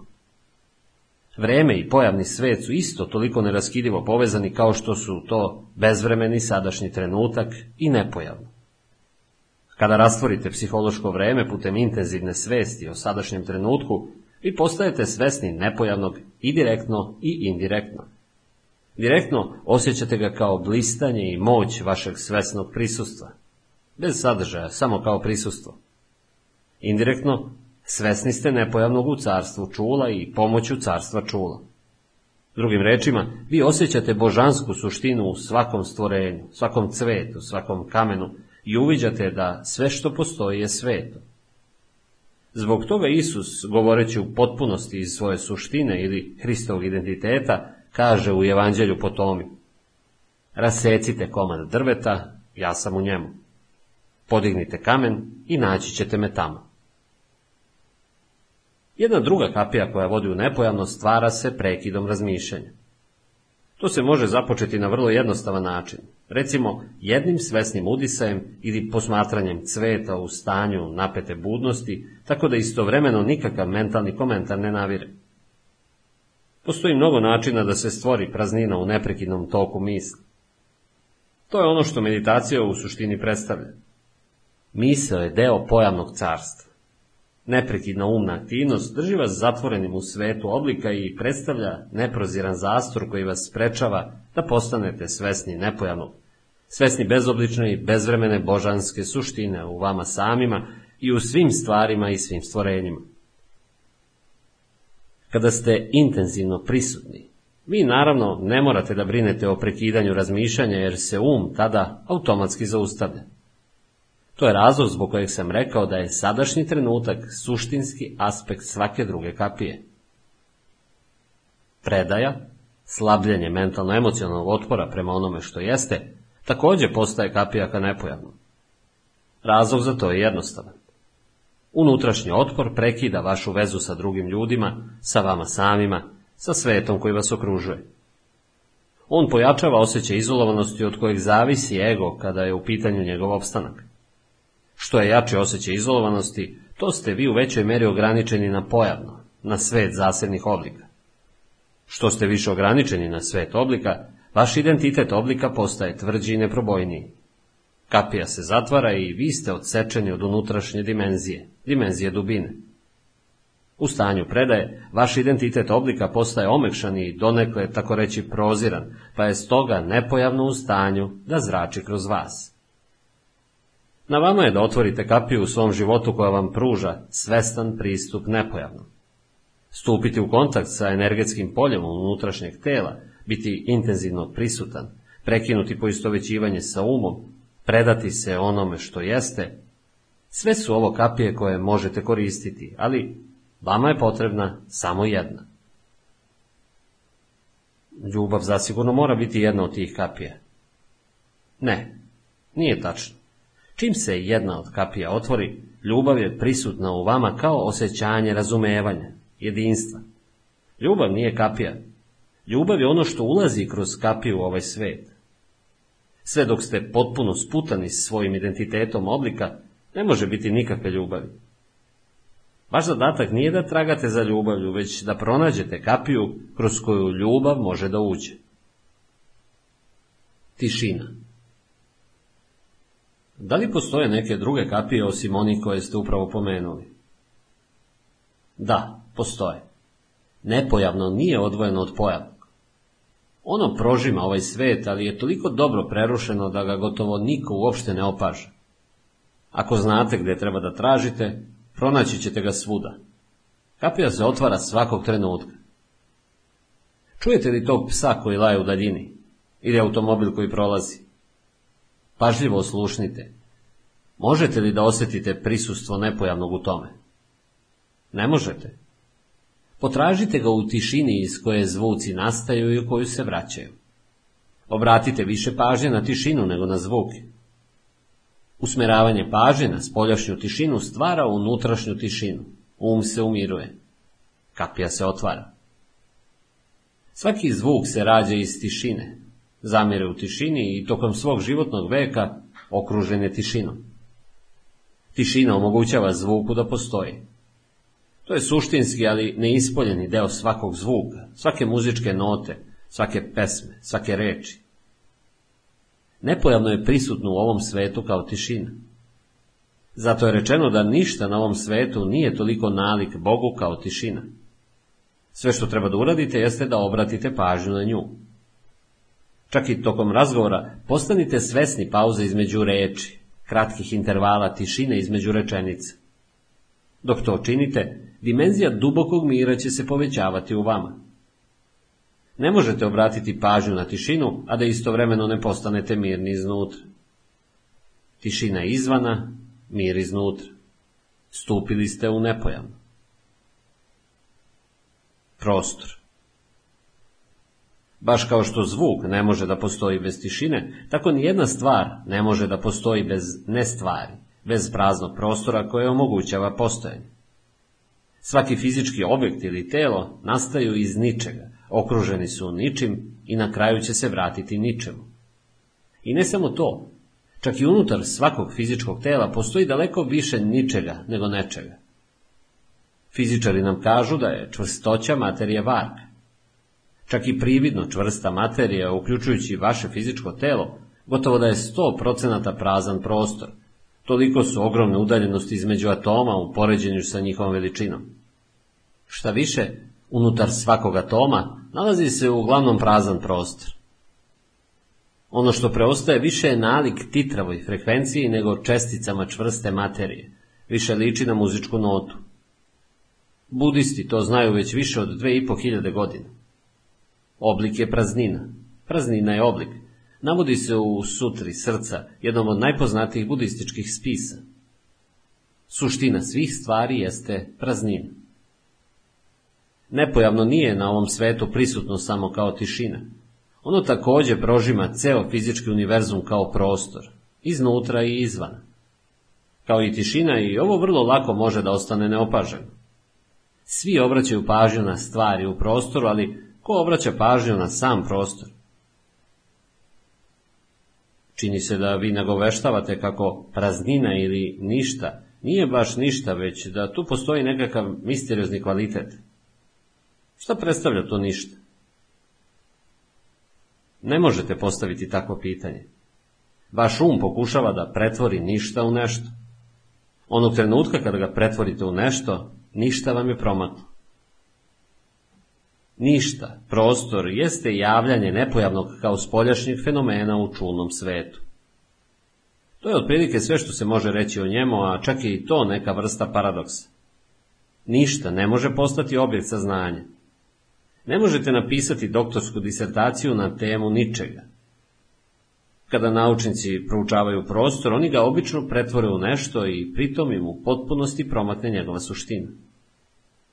Nimalo iznenađujuće, prema najnovijoj teoriji prostor uopšte nije prazan, već je ispunjen nekakvom substancom. Kad jednom dođete do neke teorije, nije previše teško pronaći dokaze koje će podržati, barem dok se neka druga teorija ne pojavi.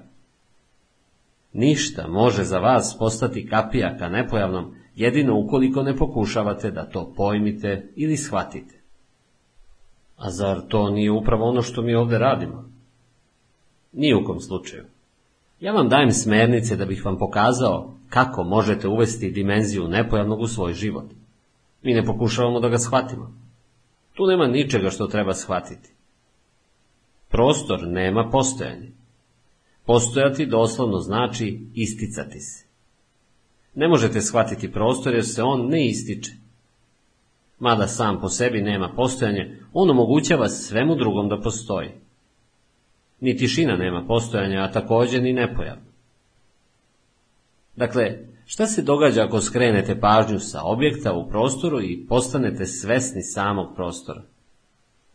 Šta je suština ove sobe? Nameštaj, slike i ostalo su u sobi, ali oni nisu soba. Pod, zidovi i tavanica definišu granicu sobe, ali ni oni nisu soba.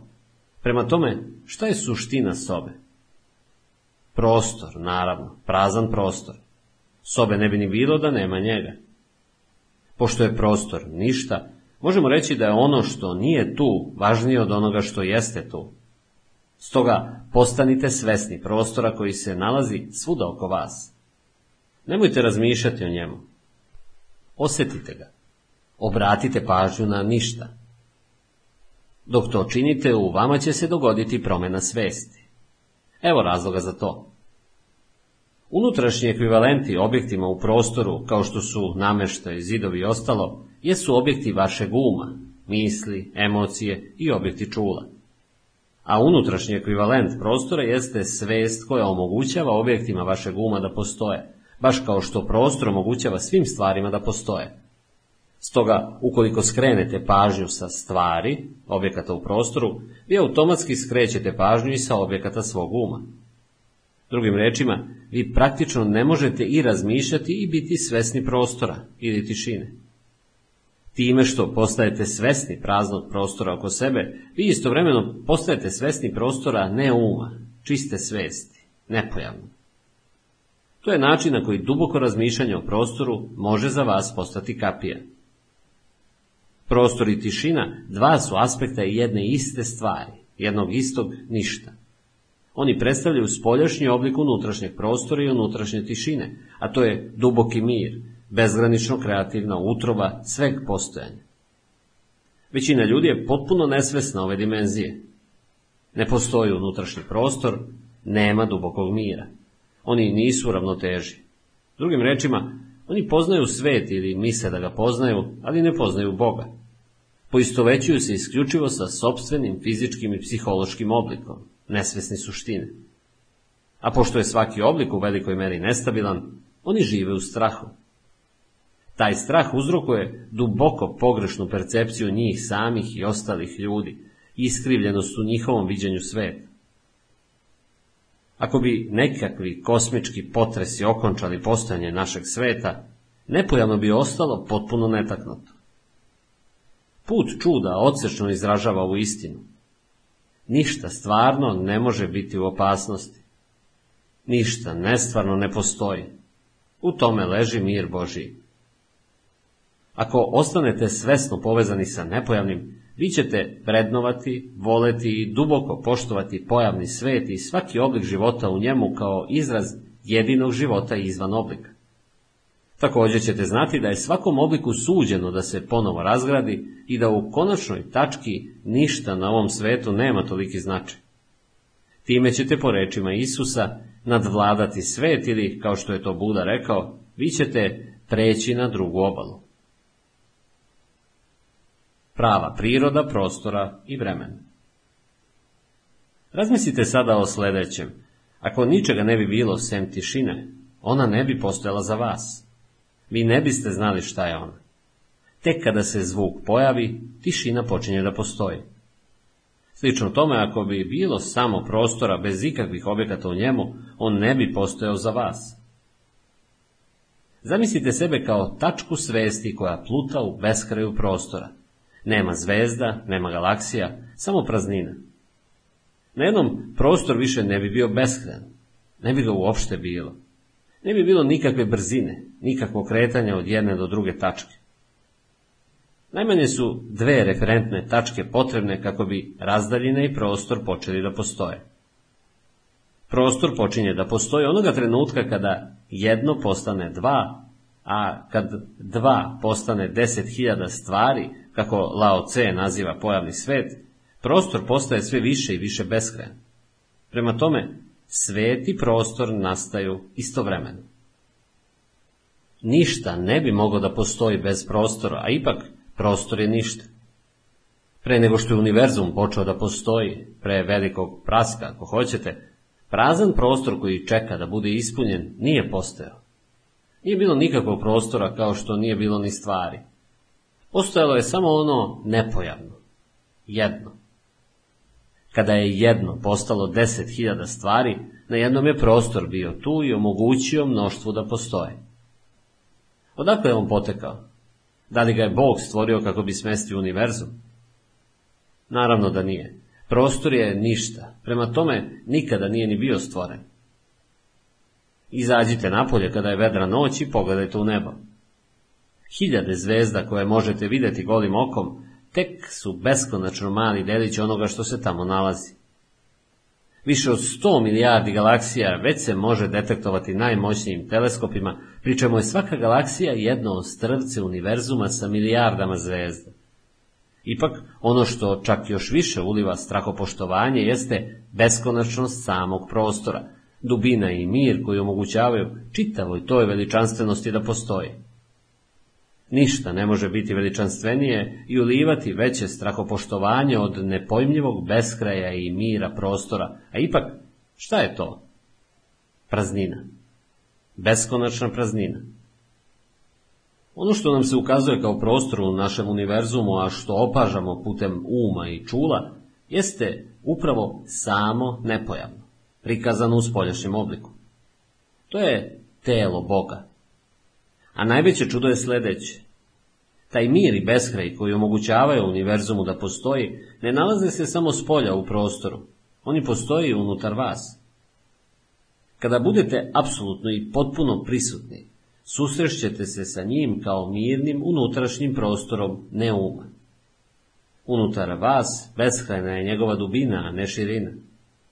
Prostorna širina je u krajnjoj liniji pogrešno shvaćena beskrajna dubina – atribut jedne transcendentalne stvarnosti. Prema Einsteinu prostor i vreme nisu odvojeni. To mi nije baš najjasnije, ali mislim da on govori o tome da je vreme četvrta dimenzija prostora. On naziva to prostorno-vremenski kontinuum. Da, ono što vi iz polja opažate kao prostor i vreme jeste u krajnjoj liniji iluzorno, ali sadrži srž istine. To su dva suštinska atributa Boga, beskonačnost i večnost, koje opažate kao da imaju spoljašnje postojanje izvan vas. Unutar vas i prostor i vreme imaju jedan unutrašnji ekvivalent koji otkriva njihovu pravu prirodu, baš kao što otkriva i vašu. Dok je prostor mirno, beskrajno, duboko carstvo neuma, unutrašnji ekvivalent vremena je prisustvo, svest o večnom sadašnjem trenutku. Upamtite da među njima nema nikakve razlike. Kada se prostor i vreme iznutra shvate kao nepojavno, kao neum i prisustvo, spoljašnji prostor i vreme će nastaviti da postoje za vas, ali će postati daleko manje značajni. Svet će također nastaviti da postoji za vas, ali više vas neće ograničavati. Dakle, konačna svrha sveta ne leži unutar sveta, već u transcendentnosti sveta. Baš kao što vi ne biste bili svesni prostora kada u njemu ne bi bilo objekata, Svet je potreban da bi se spoznalo ono što je nepojavno. Možda ste čuli za buduističku poslovicu. Kada ne bi postojala iluzija, ne bi bilo ni prosvetljenja. Upravo kroz ovaj svet i u konačnoj tački kroz vas, nepojavno spoznaje sebe. Vi ste ovde da božanskom smislu univerzuma omogućite da se razotkrije. Eto koliki je vaš značaj. Svesna smrt Osim sna bez snova, koju sam već pomenuo, postoji još jedna nesvesna kapija. Ona se nakratko otvara u vreme fizičke smrti. Čak i ako ste propustili sve ostale prilike za duhovnu spoznaju tokom vašeg životnog veka, posljednja kapija će vam se otvoriti neposredno nakon smrti tela. Postoje nebrojena svedočanstva ljudi koji su imali vizualni doživlje ove kapije u vidu blistave svetlosti, a potom se povratili iz nečega što je opšte poznato kao iskustvo bliske smrti. Mnogi od njih takođe su govorili i o osjećaju blaženog spokojstva i dubokog mira. U tibetanskoj knjizi mrtvih to je opisano kao sjajna blistavost bezbojnog svetla praznine, za koju se kaže da je vaše istinsko ja. Ova kapija je otvorena veoma kratko i osim ako se već niste susreli sa dimenzijom nepojavnog tokom vašeg životnog veka, najverovatnije ćete je propustiti. Većina ljudi u sebi nosi i suviše preostalog otpora i suviše straha i, i suviše oslanjanja na čulni doživljaj i suviše poistovećivanja sa pojavnim svetom. Stoga oni ugledaju kapiju, u strahu okrenu glavu i potom izgube svest. Veći deo onoga što se posle toga događa, nesvestan je automatski. Na kraju krajeva nastupit će još jedan krug rođenja i smrti. Njihovo prisustvo još uvijek nije bilo dovoljno snažno za svesnu besmrtnost. Dakle, prolazak kroz ovu kapiju ne znači uništenje. Kao što je to slučaj sa svim ostalim kapijama, vaša blistava istinska priroda ostaje, ali ne i ličnost. U svakom slučaju, sve ono što je stvarno ili zaista vredno u vašoj ličnosti, zapravo je isijavanje vaše istinske prirode. To nikada nećete izgubiti. Ništa što je vredno, ništa što je istinsko ne može se izgubiti. Približavanje smrti i sama smrt, razgrađivanje fizičkog oblika, uvek je odlična prilika za duhovnu spoznaju. Ova prilika se, nažalost, uglavnom propušta, s obzirom na to da je kultura u kojoj živimo gotovo potpuno neupućena u smrt, kao što je gotovo sasvim neupućena u sve ono što je zaista značajno. Svaka kapija je kapija smrti, smrti lažnog ja. Kada budete prošli kroz nju, prestaćete da izvodite svoj identitet iz vašeg psihološkog umom izgrađenog oblika onda ćete uvidjeti da je smrt iluzija, baš kao što je i vaše poistovećivanje sa oblikom bilo iluzije. Kraj iluzije. To je ono što smrt predstavlja. Bolna je samo ako se grčevito držite iluzije. Osmo poglavlje.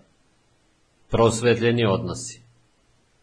Zakoračite u sadašnji trenutak gde god da se nalazite. Od uvijek je kod mene postojalo mišljenje da pravo prosvetljenje nije moguće izuzev putem ljubavi u vezi između muškarca i žene. Zar to nije ono što nas ponovo čini celi? Kako nečiji život može biti ispunjen pre nego što se to dogodi? Da li je to tačno prema vašem iskustvu? Da li se to vama dogodilo? Ne još, ali zar bi moglo biti drugačije? Ja znam da će se sigurno dogoditi. Drugim rečima, vi čekate neki događaj da vas na vreme spase. Nije li to ona suštinska greška o kojoj sve vreme govorimo? Spasenje nije negde drugde u prostoru i vremenu. Ono je ovde i sada. Šta znači rečenica spasenje je ovde i sada? Ne razumem. Čak ne znam ni šta spasenje znači. Većina ljudi teži fizičkim zadovoljstvima ili raznim oblicima psihološkog zadovoljenja jer veruju da će ih te stvari učiniti srećnim ili ih osloboditi osjećanja, straha ili nedostatka. Sreća se može doživjeti kao pojačan osjećaj živosti postignut putem fizičkog zadovoljstva ili mirniji i potpuniji osjećaj o svom ja dostignut putem nekog oblika psihološkog zadovoljenja. To je potraga za spasenjem iz stanja nezadovoljstva ili nedostatka. Svako zadovoljstvo koje oni postižu je bez izuzetka kratkotrajno, pa se stanje zadovoljstva ili ispunjenja obično još jednom projektuje na zamišljenu tačku udaljenu od ovog mesta i sadašnjeg trenutka. Kada dobijem ovo ili se oslobodim onoga, onda ću biti dobro. To je nesvesna postavka uma koja stvara iluziju spasenja u budućnosti. Istinsko spasenje predstavlja ispunjenje, spokojstvo, život u svoj njegovoj punoći. Biti ono što jesi, osjećati dobro u sebi. To je ono što nema svoju suprotnost. To je radost bića koja ne zavisi ni od čega drugog osim od sebe same. Ona se ne doživljava kao prolazno iskustvo, već kao trajno prisustvo. Teističkim jezikom rečeno, to znači spoznati Boga, ne kao nešto izvan vas, već kao vašu sobstvenu najdublju suštinu. Istinsko spasenje znači spoznati sebe kao nerazdvojiv deo bezvremenog i bezobličnog jedinog života iz kojeg sve što postoji dobija svoje postojanje. Istinsko spasenje je stanje slobode, od straha, od patnje, od doživljenog stanja nedostatka i nedovoljnosti, a prema tome i od želje, potrebe, pohlepe i vezivanja.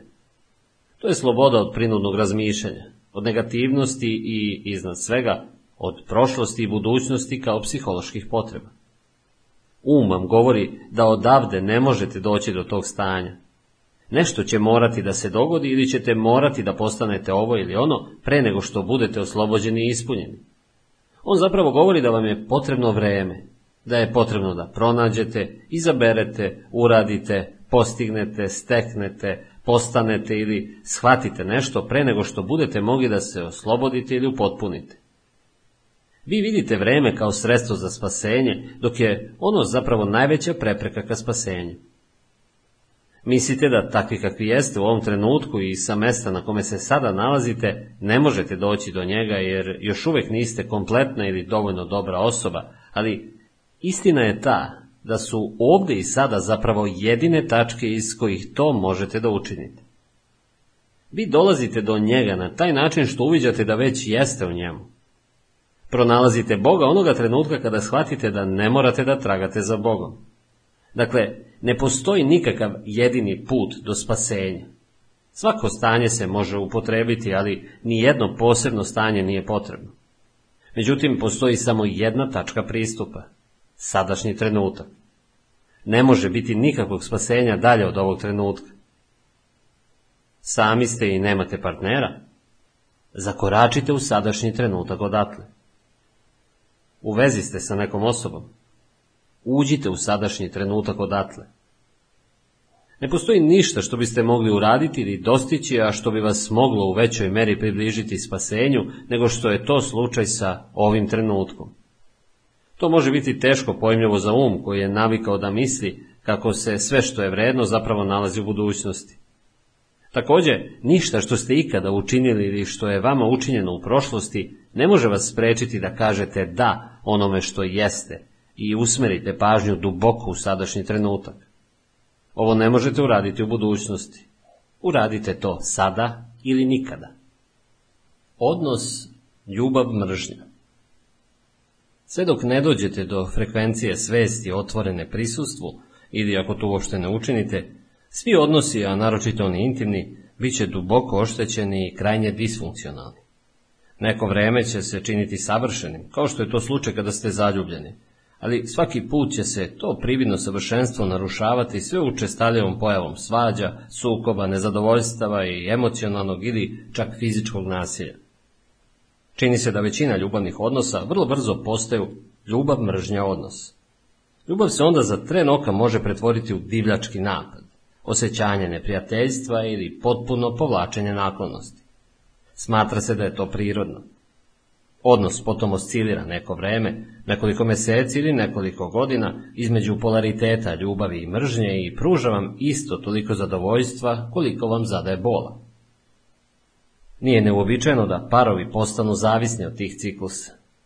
Njihova drama im pruža osjećaj da su živi. Kada se balans između pozitivnog i negativnog polariteta izgubi, a negativni destruktivni ciklusi se pojave sa rastućom učestalošću i intenzitetom, što pre ili kasnije ima običaj da se desi, onda neće proći mnogo vremena pre nego što odnos konačno propadne. Može vam se učiniti da bi sve bilo u redu i da bi odnos predivno cvetao kada biste samo mogli da uklonite negativne ili destruktivne cikluse, ali, nažalost, to nije moguće. Polariteti su uzemne međuzavisnosti. Ne možete imati jedan bez drugog. Pozitivan već sadrži u sebi još uvijek neispoljen negativan polaritet. Oba su zapravo različiti aspekti iste disfunkcije. Ovde mislim na ono što se obično naziva romantičnim odnosima, ne istinskom ljubavi, koja nema suprotnost jer nastaje izvan uma. Ljubav kao trajno stanje je za sada vrlo redka, onoliko redka koliko su to i svesna ljudska bića. Ipak, kratkotrajni neuhvatljivi blesci ljubavi mogući su kada god nastane praznina u mentalnom toku. Negativnu stranu odnosa je naravno lakše prepoznati kao disfunkcionalnu od one pozitivne. A isto tako je lakše prepoznati izvor negativnosti u svom partneru nego ga uočiti u samom sebi. Ono se može ispoljavati na mnogo načina, kao posesivnost, ljubomora, kontrola, povlačenje u sebe i neizrečena mržnja, potreba da se bude u pravu, neosetljivost i zaokupljenost samim sobom. Kao emocionalni zahtevi, manipulacija, nagon za svađanjem, kritikovanjem, osudom, okrivljavanjem ili kao napad bez nesvesna osveta zbog bola koju je roditelj nanosio u prošlosti, kao i gnev i fizičko nasilje. Na pozitivnoj strani vi ste zaljubljeni u svog partnera. To je isprava duboko zadovoljavajuće stanje. Osjećate da ste puni života. Vaše postojanje iznada dobilo smisao jer vas neko treba, želi i čini da se osjećate potrebno, a vi to isto činite za njega ili nju. Kada ste zajedno osjećate da ste celoviti. To osjećanje može biti toliko snažno da ostatak sveta postaje beznačajan. Međutim, možda ste također primetili da se u toj silnoj ljubavi javlja osjećaj potrebe i neka vrsta odanosti. Postajete zavisni od te druge osobe. On ili ona deluje na vas kao droga. U oblacima ste kada je ta droga dostupna, ali čak i sama mogućnost ili pomisao da on ili ona možda neće biti tu za vas, može voditi ka ljubomori, posesivnosti, pokušajima manipulacije putem emocionalne ucene, prekorevanja i optuživanja. Može voditi ka strahu od gubitka. Ako vas ta druga osoba zaista napusti, to može izazvati najsnažnije neprijateljstvo ili najdublju žalost i očajanje. Začas se nežnost, puna ljubavi, može preobraziti u divljački napad ili strahovitu patnju. Gde je tu ljubav? Može li se ljubav pretvoriti u svoju suprotnost za tren oka? Da li je to uopšte i bila ljubav ili samo zavisnička odanost drugoj osobi i grčevito držanje za nju? Zavisnost i potraga za celošću. Zašto uopšte postajemo zavisni od druge osobe? Razlog zbog kog romantični ljubavni odnos predstavlja jedno toliko snažno iskustvo za kojim svi tragaju, jeste upravo taj što on deluje kao da pruža oslobađanje od duboko ukorenjenog stanja straha, potrebe nedostatka i nepotpunosti koji su deo čovekove situacije u njegovom neiskupljenom i neprosvetljenom stanju. Ovo stanje ima i fizičku i psihološku dimenziju. Na fizičkom nivou vi očigledno niste celoviti niti ćete ikada biti. Vi ste ili muškarac ili žena, što reklo bi se predstavlja jednu polovinu celog. Na ovom nivou čežnja za celošću, za povratkom jedinstvu, ispoljava se kao muško-ženska uzajamna privlačnost, muškarčeva potreba za ženom, ženina potreba za muškarcem. To je poriv za sjedinjenjem kojem gotovo da se ne možete odupreti, sjedinjenjem sa suprotnim energetskim polaritetom. Koren ovog fizičkog poriva je duhovne prirode. To je čežnja za okončanjem dvojstva, za povratkom u stanje celosti. Seksualno sjedinjenje je najbliže što možete prići ovom stanju na fizičkom nivou. Zbog toga ono predstavlja iskustvo koje pruža najdublje zadovoljstvo koje fizičko carstvo može da ponudi. Ali seksualno sjedinjenje nije ništa više do kratak blesak celosti, trenutak blaženstva. Sve dok nesvesno tragate za njim kao sredstvom spasenja, vi tragate za okončanjem dualizma na nivou forme, tamo gde ga ne možete naći. Dat vam je zavodljiv tračak nebesa, ali vam nije dozvoljeno da ostanete tamo, tako da se ponovo vraćate zasebnom telu. Na psihološkom nivou osjećaj nedostatka i nepotpunosti je u najmanju ruku čak i veći nego na fizičkom nivou. Dokle god se poistovećujete sa umom, Vaše osjećanje o svom ja izvedeno je iz spoljašnjeg sveta. To jest, stičete osjećaj o tome ko ste na osnovu stvari koje u suštini nemaju nikakve veze sa onim što vi jeste. Sa vašom društvenom ulogom, i metkom, spoljašnjim izgledom, uspehom i neuspehom, sistemom verovanja i tako dalje. Ovo lažno, umom izgrađeno ja, ego, osjeća se ranjivim, nesigurnim i stalno traga za novim stvarima sa kojima će se poistovetiti kako bi mu one pružile osjećanje postojanja. Ali ništa nije dovoljno da bi mu pružilo trajno ispunjenje. Njegov strah ostaje tu, njegov osjećaj nedostatka i potrebe ostaje tu. Ali onda se pojavljuje taj izvanredni odnos. Čini se da je on odgovor na sve probleme ega i da izlazi u susret svim njegovim potrebama. Tako barem isprva izgleda. Sve ostale stvari iz kojih ste ranije izvodili osjećaj o svom ja, sada postaju relativno beznačajne. Sada imate jednu jedinu centralnu tačku koja ih sve zamenjuje, koja daje smisao vašem životu i putem koje definišete svoj identitet, osoba u koju ste zaljubljeni. Vi više ne predstavljate nepovezani delić u bezobzirnom univerzumu ili barem tako izgleda. Vaš svet sada ima centar, voljenu osobu. Činjenica da je centar izvan vas i da stoga još uvijek posjedujete osjećanje o svom ja izvedeno iz poljašnjeg sveta, isprva se ne čini značajno. Ono što je važno jeste to da osjećanja nepotpunosti, straha, nedostatka i neispunjenosti koje se nalaze u pozadini i toliko su karakteristična za stanje ega, više nisu tu Ili možda jesu? Da li su poništene ili su nastavila da postoje ispod površine srećne stvarnosti? Ako u svojim odnosima doživljavate i ljubav i ono što je suprotno od ljubavi, napad, emocionalno nasilje i slično, onda ste verovatno pobrkali privrženost tega i zavisničku odanost sa ljubavlju. Ne možete u jednom trenutku voleti svog partnera, a u sledećem ga napadati. Istinska ljubav nema suprotnost. Ako vaša ljubav ima suprotnost, onda to nije ljubav, već snažna potreba ega za potpunijim i dubljim osjećanjem sobstvenog ja. Potreba koju ta druga osoba privremeno zadovoljava. To je zamena za spasenje koju vrši ego, a tokom jednog kratkog perioda ona gotovo i deluje kao spasenje. Ali, nakon toga nastupa trenutak kada se vaš partner ponaša na način koji ne uspeva da udovolji vašim potrebama ili radije potrebama vašeg ega. Osjećanja, straha, bola i nedostatka, koja su urođeni deo svesti ega, ali su bila prikrivena ljubavnim odnosom, sada ponovo izlaze na površinu. Baš kao što je to slučaj kod svake druge vrste zavisnosti. U oblacima ste kada vam je droga dostupna, ali na kraju uvek nastupa trenutak u kom droga više ne deluje na vas. Kada se ta bolna osjećanja ponovo jave, još su snažnija nego ranije, a osim toga, vi sada svog partnera doživljavate kao uzrok tih osjećanja. To znači da ih projektujete ka spoljašnjosti i napadate tu drugu osobu divljačkom nasilnošću, koja je deo vašeg bola. Ovaj napad može probuditi partnerov lični bol i on ili ona mogu uzvratiti na vaš napad.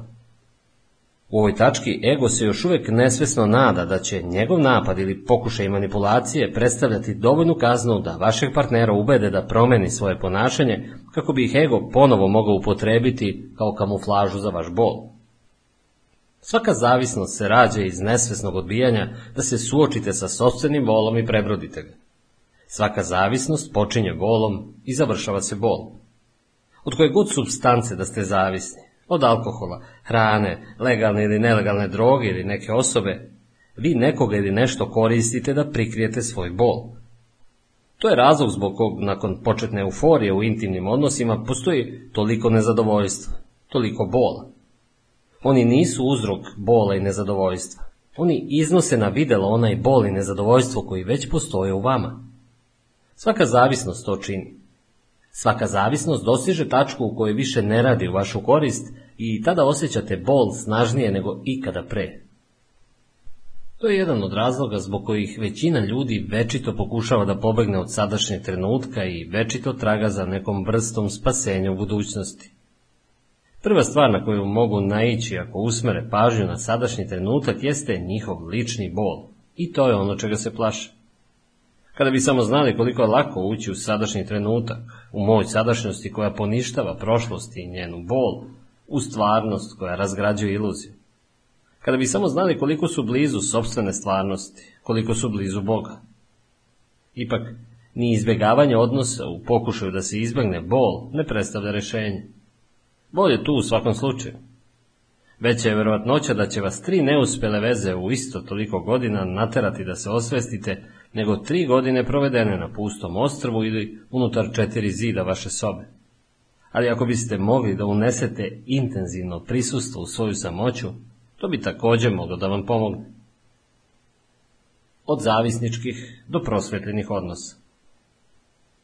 Da li možemo zavisnički odnos da promenimo u onaj pravi? Da, Bilo da živite sami ili sa partnerom, ključna stvar je biti prisutan i intenzivirati prisustvo tako što ćete usmeriti svoju pažnju još dublje u sadašnji trenutak. Da bi ljubav cvetala, potrebno je da svetlo vašeg prisustva bude dovoljno jako kako više ne biste došli u situaciju da vas zaposednu misilac ili otelotvoreni bol i da ih pogrešno zamenite sa onim što vi zaista jeste. Spoznati sebe kao biće koje počiva ispod mislioca, mir ispod mentalne buke, ljubav i radost ispod bola, znači slobodu, spasenje, prosvetljenje. Prekinuti poistovećivanje sa otelotvorenim bolom znači uneti prisustvo u boli time ga preobraziti.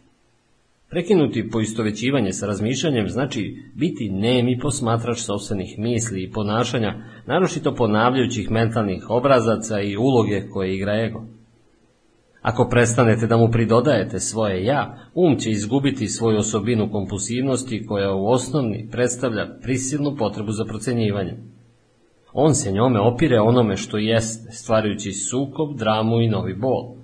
U stvari, onog momenta kada prihvatanjem onoga što jeste prestane osuđivanje, bit ćete oslobođeni od uma. Stvorit ćete prostor za ljubav, za radost, za spokojstvo. Prvo ćete prestati da osuđujete sebe, potom ćete prestati da osuđujete partnera. Najveći katalizator promene u odnosu jeste potpuno prihvatanje vašeg partnera onako kakav on jeste, bez potrebe da ga na bilo koji način osuđujete ili promenite. To vas istog trenutka odvodi iznad ega. Sve igre uma i zavisnička odanost tada prestaju. Nema više žrtava niti zločinaca, nema tužilaca i optuženih.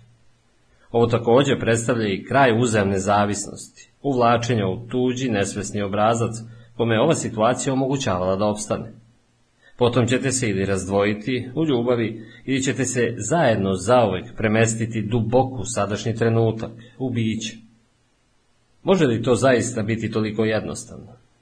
Da, toliko je jednostavno. Ljubav je stanje bića. Vaša ljubav nije u spoljašnjem svetu. Ona počiva duboko u vama. Nikada je ne možete izgubiti i ona vas ne može napustiti. Ona ne zavisi od nekog drugog tela, nekog spoljašnjeg oblika. U miru vašeg prisustva možete osjetiti sobstvenu bezobličnu i bezvremenu stvarnost kao duhovni život koji udahnjuje dušu u vašem fizičkom obliku. Onda možete osjetiti isti taj život duboko unutar svakog drugog čoveka i svakog drugog stvorenja. Posmatrate ono što leži iza koprene oblika i odvojenosti. To je spoznaje jedinstva. To je ljubav. Šta je Bog? Večiti jedini život koji počiva ispod svih oblika života. Šta je ljubav? Osjećati prisustvo tog jedinog života duboko u sebi i u svim stvorenjima. Biti taj jedini život. Stoga, sva ljubav je ljubav Boga. Ljubav nije selektivna, baš kao što ni svetlost sunca nije selektivna. Ona ne čini samo jednu osobu posebno. Ona nije isključiva. Isključivost ne predstavlja ljubav Boga, već ljubav ega. Međutim, intenzitet kojim se prava ljubav osjeća može varirati. Može postojati jedna osoba prema kojoj osjećate ljubav jasnije i intenzivnije nego prema drugima i ukoliko ta osoba osjeća isto prema vama, može se reći da ste u ljubavnom odnosu s njom. Spona koja vas povezuje sa tom osobom, iste ona spona koja vas povezuje sa osobom koja sedi do vas u autobusu ili sa pticom, drvetom ili cvetom. Razlikuje se jedino u stepenu intenziteta kojim je osjećate.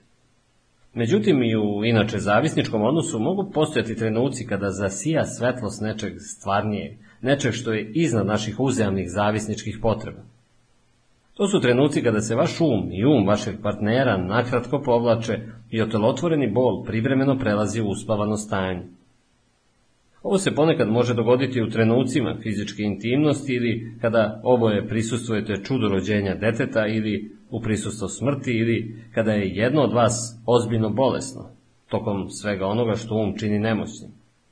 Kada se to dogodi, vaše biće, koje obično počiva skriveno ispod uma, otkriva se i to je ono što omogućava istinsku komunikaciju. Istinska komunikacija predstavlja zajedništvo, spoznaju jedinstva, a to je ljubav. Obično, ovo vrlo brzo ponovo nestaje, osim ako ste sposobni da u dovoljnoj meri ostanete prisutni, kako bi um i njegove stare obrazce držali po strani. Čim se umi, poistovećeno s umom, povrate, to više niste vi, već mentalna slika vas, tako da ponovo počinjete da igrate igre i uloge, ne bili udovoljili potrebama vašeg ega. Ponovo postajete ljudski um koji se pretvara da je ljudsko biće, uzajamno deluje sa umom onog drugoga, igra dramu koja se zove ljubav. Mada su kratkotrajni bleskovi mogući, ljubav ne može da cveta ukoliko niste trajno oslobođeni poistovećenosti sa umom i ukoliko vaše prisustvo nije dovoljno intenzivno da poništi otelotvoreni bol ili ukoliko ne možete barem ostati prisutni kao posmatrač. Samo tada otelotvoreni bol vas ne može nadvladati i postakti destruktivan po ljubav.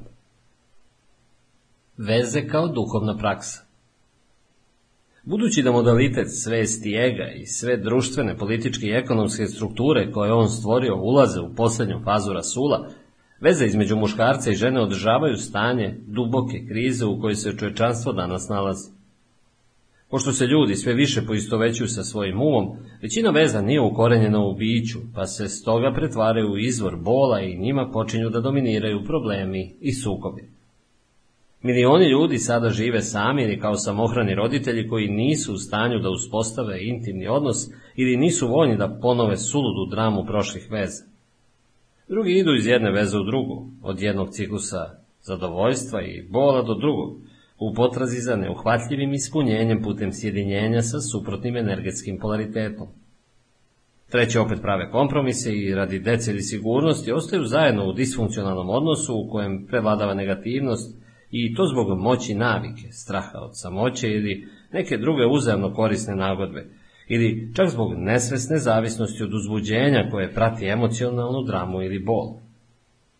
Međutim, svaka kriza predstavlja ne samo opasnost, već također i povoljnu priliku. Ako odnosi potkrepljuju i povećavaju mentalne obrazce ega i aktiviraju telotvoreni bol, kao što to čine u ovom trenutku, Zašto ne biste prihvatili ovu činjenicu umjesto što pokušavate da pobegnete od nje?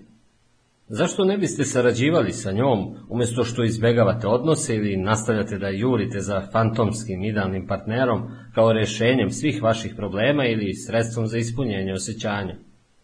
Prilika koja se skriva u svakoj krizi neće se pokazati sve dok i posljednja činjenica o svakoj datoj situaciji ne bude priznata i potpuno prihvaćena. Sve dok ih poričete, sve dok pokušate da pobegnete od njih ili priželjkujete da su stvari drugačije, vrata mogućnosti neće se otvoriti i vi ćete biti zarobljeni u toj situaciji koja će ostati ista ili će se još i više pogoršati. Sa priznavanjem i prihvatanjem činjenica također dolazi i izvestan stepen slobode za njih. Na primjer, kada spoznate da postoji nesklad i držite se te spoznaje, kroz vašu spoznaju je ušao novi faktor, tako da nesklad ne može ostati nepromenjen. Kada spoznate da niste spokojni, vaša spoznaja stvara miran prostor koji nežnim zagradajem prepunim ljubavi obuhvata vaše nespokojstvo i potom ga pretvara u spokojstvo. Kada je u pitanju unutrašnja promjena, ne postoji ništa što možete uraditi povodom toga. Ne možete promijeniti sebe, a zasigurno ne možete promijeniti svog partnera niti bilo koga drugog. Sve što možete da uradite jeste da stvorite prostor kako bi se promjena dogodila, kako bi milost i ljubav nastupile. Dakle, kada god vaš odnos ne funkcioniše, kada god ispoljava ludilo u vama i vašem partneru, budite srećni. Ono što je bilo nesvesno iznosi se na videlo. To je prilika za spasenje. Svakog trenutka spoznajte radost i realnost tog trenutka, naročito imajte na umu vaše emocionalno stanje. Ako postoji vez, spoznajte da on postoji. Ako se javlja ljubomora, potreba da se branite i da budete u pravu, poriv za svađanje. Dete u vama koje zahteva ljubav i pažnju ili emocionalni bol bilo kakve vrste, šta god je u pitanju, spoznajte realnost tog trenutka i imajte na umu tu spoznaju. Odnos će onda postati vaša sadhana, vaša duhovna praksa. Ako posmatrate nesvesno ponašanje svog partnera, uz puno ljubavi ga čuvajte u svojoj spoznaji kako ne biste reagovali na njega. Nesvesnost i spoznaja ne mogu dugo koegzistirati, čak i ako spoznaja postoji samo u drugoj osobi, a ne u onoj koji ispoljava nesvesno. Prisustvo ljubavi je apsolutno neprihvatljivo za oblik energije koja se nalazi u pozadini neprijateljstva i napada. Ako ikako odreagujete na ono nesvesno u vašem partneru i sami ćete postati nesvesni. Ali ukoliko se tada setite da spoznate svoju reakciju, ništa nije izgubljeno. Čovečanstvo se nalazi pod velikim pritiskom da se dalje razvija zato što je to naša jedina šansa da opstanemo kao vrsta. To će delovati na svaki aspekt vašeg života, posebno na bliske veze sa drugima. Nikada pre naši odnosi nisu bili toliko problematični i opterećeni sukobima kao što su to danas. Kao što ste možda već primetili, oni ne postoje da bi vas učinili srećnim ili ispunjenim. Ako nastavite da težite cilju spasenja kroz veze sa drugima, stalno ćete iznova doživljavati razočaranje. Ali ako prihvatite to da je veza tu da vas učini svesnim umjesto srećnim, onda će vam taj odnos zaista pružiti spasenje i bit ćete izjednačeni sa uzvišenijom svešću koja želi da bude doneta na ovaj svet. Za one koji ostaju pri starim obrazcima nastupit će sve jači bol, nasilje, zabuna i ludilo. Pretpostavljam da je za pretvaranje veze u duhovnu praksu potrebno dvoje, kao što vi predlažete. Na primjer, moj partner još uvijek ispoljava svoje stare obrazce ljubomore i kontrole. Skrenuta mu je pažnja njih mnogo puta, ali on nije u stanju da ih uvidi. Koliko ljudi je potrebno da se vaš život preobrazi u duhovnu praksu? Nije važno ako vaš partner neće da sarađuje. Zdrav duh, svest, jedino može doći na ovaj svet kroz vas. Nije potrebno da čekate da svet duševno ozdravi ili da neko drugi postane svestan pre nego što vi budete mogli da se prosvetlite. Mogli biste doveka čekati na to. Nemojte optuživati jedno drugo da ste nesvesni. Onog trenutka kada počnete da se svađate, poistovetili ste se sa mentalnom pozicijom i ne samo da branite tu poziciju, već branite i svoje osjećaje o sobstvenom ja. Ego upravlja situacijom. Vi ste postali nesvesni. S vremena na vreme može biti prikladno da se istaknu pojedini aspekti ponašanja vašeg partnera. Ako ste veoma pripravni, veoma prisutni, možete to činiti bez uplitanja ega, bez okrivljavanja, optuživanja ili ubeđivanja onog drugog da nije u pravu. Kada se vaš partner ponaša nesvesno, odustanite od svih osuda. Osuda će ili pobrkati nečije nesvesno ponašanje sa onim što ta osoba zaista jeste, ili će projektovati vaše sobstveno, nesvesno na drugu osobu i pobrkati da je to ono što ona jeste. Odustajanje od osude ne znači da ne prepoznajete disfunkciju i nesvesno kada ih vidite. To znači biti spoznajući pre nego biti reagujući i sudija. Tada ćete biti ili u potpunosti oslobođeni reakcije, ili ćete biti u mogućnosti da reagujete, a ipak biti spoznajući biti prostor u kom se motri na reakciju i u kom je dozvoljeno da postoji. Umjesto da se borite protiv tame, vi ćete unositi svetlost. Umjesto da reagujete na obmanu, vi ćete je vidjeti, a ipak istovremeno gledati kroz nju. Biti spoznajući stvara otvoren prostor prisustva punog ljubavi koji omogućava svim stvarima i svim ljudima da budu kakvi jesu. Ne postoji veći katalizator promene. Ako tako budete činili, vaš partner neće moći da ostane sa vama i da ostane nesvestan. Ako se oboje složite da veza bude vaša duhovna praksa, utoliko bolje.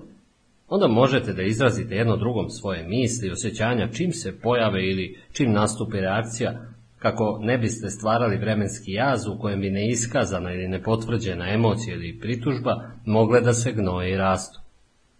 Naučite da izražavate ono što osjećate bez optuživanja. Naučite da slušate svog partnera na jedan otvoren, neodbrambeni način. Dajte svom partneru prostora da izrazi sebe. Budite prisutni. Optuživanje, odbrana, napadanje, svi oni obrasci koji su namenjeni jačanju ili zaštiti ega ili udovoljavanju njegovim potrebama, postaće tada izlišni. Davanje prostora drugima i sebi od vitalnog je značaja. Ljubav ne može da cveta bez toga. Kada budete uklonili dva faktora koja su destruktivna po veze, kada budete preobrazili otelotvoreni bol i prestali da se poistovećujete sa umom i mentalnim pozicijama i ukoliko i vaš partner učini to isto, doživećete blaženi procvat veze. Umjesto da uzajamno reflektujete svoj bol i nesvesnost, umjesto da zadovoljavate uzajamne zavisničke potrebe ega, Uzvratit ćete jedno drugom ljubav koju osjećate duboko u sebi. Ljubav koja dolazi sa spoznajom sobstvenog jedinstva sa svim što postoji. To je ljubav koja nema suprotnost. Ako se vaš partner još uvijek poistovećuje sa umom i otelotvorenim bolom dok ste vi već oslobođeni, to će predstavljati veliki izazov. Ne za vas, već za vašeg partnera. Nije lako živjeti sa prosvetljenom osobom ili je, bolje reći, toliko lako da on to doživljava kao najveću prednju. Sjetite se da su egu potrebni problemi, sukobi i neprijatelji kako bi ojačao osjećaj odvojenosti od kojeg zavisi njegov identitet.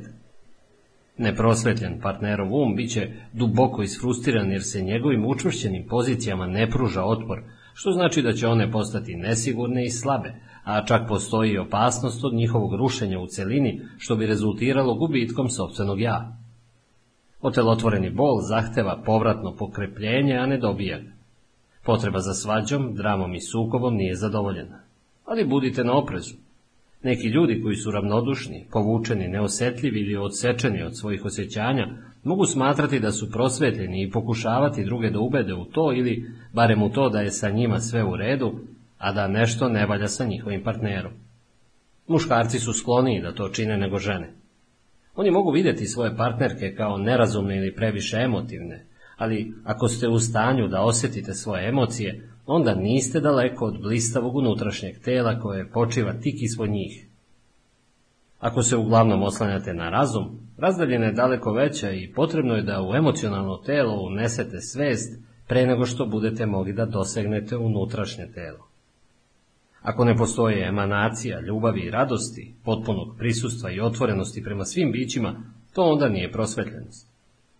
Još jedan od pokazatelja jeste taj kako se neka osoba ponaša u teškim ili izazovnim situacijama ili onda kada stvari pođu naopako.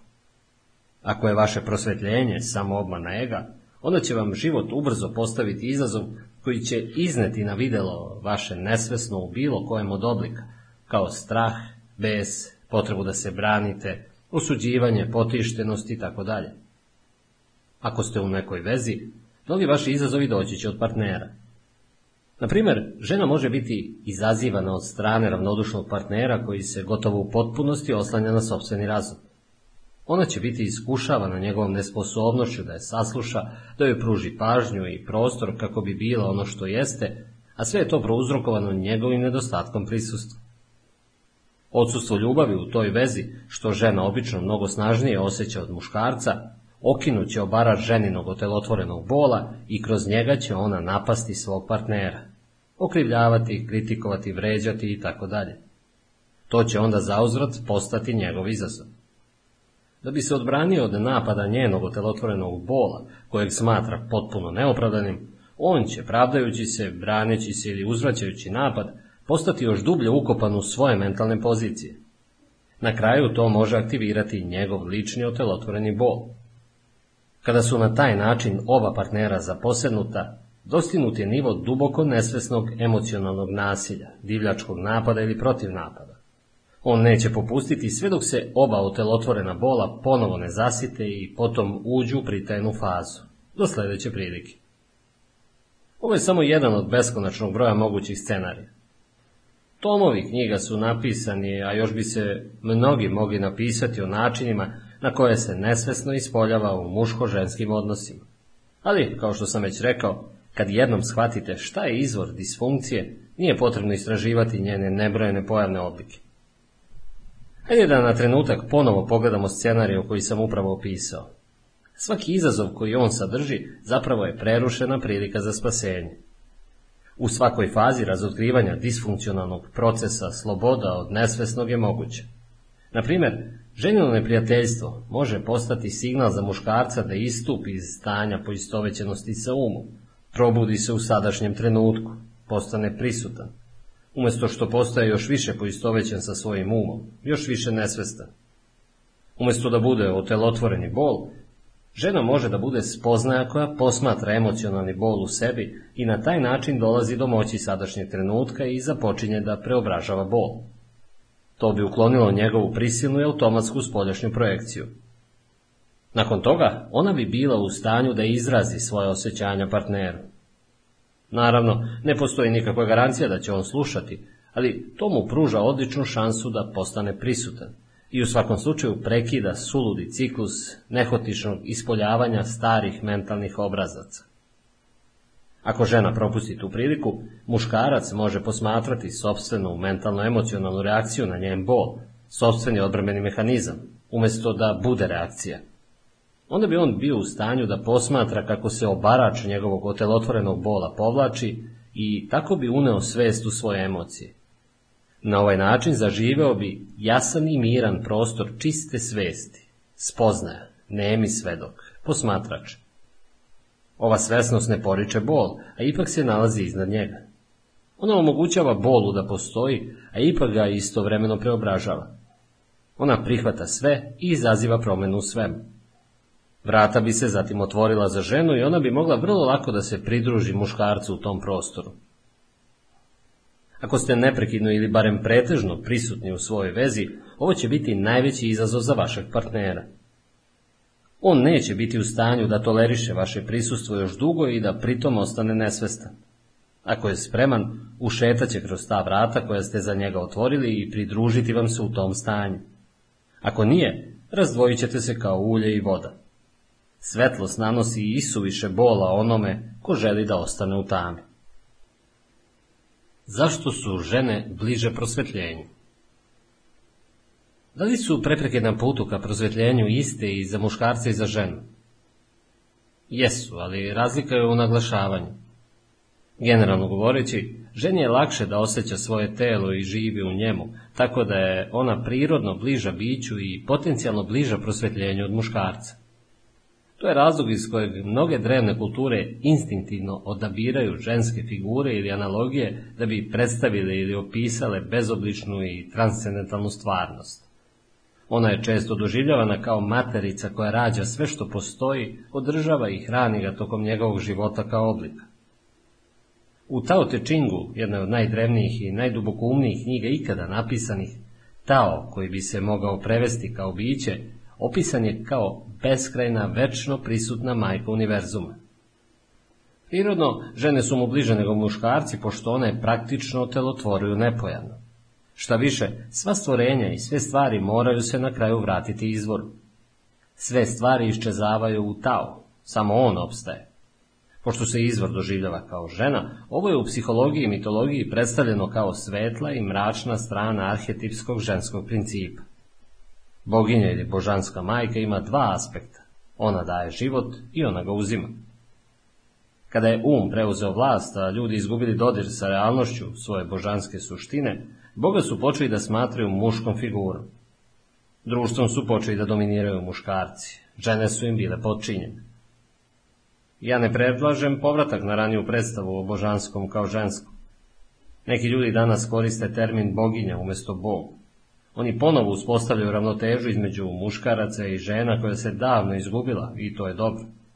Ali to su ipak slika i pojam koji su možda privremeno korisni, baš kao što su mapa ili putokaz privremeno korisni, no predstavljaju više smetnju nego pomoćno sredstvo kada ste spremni da spoznate stvarnost iznad svih pojmova i slika. Međutim, ono što zaista ostaje istina jeste to da je energetska frekvencija uma izgleda u suštini muška. Um se opire, bori se da održi vlast, koristi, manipuliše, napada, pokušava da zgrabi i zaposledne i tako dalje. To je razlog zbog kojeg je tradicionalni bog, patriarhalna autoritativna figura, često besan, muškarac od kog stalno treba da strahujete, kao što to stari zavet prikazuje. Taj bog je projekcija ljudskog uma. Da biste se našli iznad uma i ponovo uspostavili vezu sa dubljom realnošću bića, potrebno je da imate sasvim drugačije odlike. Mogućnost predaje, neosuđivanja, otvorenost koja omogućava životu da postoji umjesto da mu se opire, sposobnost da držite sve stvari u ljubavnom zagraju sobstvene spoznaje. Sve ove odlike su u daleko bližoj vezi sa ženskim principom. Dok je energija uma tvrda i rigidna, energija bića je meka i popustljiva, a ipak beskonačno moćnija od uma. Um upravlja našom civilizacijom, dok je biće zaduženo za sav život na našoj planeti i izvan nje. Biće je sama inteligencija, čija je vidljiva manifestacija zapravo fizički univerzum. Premda su mu žene potencijalno bliže, muškarci mu također mogu pristupiti unutar sebe samih. U ovom trenutku ogromna većina muškaraca i žena još uvijek se nalazi u čvrstom zagrljaju uma, koji istovećeni su sa misliocem i otelotvorenim bolom. To je naravno ono što sprečava prosvjetljenje i procvat ljubavi. Opšte pravilo glasi da najveća prepreka za muškarce postaje upravo um koji razmišlja, a najveća prepreka za žene otelotvoreni bol, mada u izvesnim zasebnim slučajevima situacija može biti obrnuta, a u nekim drugim ta dva faktora mogu biti izjednačena. Razgrađivanje kolektivnog ženskog otelotvorenog bola Zašto je otelotvoreni bol u većoj meri prepreka za žene? Otelotvoreni bol obično ima kolektivni kao i lični aspekt. Lični aspekt predstavlja nagomilani talog emocionalnog bola koji je neko doživio u sobstvenoj prošlosti. Kolektivni aspekt predstavlja bol koji se taloži u kolektivnoj ljudskoj psihi hiljadama godina zbog bolesti, mučenja, ratova, ubistava, surovosti, ludila i tako dalje. Lični otelotvoreni bol svake osobe takođe sudeluje u ovom kolektivnom otelotvorenom bolu. Postoje različiti slojevi u njemu. Na primjer, neki narodi ili zemlje u kojima se javljaju ekstremni oblici sukoba ili nasilja imaju snažniji kolektivni otelotvoreni bol od drugih. Svako ko ima snažan otelotvoreni bol, a nema dovoljno svesnosti da bi prekinuo poistovećivanje sa njim, neće biti samo neprekidno ili periodično prisiljen da daje oduška svom emocionalnom bolu, već takođe može vrlo lako postati bilo zločinac, bilo žrtva nasilja, u zavisnosti od toga da li je njegov telotvoreni bol pretežno aktivan ili pasivan. S druge strane, on takođe može biti potencijalno bliži prosvetljenju. Naravno, ovaj potencijal se ne uviđa baš uvek, ali ako sanjate neku noćnu moru, verovatno ćete biti snažnije motivisani da se probudite od nekoga ko samo doživljava dobre i loše trenutke običnog sna. Pored ličnog otelotvorenog bola, svaka žena sudeluje u onome što bi se moglo opisati kao kolektivni ženski otelotvoreni bol, osim ako nije potpuno svesna. On se sastoji iz nakupljenog bola koji su žene doživljavale jednim delom zbog muškog počinjavanja ženskog roda, a zatim zbog robovanja, iskorišćavanja, silovanja, porađanja, gubitka dece i tako dalje, što je trajalo hiljadama godina. Emocionalni ili fizički bol koji kod mnogih žena ili prethodi ili se poklapa sa menstruacijom, jeste otelotvoreni bol u njegovom kolektivnom aspektu, koji se u tom periodu budi iz sna mada se njegov obarač može takođe okinuti i u nekom drugom trenutku. On ograničava slobodan protok životne energije kroz telo, čega je fizički izraz upravo menstruacija. Hajde da se na trenutak pozabavimo ovim i vidimo na koji način to može postati prilika za prosvetljenje. Žena je često zaposednuta otelotvorenim bolom u tom periodu. On ima ekstremno snažan energetski naboj koji vas može vrlo lako ući u nesvesno poistovećivanje s njim. Tada ste aktivno obuzeti energetskim poljem koje okupira vaš unutrašnji prostor i lažno se prikazuje kao vi, ali naravno on nimalo ne predstavlja vas. On govori kroz vas, deluje kroz vas, razmišlja kroz vas. On će stvoriti negativnu situaciju u vašem životu kako bi se mogao hraniti vašom energijom. On priželjkuje još bola u bilo kom obliku. Već sam opisao ovaj proces. On može biti zao i destruktivan. On je čist bol, nekadašnji bol i on nije vi. Broj žena koje se danas približavaju potpuno svesnom stanju već nadmašuje broj muškaraca i bit će u još bržem porastu u godinama koje dolaze. Muškarci će ih možda sustići na kraju, ali tokom jedno prilično velikog perioda postojaći jaz između svesti muškaraca i svesti žena. Žene ponovo dobijaju ulogu koja je njihovo prirodno pravo, pa je one stoga mnogo prirodnije obavljaju od muškaraca, a to je uloga mosta između pojavnog i nepojavnog, između preokupiranosti telesnim željama i duha. Sada je vaš osnovni zadatak kao žene da preobrazite otelotvoreni bol tako da se više ne uplići između vas i vašeg istinskog ja, suštine onoga što vi jeste. Naravno, takođe ćete morati da izađete na kraj i sa drugom preprekom na putu ka prosvetljenju, a to je um koji razmišlja. Ali će vas intenzivno prisustvo koje stvarate kada izlazite na kraj sa otelotvorenim bolom osloboditi od poistovećivanja sa umom. Prva stvar koju treba da upamtite je sledeća. Sve dok iz bola gradite identitet za sebe, nećete ga se moći osloboditi. Sve dok je deo vašeg osjećaja o sobstvenom ja uložen u vaš emocionalni bol, nesvesno ćete se opirati ili sabotirati svaki pokušaj da izlečite taj bol. Zašto? Jednostavno zato što želite da ostanete nepovređeni, a bol je postao suštinski deo vas. To je jedan nesvesni proces, a jedini način da ga prevaziđete jeste da ga učinite svesni. Iznenadno saznanje da ste sada ili još od ranije vrlo privrženi sobstvenom bolu može biti prilično šokantno. Onog trenutka kada to uvidite, prekinuli ste tu privrženost. Otelotvoreni bol predstavlja energetsko polje, gotovo kao entitet koji je postao privremeno smešten u vašem unutrašnjem prostoru. On predstavlja životnu energiju koja je postala zarobljena. energiju koja više ne teče. Naravno, otelotvoreni bol je tu zbog izvesnih stvari koje su se dogodile u prošlosti. On jeste prošlost koja još uvek živi u vama, i ako se poistovetite s njom, vi se poistovećujete sa prošlošću. Identitet žrtve je verovanje da je prošlost moćnija od sadašnjosti, što je suprotno istini.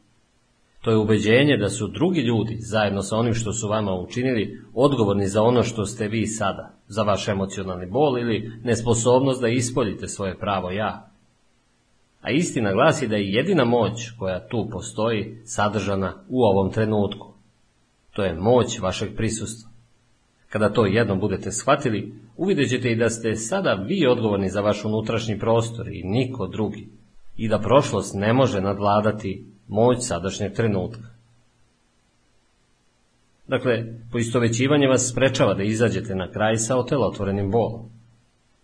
Neke žene koje su već toliko svesne da su se odrekle svog identiteta žrtve na ličnom nivou, još uvijek zadržavaju kolektivni identitet žrtve, ono što su muškarci uradili ženama. One su u pravu, a također i nisu u pravu. U pravu su s obzirom na to da za kolektivni ženski otelotvoreni bol jeste velikim delom zaslužno nasilje koje su muškarci sprovodili nad ženama i suzbijanje ženskog principa širom planete, što je trajalo milenijumima. Nisu u pravu ukoliko izvode osjećaj o svom ja iz te činjenice i time sebe drže zatvorenim u kolektivnom identitetu žrtve. Ako se žena još uvijek oslanja na bes, prezir ili osuđivanje, ona se oslanja na svoj otelotvoreni bol. To je može pružiti utešni osjećaj identiteta i solidarnosti sa drugim ženama, ali je također drži u okovima prošlosti i ometa potpuni pristup njenoj suštini i pravoj moći. Ako žene odbace muškarce, to će posticati osjećaj izdvojenosti, a prema tome i jača njega. A što je ego snažniji, to ste vi udaljeniji od svoje istinske prirode. Stoga nemojte koristiti otelotvoreni bol kako biste dobili identitet. Umjesto toga upotrebite ga za prosvetljenje. Preobrazite ga u svesnost. Jedan od najboljih trenutaka za to je tokom menstruacije. Verujem da će u godinama koje su pred nama mnoge žene ući u potpuno svesno stanje tokom tog perioda. Obično je to za mnoge žene period neizvesnog, budući da su zaposednute od strane kolektivnog ženskog otelotvorenog bola. Međutim, kada jednom dosegnete izvestan stepen svesnosti, možete to preokrenuti, pa tako umjesto da postanete nesvesni, vi možete postati više svesni. Već sam opisao osnovni proces, ali dozvolite mi da ga ponovim, obraćajući ovoga puta posebnu pažnju na kolektivni ženski otelotvoreni bol. Kada znate da vam se period menstruacije približava, pre nego što osjetite prve znake onoga što se uobičajeno naziva predmenstrualnom napetošću, buđenjem kolektivnog ženskog otelotvorenog bola, postanite veoma pripravni i nastanite svoje telo što je potpunije moguće. Kada se prvi znak pojavi, morate biti dovoljno oprezni da ga uhvatite pre nego što on vas zaposedne. Na primjer, prvi znak može biti iznenadna snažna razdraženost ili izliv besa ili neki čisto fizički simptom. Šta god daje, uhvatite ga pre nego što on bude u stanju da preuzme vaše razmišljanje ili ponašanje. To jednostavno znači da usmerite centar svoje pažnje na njega. Ako je u pitanju neka emocija, osjetite snažan energetski naboj iza nje. Spoznajte da je to otelotvoreni bol.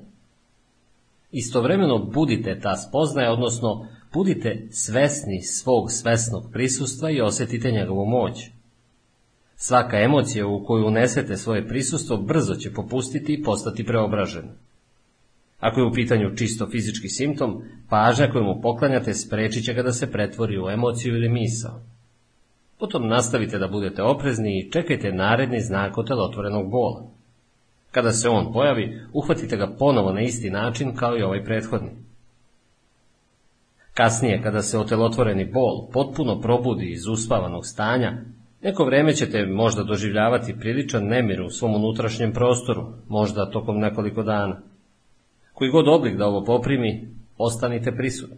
Poklonite mu svoju nepodeljenu pažnju. Posmatrajte nemir u sebi. Spoznajte da je on tu. Zadržite tu spoznaju i budite ta spoznaja. Upamtite, Nemojte dozvoliti otelotvorenom bolu da upotrebi vaš um i preuzme vaše razmišljanje. Posmatrajte ga. Osjetite njegovu energiju direktno u vašem telu. Kao što znate, potpuna pažnja znači potpuno prihvatanje. Putem neprekidne pažnje, a time i prihvatanja, dolazi se do promene.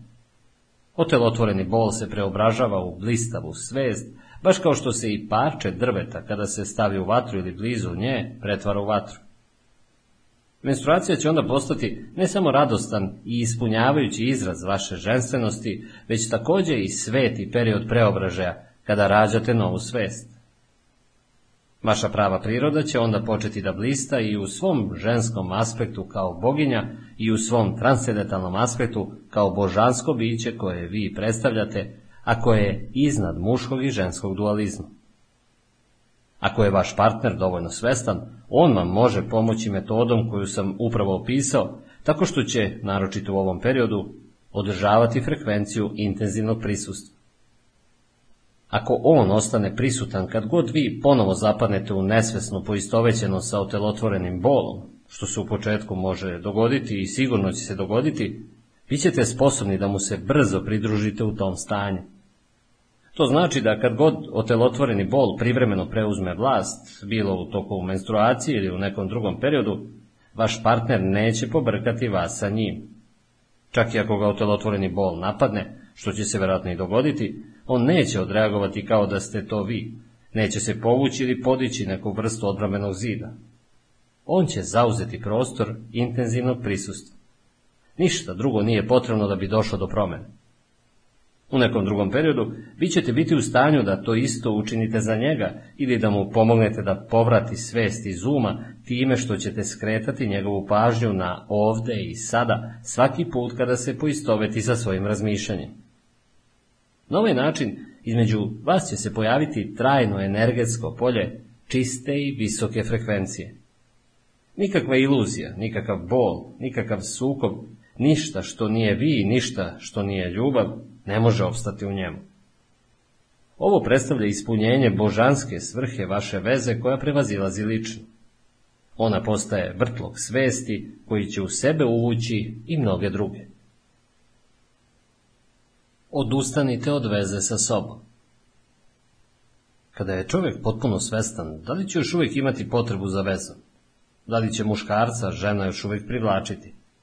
Da li će se žena još uvijek osjećati nepotpunom bez muškarca? Prosvetljeni ili ne, vi ste ili muškarac ili žena, tako da na nivou vašeg identiteta oblika niste potpuni. Vi ste jedna polovina celog. Ta nepotpunost se doživljava kao muško-žensko privlačenje, trzaj prema suprotnom energetskom polaritetu, bez obzira na to koliko ste svesni. Ali u tom stanju unutrašnje povezanosti vi osjećate to privlačenje negdje na površini ili periferiji svog života. Bilo šta što vam se dešava u tom stanju delo je donekle slično tome. Ceo svet izgleda kao talasanje na površini beskrenog i dubokog okeana. Vi ste taj okean, a naravno vi ste i taj talasić, ali talasić koji je spoznao svoj pravi identitet kao okean i u poređenju s tim beskrajnem i tom dubinom, svet talasića nije baš mnogo značajan. Ovo ne znači da niste duboko povezani sa drugim ljudima ili vašim partnerom. Vi u stvari možete uspostaviti duboku vezu jedino ako ste svesni bića. Dolazeći iz bića, u stanju ste da se usresredite na ono što se nalazi iza koprene oblika. U biću muško i žensko su jedno. Vaš oblik može nastaviti da ima izvesne potrebe, ali biće nema ni jedno. Ono je već kompletno i celo. Ako se tim potrebama udovolji, to je predivno, ali bilo da su zadovoljeni ili ne, to nije od važnosti za vaš duboki unutrašnji prostor. Prema tome, savršeno je moguće da jedna prosvetljena osoba, ako potreba za muškim ili ženskim polaritetom nije zadovoljena, ima osjećaj nedostatka ili nepotpunosti na spoljašnjem nivou svog bića, a da ipak istovremeno bude sasvim kompletna, ispunjena i spokojna iznutra. Da li je u potrazi za prosvetljenjem biti homoseksualna osoba olakšavajuća ili otežavajuća okolnost ili to nema nikakvog značaja? Kada se približavate odraslom dobu, nesigurnost u vezi sa sobstvenom seksualnošću praćena uviđanjem da ste drugačiji od drugih, može vas naterati da prekinete da se poistovećujete sa društveno uslovljenim obrazcima razmišljanja i ponašanja. To će automatski podići vaš nivo svesti iznad onog koji pripada nesvesnoj većini, čiji pripadnici bezuslovno usvajaju sve nasleđene obrazce. U tom pogledu, biti homoseksualna osoba može biti od pomoći. To što ste donekle outsider, neko ko se ne podudara sa drugima ili je odbačen od njih iz bilo kojeg razloga, otežava vam život, ali vam takođe daje prednost kada je prosvetljenje u pitanju. Gotovo vas na silu izlači iz nesvesnog. S druge strane, ako tada razvijete osjećaj identiteta zasnovan na vašem homoseksualizmu, izbegli ste jednu zamku, upali u drugu. Igraćete uloge igre koje diktira mentalna slika koju imate o sebi kao homoseksualnoj osobi.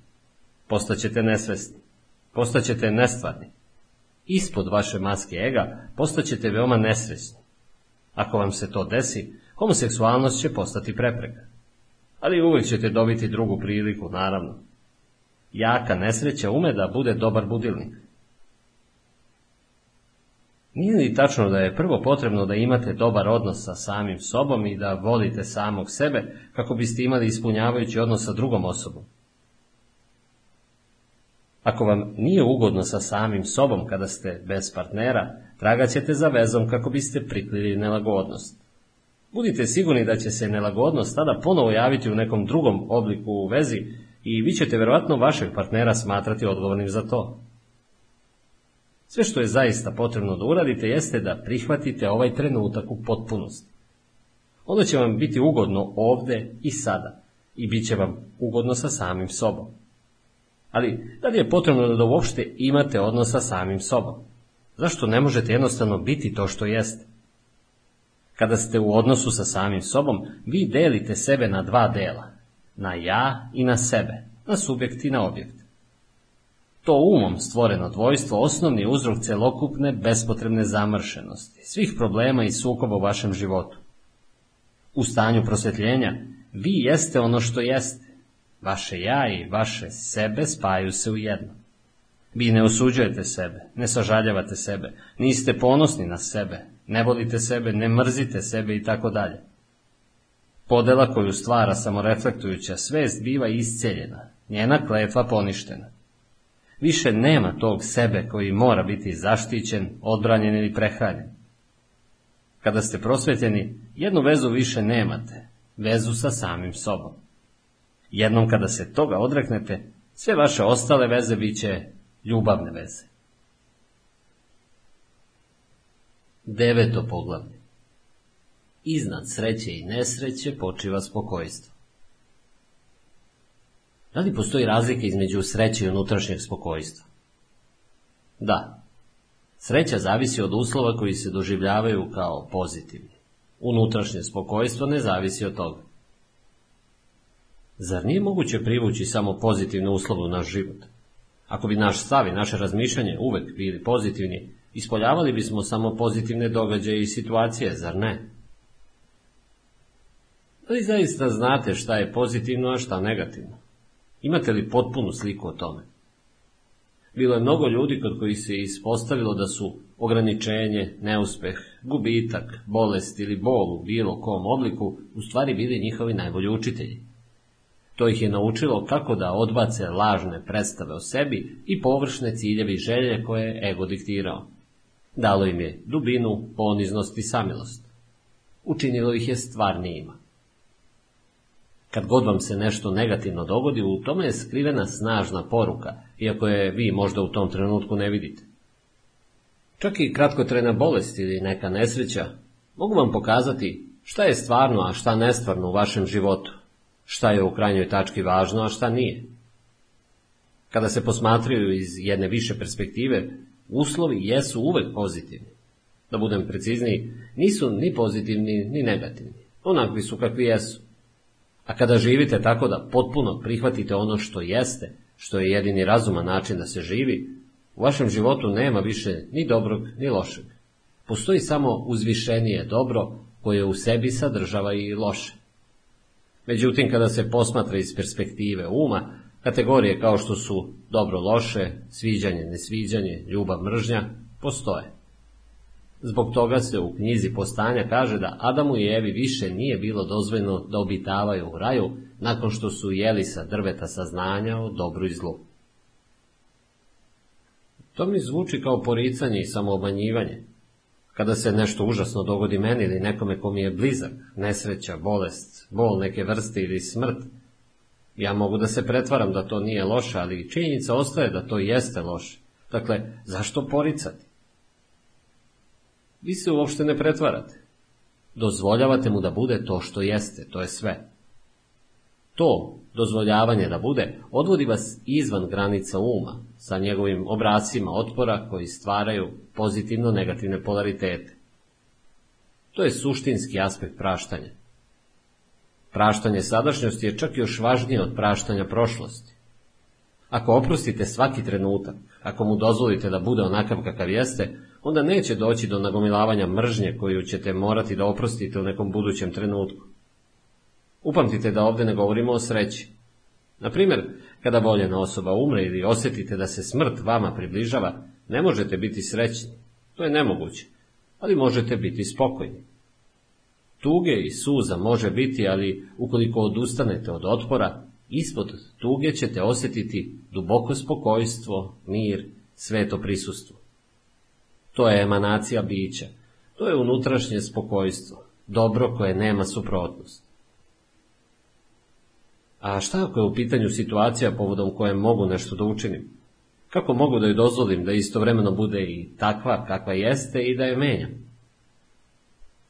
Radite ono što morate. U međuvremenu prihvatite to što jeste. Budući da su um i otpor istoznačni, prihvatanje će vas istog trenutka osloboditi od prevlasti uma i na taj način vas ponovo dovesti u vezu s bićem. Rezultat jeste taj da će uobičajene motivacije ega za činjenjem, strah, pohlepa, kontrola, odbrane ili potkrepljivanje lažnog osjećaja u sobstvenom ja prestati da deluju. Sada je na vlasti inteligencija koja je daleko veća od uma, pa će stoga drugačiji kvalitet svesti imati udela u onome što radite. Prihvatite sve ono što je utkano u mustru vaše sudbine, jer šta može prikladnije odgovarati vašim potrebama? To je pre 2000 godina napisao Marko Aurelije, jedan od onih krajnje redkih ljudi koji su posjedovali praktičnu moć baš kao i mudrost. Čini se da većina ljudi ima potrebu da iskusi prilično veliku patnju pre nego što odustane od otpora i prihvati, pre nego što oprosti. Čim to učini, događa se jedno od najvećih čuda. Buđenje svesti o biću putem onoga što izgleda kao zlo, preobražaj patnje u unutrašnje spokojstvo. Konačni učinak sveg zla i patnje na svetu jeste taj što će naterati ljude da uvide ko su oni u stvari, izvan imena i forme. Prema tome, ono što mi vidimo kao zlo iz naše ograničene perspektive, zapravo je deo uzvišenijeg dobra, koje nema suprotnost. Međutim, to će vam se obistiniti jedino kroz praštanje. Sve dok se to ne dogodi, zlo nije iskupljeno i toga ostaje zlo. Kroz praštanje, što u suštini znači uviđanje koliko je prošlost nebitna i omogućavanje sadašnjem trenutku da bude onakav kakav jeste, čudo promene se dešava ne samo iznutra, već i iz polja. Tihi prostor unutrašnjeg prisustva nastaje i u vama i oko vas. Kogod ili šta god da uđe u to polje svesti, bit će pod njegovim uticajem. Ponekada uočljivo i odmaha, ponekad na dubljim nivoima, gde će se vidljive promene tek kasnije pojaviti. Vi poništavate razdor, lečite bol, raspršujete nesvesno, ništa ne radeći, prosto time što jeste i što održavate tu frekvenciju intenzivnog prisustva. Kraj vaše životne drame U tom stanju prihvatanja i unutrašnjeg spokojstva, može li u vaš život ipak ući nešto što bi se nazvalo lošim iz perspektive obične svesti, čak i ako ga možda nećete nazvati lošim? Većina takozvanih loših stvari koje se dešavaju u životima ljudi postoji zbog nesvesnog. One su samostvorene ili, bolje reći, stvorene od strane ega. Ponekad te stvari nazivam dramom. Kada ste potpuno svesni, drama se više ne javlja u vašem životu. Dozvolite mi da vas ukratko podsjetim na koji način ego funkcioniše i kako stvara dramu. Ego je nenadgledani um koji upravlja vašim životom kada vi niste prisutni kao svest koja je svedok, kao posmatrač. Ego sebe doživljava kao izdvojeni deo u neprijateljskom univerzumu bez ikakve prave unutrašnje povezanosti sa bilo kojim drugim bićem, okružen drugim egoima koje on ili vidi kao potencijalnu pretnju ili pokušava da ih upotrebi za lične ciljeve. Osnovni obrazci ega su namenjeni borbi sa njegovim ličnim, duboko ukorenjenim strahom i osjećajem nedostatka. Ti obrazci su otpor, kontrola, moć, pohlepa, odbrana, napad. Neke od strategije ega izuzetno su pametne, a ipak nikada zaista ne rešavaju bilo koje od njegovih problema, naprosto zato što sam ego predstavlja problem. Kada se više ega nađe zajedno, bilo u privatnim odnosima, bilo u organizacijama ili institucijama, loše stvari će se pre ili kasnije dogoditi. Neka vrsta drame u obliku sukova, problema, borbe moći, emocionalnog ili fizičkog nasilja i tako dalje. To uključuje kolektivna zla kao što su rat, genocid i eksploatacija, a za sve to zaslužno je masovno nesvesno. Povrh toga, mnogi tipovi bolesti uzrokovani su neprekidnim otporom ega, što stvara ograničenja i smetnje u protoku energije kroz telo. Kada ponovo uspostavite vezu sa bićem i više ne budete vođeni umom, prestaćete da uzrokujete sve te stvari. Više nećete stvarati dramu niti sudelovati u njoj. Kad god se dva ili više ega nađu zajedno, to rezultira dramom neke vrste. Ali čak i ako živite potpuno sami, vi ipak stvarate sobstvenu dramu. Kada sažaljavate sami sebe, to je drama. Kada osjećate krivicu ili zabrinutost, to je drama. Kada dopustite da prošlost ili budućnost zasene sadašnjost, vi stvarate vreme, psihološko vreme, stvar od koje se pravi drama. Kada god ne poštujete sadašnji trenutak tako što mu ne dopuštate da postoji, vi stvarate dramu. Većina ljudi je zaljubljena u sobstvenu životnu dramu. Njihova priča njihov identitet. Ego upravlja njihovim životom. Uložili su celokupan osjećaj o svom ja u njega. Čak i njihova, obično neuspešna, potraga za odgovorom, rešenjem ili isceljenjem postaje deo te priče. Ono čega se plaše i čemu se najviše opiru jeste kraj njihove drame. Sve dok predstavljaju sobstveni um, ono čega se plaše i čemu se opiru jeste buđenje.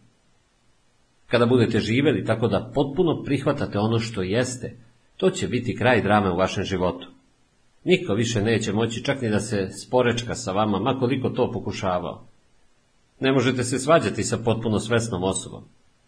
Svađa ukazuje na poistovećivanje sa sobstvenim umom i mentalnom pozicijom, kao i na pružanje otpora i reakciju na poziciju te druge osobe. Rezultat je taj da suprotni polariteti počinju uzemno da se potkrepljuju. To je mehanika nesvesnog. Još uvek ćete biti u stanju da jasno i čvrsto izrazite svoj stav, ali neće biti nikakve reaktivne sile iza toga, nikakve odbrane, niti napada. Dakle, to se neće pretvoriti u dramu. Kada ste potpuno svesni, prestajete da budete u sukobu. Niko ko čini celinu sa sobom ne može čak ni da zamisli sukob, navodi se u putu čuda. To se odnosi ne samo na sukob sa drugim ljudima, već i u jednom fundamentalnijem smislu na sukob u samoj osobi, koji prestaje onda kada više nema nikakvog nesklada između zahteva i očekivanja vašega uma i onoga što jeste nepostojanost i ciklusi života.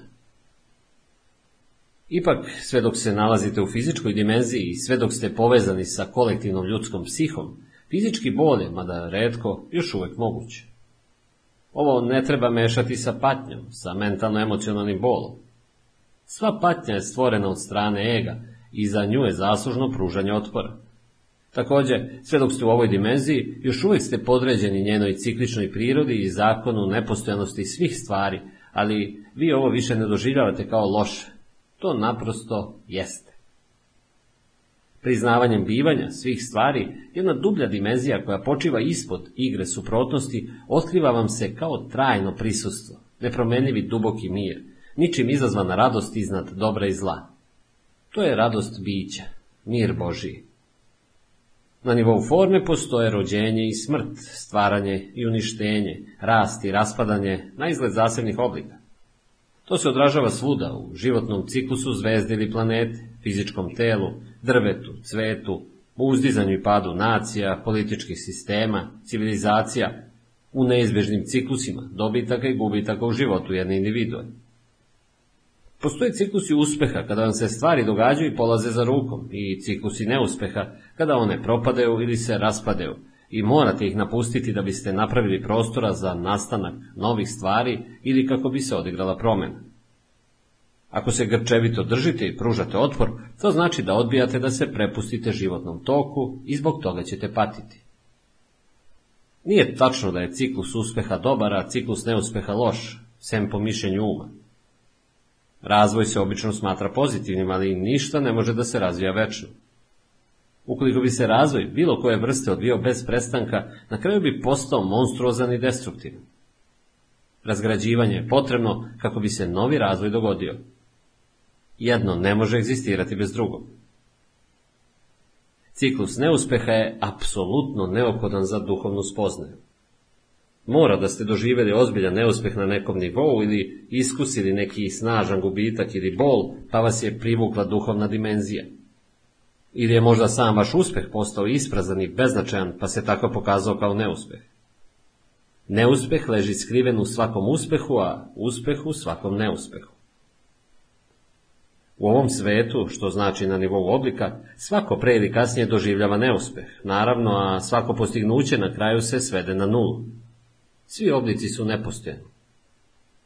Još uvek možete biti aktivni i uživati u ispoljavanju i stvaranju novih oblika i okolnosti, ali nećete se poistovećivati sa njima. Oni vam nisu potrebni da vam pruže osjećaj sobstvenog ja. Oni nisu vaš život, već samo vaša životna situacija – Ciklična priroda univerzuma blisko je povezana sa nepostojanošću svih stvari i situacija. Buda je ovo učinio centralnim delom svoga učenja. Sva stanja su visoko nestabilna i stalno se menjaju ili, kako je on to rekao, nepostojanost je karakteristika svakog stanja, svake situacije na koju ćete ikada naići u svom životu. Ona će se promeniti, nestati ili vas više neće zadovoljavati. Nepostojanost je također centralna tema u Isusovom učenju. Nemojte prikupljati za sebe bogatstvo na zemlji, gde mojci i rđa proždiru i gde kradljivci provaljuju i kradu. Sve dok vaš um procenjuje neko stanje kao dobro, bilo da je u pitanju veza, imetak, društvena uloga, mesto ili vaše fizičko telo, on mu se priklanja i poistovećuje se s njim. To stanje vas čini srećnim. Čini da mislite dobro o sebi i može postati deo onoga što vi jeste ili mislite da jeste ali ništa ne traje večno u ovoj dimenziji u kojoj mojci i rđa proždiru. Ili će se okončati, ili će se promeniti. Ili će možda preživjeti promenu polariteta, jer isto ono stanje koje je juče ili prošle godine bilo dobro, iznenada ili postepeno se pogoršalo. Isto ono stanje koje vas je ranije činilo srećnim, kasnije vas čini nesrećnim. Današnji prosperitet sutra postaje besmisleno trošenje. Srećno venčanje i medeni mesec postaju nesrećni razvod ili nesrećna koegzistencija. Ili to stanje nestaje, pa vas njegovo odsustvo čini nesrećnim. Kada se stanje ili situacija koju se um priklonio i sa kojom se poistovetio promeni ili nestane, um to ne može da prihvati. Grčevito će se držati stanja koje nestaje i opiraće se promeni. To je skoro kao da vam se neki ud otkida od tela. Ponekad čujemo da su ljudi koji su izgubili sav svoj novac ili čija je reputacija uništena poničinili samoubistvo. To su ekstremni slučajevi. Ostali, kad god se desi neki veliki gubitak bilo koje vrste, samo postaju duboko nesrećni ili bolesni. Oni ne mogu da naprave razliku između svog života i svoje životne situacije. Nedavno sam čitao o poznatoj glumici koja je umrla u 80. godini. Kada je njena lepota počela da bledi i propada od starosti, ona je postala očajnički nesrećna i povukla se u sebe. Ona se također poistovetila sa jednim stanjem, sa svojim spoljašnjim izgledom. U početku je to stanje pružalo zadovoljan osjećaj o sobstvenom ja, a potom nezadovoljan. Da je bila sposobna da uspostavi vezu sa bezobličnim i bezvremenim životom u sebi, mogla bi sa jednog mesta spokojstva i mira da posmatra i dopusti iščezavanje svog spoljašnjeg oblika. Osim toga, njen spoljašnji oblik bi sve više propuštao blistavu svetlost njene večno mlade istinske prirode, tako da njena lepota ne bi zaista izgledala, već bi se jednostavno preobrazila u duhovnu lepotu. Međutim, niko je nije rekao da je to moguće. Ona najvažnija vrsta saznanja još uvek nije u velikoj meri dostupna. Buda je poučavao da je čak i vaša sreća zapravo duka, reč iz jezika pali koja znači patnja ili stanje nezadovoljstva. Ona je neodvojiva od svoje suprotnosti. To znači da su vaša sreća i nesreća u stvari jedno. Samo ih iluzija vremena razdvaja. Ovo nije negativno razmišljanje. To je jednostavno prepoznavanje prirode stvari kako ne biste sledili iluziju do kraja svog života. Takođe, ovo vam ne govori da ne treba više da cenite prijatne ili predivne stvari ili stanje, ali i tragati pomoću njih za nečim što one ne mogu da pruže, identitet, osjećaj sigurnosti i ispunjenosti, to je recept za frustraciju i patnju. Čitava marketinška industrija i potrošačko društvo bi propali ako bi ljudi postali prosvetljeni i prestali da tragaju za svojim identitetom pomoću stvari. Što više tragate za srećom na ovaj način, ona će vam još više izmicati. Sve ono što se nalazi u spoljašnjem svetu zadovoljit će vas samo privremeno i površno, ali možda će mnoge vaše iluzije morati da se razbiju pre nego što uvidite tu istinu. Stvari i stanja mogu vam pružiti zadovoljstvo, ali će vam takođe naneti i bol. Stvari i stanja mogu vam pružiti zadovoljstvo, ali vam ne mogu pružiti radost. Ništa vam ne može pružiti radost. Radost je neprouzrokovana i nastaje iznutra kao radost bića. Ona je suštinski deo unutrašnjeg stanja spokojstva, stanja koje se naziva spokojstvom Boga. Ona je vaše prirodno stanje, a ne nešto za što je potrebno da se jako potrudite ili da se borite da biste je dostigli. Mnogi ljudi nikada ne uvide da nema spasenja u onome što čine, što posjeduju ili postižu. Oni koji to uvide često postanu umorni od života i depresivni. Ako vam ništa ne može pružiti pravo ispunjenje, zašto onda da se borite? Ima li svrhe u bilo čemu? Starozavetni prorok mora da isto to shvatio kada je napisao. Video sam sve što je učinjeno pod suncem i gle, sve je taština i urnjava za vetrom. Kada dostignete ovu tačku, jedan ste korak daleko od očaja i jedan korak od prosvetljenja. Jedan budistički monah mi je nekom prilikom rekao, sve što sam naučio za 20 godina koliko živim kao monah, mogu da sažmem u jednu rečenicu. Sve što se pojavljuje, prolazno je. To tvrdim. Ono što je mislio jeste sledeće. Naučio sam da ne pružam nikakav otpor onome što jeste.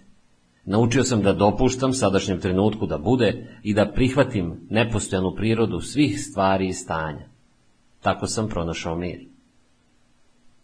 Ne pružati nikakav otpor životu znači biti u stanju sklada, lagodnosti i neopterećenosti. To stanje onda više ne zavisi od stvari koje postoje na određeni način, kao dobre ili loše.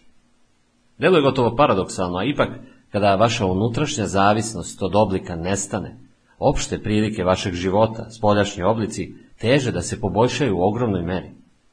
Stvari, ljudi ili prilike koje ste smatrali potrebnim da biste bili srećni, sada vam dolaze bez ikakve borbe ili napora sa vaše strane i slobodni ste da uživate u njima i cenite ih, sve dok traju.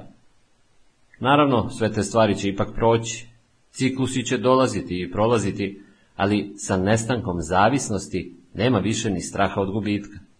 Život se odvija sa lakoćom. Sreća koja je dobijena iz nekog sekundarnog izvora nikada nije previše duboka. Ona je tek bledi odraz radosti i bića, te peravog mira koji pronalazite iznutra nakon što stupite u stanje nepružanja otpora. Biće vas odvodi iznad suprotnih polariteta uma i oslobađa vas zavisnosti od oblika. Čak i ako bi se sve oko vas srušilo i raspalo, vi biste i dalje osjećali duboku unutrašnju srž spokojstva. Možda nećete biti srećni, ali sigurno ćete biti spokojni. Upotreba i odbacivanje negativnosti. Samo unutrašnji otpor se doživljava kao negativnost u ovom ili onom obliku. Sva negativnost jeste otpor. U ovom kontekstu te dve reči su gotovo istoznačne. Negativnost se proteže od razdraženosti ili nestrpljivosti do strahovitog besa, od potištenosti ili sumorne zlovelje do samoubilačkog očajanja. Ponekad otpor povlači obarač emocionalnog otelotvorenog bola, a u tom slučaju čak i beznačajna situacija može proizvesti žestoku negativnost kao što su bes, utučenost ili duboka žalost. Ego veruje da pomoću negativnosti može da manipuliše stvarnošću i dobije ono što želi. On veruje da pomoću negativnosti može da privuče poželjno stanje ili uništi ono koje je nepoželjno. Put čuda s pravom ističe da kad god ste nesrećni, postoji nesvesno uverenje da vam nesreća kupuje ono što želite. Ako vi, u, ne verujete da nesreća funkcioniše, zašto biste je stvarali? Činjenica je naravno da negativnost ne funkcioniše. Umesto da privlači poželjno stanje, ona ga sprečava da nastane. Umesto da poništi negativno stanje, ona ga održava. Jedina njena korisna funkcija jeste da ojačava ego i to je razlog zbog kojeg je ego obožava. Kada se jednom poistovetite sa nekim oblikom negativnosti, vi nećete želiti da ga napustite i na jednom duboko nesvesnom nivou nećete priželjkivati pozitivnu promenu. Ona bi dovela u opasnost vaš identitet potištene, ljute ili ružno tretirane osobe. Vi ćete onda ignorisati, poricati ili sabotirati ono pozitivno u svom životu. Ovo je uobičajeni fenomen, a takođe i sulud. Negativnost je potpuno neprirodna. Ona je duševni zagađivač i postoji duboka spona između trovanja i razaranja prirodne i silne negativnosti koja se nakupila u kolektivnoj ljudskoj psihi. Nijedan drugi oblik života na ovoj planeti ne zna za negativnost, samo ljudi, baš kao što nijedan drugi oblik života ne skrnavi i ne truje zemlju koja ga hrani. Da li ste ikada vidjeli nesrećan cvet ili hrast pod stresom? Jeste nikad naišli na potištenog delfina, žabu koja ima problema sa samopoštovanjem, mačku koja ne može da se opusti ili pticu koja nosi u sebi mržnju i prezir? Jedine životinje koje mogu povremeno da dožive nešto slično negativnosti ili da pokažu znake neurotičnog ponašanja, jesu one koje žive u bliskom kontaktu s ljudima, pa se na taj način povezuju sa ljudskim umom i njegovim ludilom. Posmatrajte bilo koju biljku ili životinju i dopustite joj da vas nauči prihvatanju onoga što jeste, predaji sadašnjem trenutku. Dopustite joj da vas nauči biću. Dopustite joj da vas nauči integritetu. Šta znači biti jedno? Biti ono što jeste, biti stvaran. Dopustite joj da vas nauči kako se živi i kako se umire, a ne kako da življenje i umiranje pretvorite u problem. Živeo sam sa nekoliko zen učitelja. Svi su bili mačke. Čak su me i patke naučile važnim duhovnim lekcijama. Samo posmatranje patki predstavlja meditaciju. Kako spokojno i mirno plove, potpuno prisutne u sadašnjem trenutku, dostojanstvene i savršene onako kako to samo stvorenja bez uma mogu biti. Međutim, povremeno bi dve patke stupile u borbu, ponekad bez ikakvog vidljivog razloga ili zato što je jedna patka zalutala u privatni prostor one druge. Borba bi obično trajala samo nekoliko sekundi, a potom bi se patke razdvojile, otplivale u suprotnim pravcima i nekoliko puta energično zaklepetale krilima. Zatim bi nastavile da plivaju spokojno, kao da se borba uopšte nije ni odigrala. Kada sam to posmatrao prvi put, na jednom sam uvideo da su klepetanjem krila oslobađale višak energije i na taj način sprečavale da ona ostane zarobljena u njihovom telu i pretvori se u negativnost. Ovo predstavlja prirodnu mudrost i one to čine sa lakoćom jer nemaju um koji bespotrebno održava prošlost u životu i oko nje gradi identitet. Zar ne bi i negativna emocija mogla da sadržava važnu poruku? Na primjer, ako se često osjećam utučeno, to može biti znak da nešto nije u redu s mojim životom i može me naterati da razmotrim svoju životnu situaciju i napravim neke promene. Dakle, moram da osluškujem šta mi ta emocija govori, a ne samo da je odbacim kao negativno. Da, negativne emocije koje se ponavljaju zaista ponekad sadrže poruku, kao što je to slučaj i sa bolestima ali koje god promene da pravite, bilo da se tiču vašeg posla, vaših veza ili vašeg okruženja, one su u krajnjoj liniji samo kozmetičke, osim ako ne nastanu iz promene u vašem nivou svesti.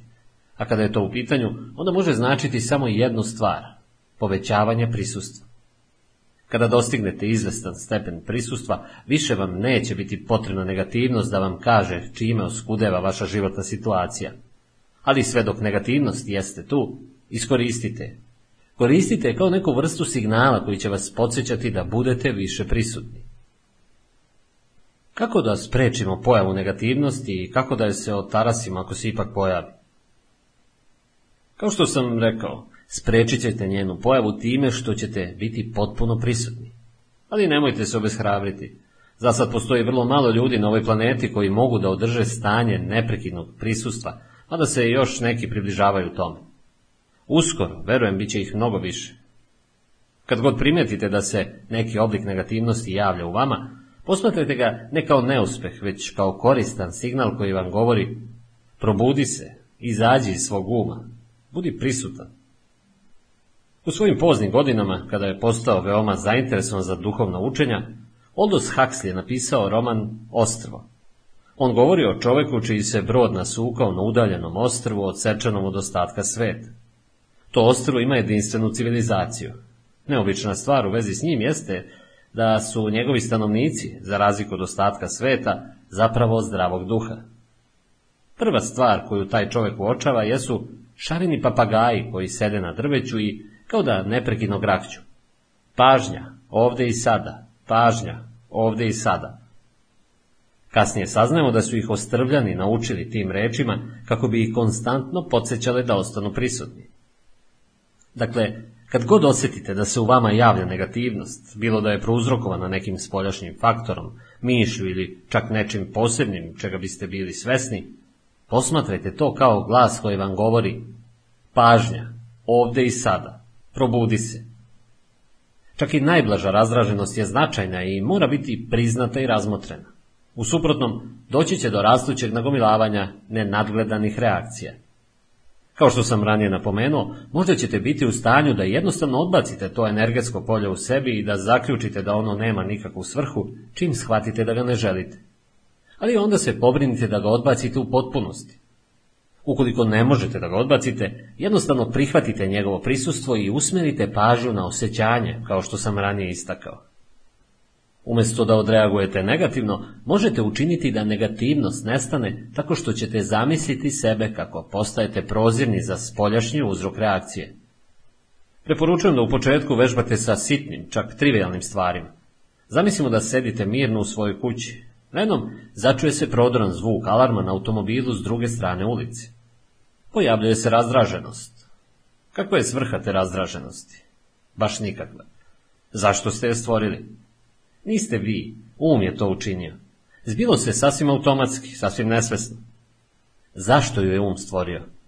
Zato što se on drži nesvesnog ubeđenja da će njegov otpor koji vi doživljavate kao negativnost ili nesrećnost u nekom obliku na neki način uništiti nepoželjno stanje. To je naravno zabluda. Otpor koji on stvara, razdraženost ili bes u ovom slučaju, daleko više uznemiruje od prvobitnog uzroka koji on pokušava da uništi. Sve ovo može da se pretvori u duhovnu vežbu. Osjetite sebe kako postajete tako reći prozirni, bez čvrstoće materijalnog tela. Sada dozvolite da buka ili bilo šta što uzrokuje negativnu reakciju prođe direktno kroz vas. Ona više ne udara u čvrsti zid u vama. Kao što sam rekao, vežbajte u početku sa sitnim stvarima. Alarm na automobilu, lavež psa, briska dece, zastoj u saobraćaju. Umesto da imate zid otvora u sebi o koji neprekino i bolno udaraju stvari koje ne bi trebalo da se događaju, pustite da sve prođe kroz vas. Neko vam recimo uputi nešto što je neuljudno ili smišljeno da vas povredi. Umesto da se upustite u nesvesnu reakciju i negativnost kao što su napad, odbrana ili povlačenje, vi puštate da to prođe pravo kroz vas. Nemojte pružati nikakav otpor. Kao da više nema nikoga ko će biti povređen. To se naziva praštanje. Na taj način postajete nepovredivi. Vi i dalje možete reći toj osobi da je njeno ponašanje neprihvatljivo ako je to vaš izbor, ali ta osoba više nema moć da kontroliše vaše unutrašnje stanje. Tada vi imate moć nad samima sobom, a ne neko drugi i vama ne upravlja vaš um. Bilo da je u pitanju alarm na automobilu, neuljudna osoba, poplava, zemljotres ili gubitak čitavog vašeg imetka, Mehanizam otpora je isti. Nakon bavljenja meditacijom, posjećivanja radionica, čitanja mnogih knjiga o duhovnosti, pokušavao sam da budem u stanju nepružanja otpora, ali ako me pitate da li sam postigao istinski i trajni unutrašnji mir, moj iskreni odgovor morao bi da bude ne. Zašto ga nisam ostvario? Šta još mogu da učinim? Vi još uvek tragate u spoljašnjem svetu i niste u stanju da napustite taj modus traganja. Možda će naredna radionica imati odgovor, možda neka nova tehnika. Vama bih poručio, nemojte tragati za miro, nemojte tragati za bilo kojim drugim stanjem, osim onog u kojem se sada nalazite. U suprotnom, izazvaćete unutrašnji sukob i nesvesni otpor. Oprostite sebi što niste spokojni. Onog trenutka kada potpuno prihvatite svoje nespokojstvo, ono će se preobraziti u spokojstvo. Sve što u potpunosti prihvatite odvešće vas do cilja, odvešće vas do spokojstva. To je čudo predaje. Možda ste čuli za frazu okreni drugi obraz koju je veliki učitelj prosvetljenja upotrebio pre 2000 godina. Pokušavao je simbolično da izrazi tajnu nepružanja otpora i nereagovanja. U ovoj izjavi, kao i u svim ostalim njegovim izjavama, on se bavio jedino vašom unutrašnjom stvarnošću, a nikako spoljašnjim vođenjem vašeg života. Da li znate priču o Banzanu? Pre nego što je postao veliki zen učitelj, provao je mnoge godine u potrazi za prosvetljenjem, ali mu je ono stalno izmicalo. A onda jednoga dana, dok je ulazio na pijacu, slučajno je čuo razgovor između mesara i njegove mušterije. Dajte mi najbolji komad mesa koji imate, rekla je mušterija. A mesar je odgovorio, svaki komad mesa koji imam je najbolji. Ovde nema ni jednog komada mesa koji nije najbolji. Čuvši to, Banzan je postao prosvetljen. Vidim da čekate nekakvo objašnjenje. Kada prihvatite ono što jeste, svaki komad mesa, svaki trenutak jeste najbolji. To je prosvetljenje. Priroda samilosti Otisnuši se iznad umom izgrađenih suprotnosti, postali ste nalik dubokom jezeru. Spoljašnja situacija vašeg života i sve što se u njoj događa predstavlja površinu jezera. Ponekad je mirna, ponekad vetrovita i uzburkana, u zavisnosti od ciklusa i godišnjih doba. Dole u dubini, međutim, jezero je uvek netaknuto.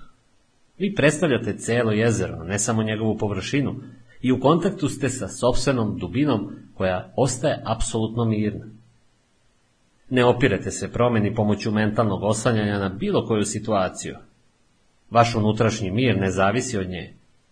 Vi boravite u biću, nepromenljivi, večni, besmrtni. I kada je u pitanju ispunjenje ili sreća, više ne zavisite od spoljašnjeg sveta oblika koji se stalno menjaju. Možete uživati u njima, poigravati se sa njima, stvarati nove oblike, poštovati lepotu svega toga. Ali neće biti nikakve potrebe da se priklonite bilo čemu.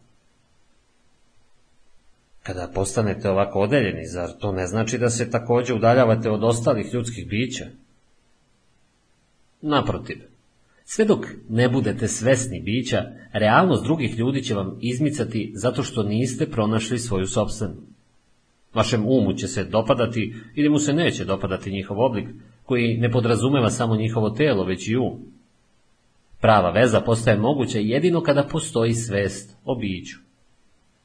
Potičući od bića, opažat ćete telo i um druge osobe samo kao, recimo, paravani za kojeg možete da osjetite njihovu pravu realnost, kao što osjećate svoju. Prema tome, kada se suočite sa tuđom patnjom ili nesvesnim ponašanjem, ostanite prisutni u kontaktu sa bićem i na taj način ćete biti u stanju da pogledate iza oblika i osjetite blistavo i čisto biće te druge osobe kroz svoje sobstveno. Na nivou bića sva patnja se prepoznaje kao varka. Za patnju je zaslužno poistovećivanje sa oblikom. Čuda isceljenja ponekad se događaju pomoću ove spoznaje, pomoću buđenja svesti o biću u drugima, ukoliko su spremni za to. Da li je to samilost? Da. Samilost je svest o dubokoj sponi između vas i svih stvorenja. Ali postoje dve strane samilosti, dve strane ove spone. S jedne strane, pošto još uvek postojite na ovom svetu kao fizičko telo, vi delite ranjivost i smrtnost vašeg fizičkog oblika sa svakim drugim čovekom i sa svakim živim bićem. Kada sljedeći put budete rekli nemam ničeg zajedničkog sa ovom osobom, sjetite se da imate puno toga zajedničkog. Za nekoliko godina, za dve ili sedamdeset, nema neke velike razlike, oboje ćete postati truli leševi, zatim gomile prašine, a potom ništa. Ovo je otrežnjuća spoznaja koja vas čini poniznim i koja ostavlja malo mesta za ponos. Da li je to negativna misao? Ne, to je istina. Zašto zatvarati oči pred njom? U tom smislu postoji potpuna jednakost između vas i svakog drugog stvorenja. Jedna od najmoćnijih duhovnih vežbi jeste ta da se zadubite u meditaciju o smrtnosti fizičkih oblika, uključujući i vaš sobstveni. Ovo se zove umrite pre nego što umrete. Upustite se duboko u meditaciju. Prvo se vaš fizički oblik poništava, više ne postoji.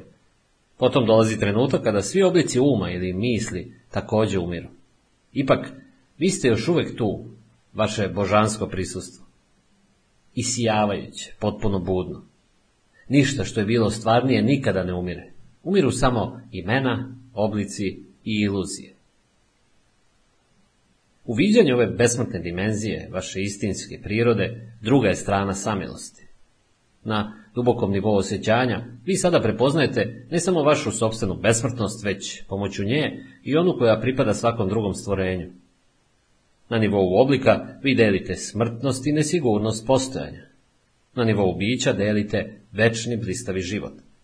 Ovo su ta dva aspekta samilosti. U samilosti izgled suprotno osjećanja, tuge i radosti spajaju se u jedno i preobražavaju se u duboki unutrašnji mir. To je mir Božiji.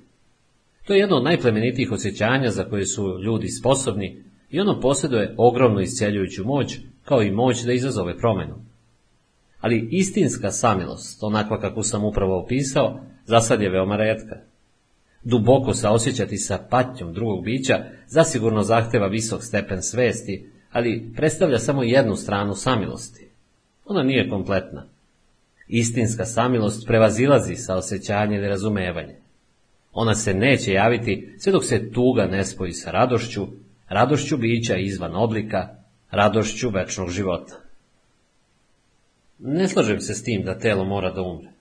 Tvrdim da možemo postići fizičku besmrtnost. Mi verujemo u smrt i to je razlog zbog kojeg telo umire.